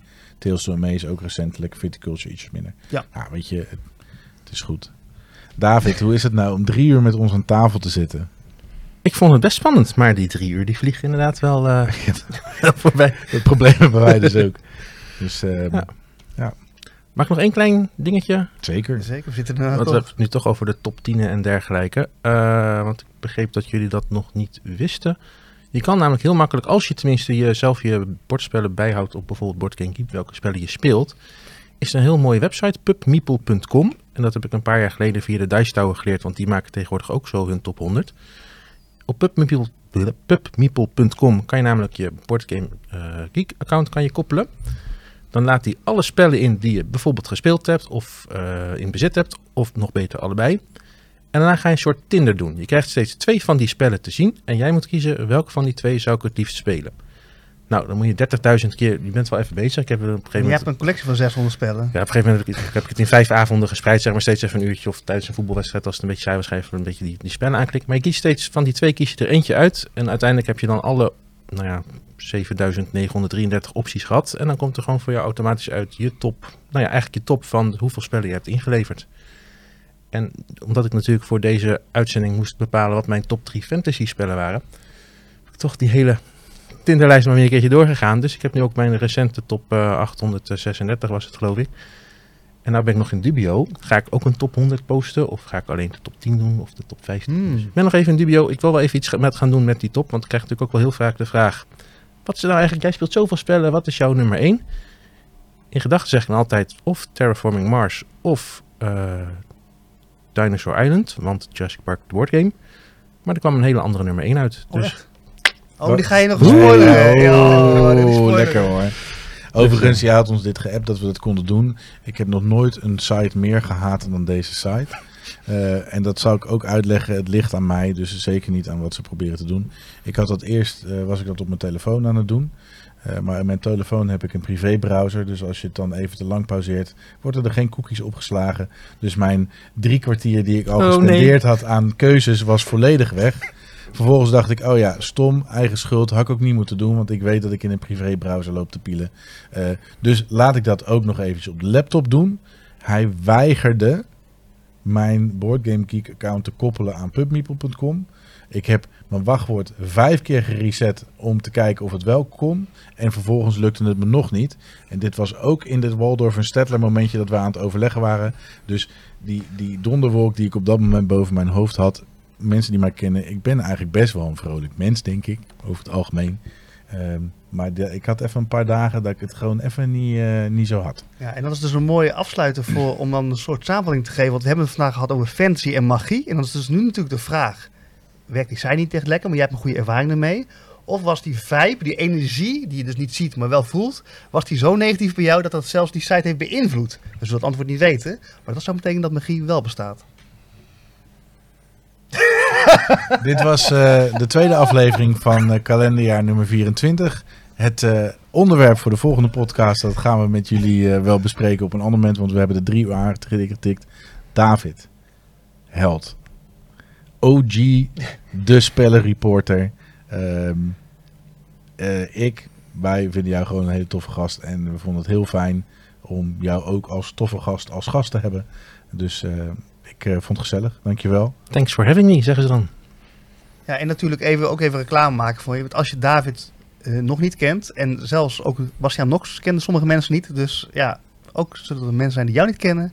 Ga dan even naar YouTube natuurlijk en zoek op De Spellenreporter. Dan eh, zul je een flinke bibliotheek aantreffen met ontzettend veel video's. Check, check. Ik, ik hoor het eh, deuntje in mijn hoofd, maar het deuntje gaat op een of andere manier over in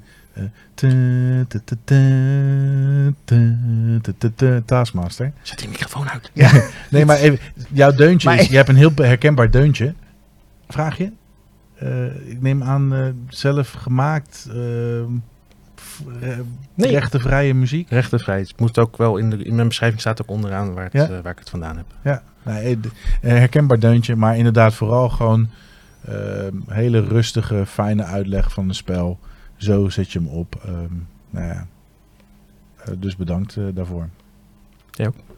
Dan moet jij ook eventjes nog even afsluiten. Want natuurlijk altijd goed met het e-mailadres waar mensen naartoe kunnen mailen. Wat jullie nog steeds. Ik denk, oké, dit zal wel het moment zijn dat mensen stoppen met mailen. Maar Ja. het gaat ste- nog steeds door. We hebben zelfs een aantal vragen vandaag niet behandeld. Die hebben jullie wel gestuurd. Maar we kunnen het gewoon niet allemaal eh Nou, we- en met een gast, het duurt ook gewoon langer, want we willen David ook gewoon leren kennen. Heb ik het weer gedaan? Nee, nee, nee, helemaal niet. Zeker niet. Eh, we, wij, we slaan twintig bruggetjes en haakjes. We hebben het over K3 gehad vandaag. Maar goed, mocht je nog steeds niet afgehaakt zijn bij deze drie uur durende aflevering, heb je inmiddels een hele week eh, van je werk naar huis gere- gereisd met ons op de achtergrond. Ja, dat faciliteren we graag. Maar heb je vragen, stuur ze naar kartondepodcast.gmail.com eh of ga via het Spellenjelle via Instagram of YouTube of naar het koningbordspel.nl via Insta of Facebook of YouTube. En stel ons de vragen, want ja, ondanks dat we ze niet allemaal kunnen behandelen, dat vinden we tof. Dit is waarom we doen. We doen wat we leuk vinden. En ehm, ja, als het te lang duurt, je moet een hele week naar werk als het goed is. Dus eh, succes met luisteren. Doet hij goed, hè? Peace. Later! Houdoe. Cartoon, cartoon.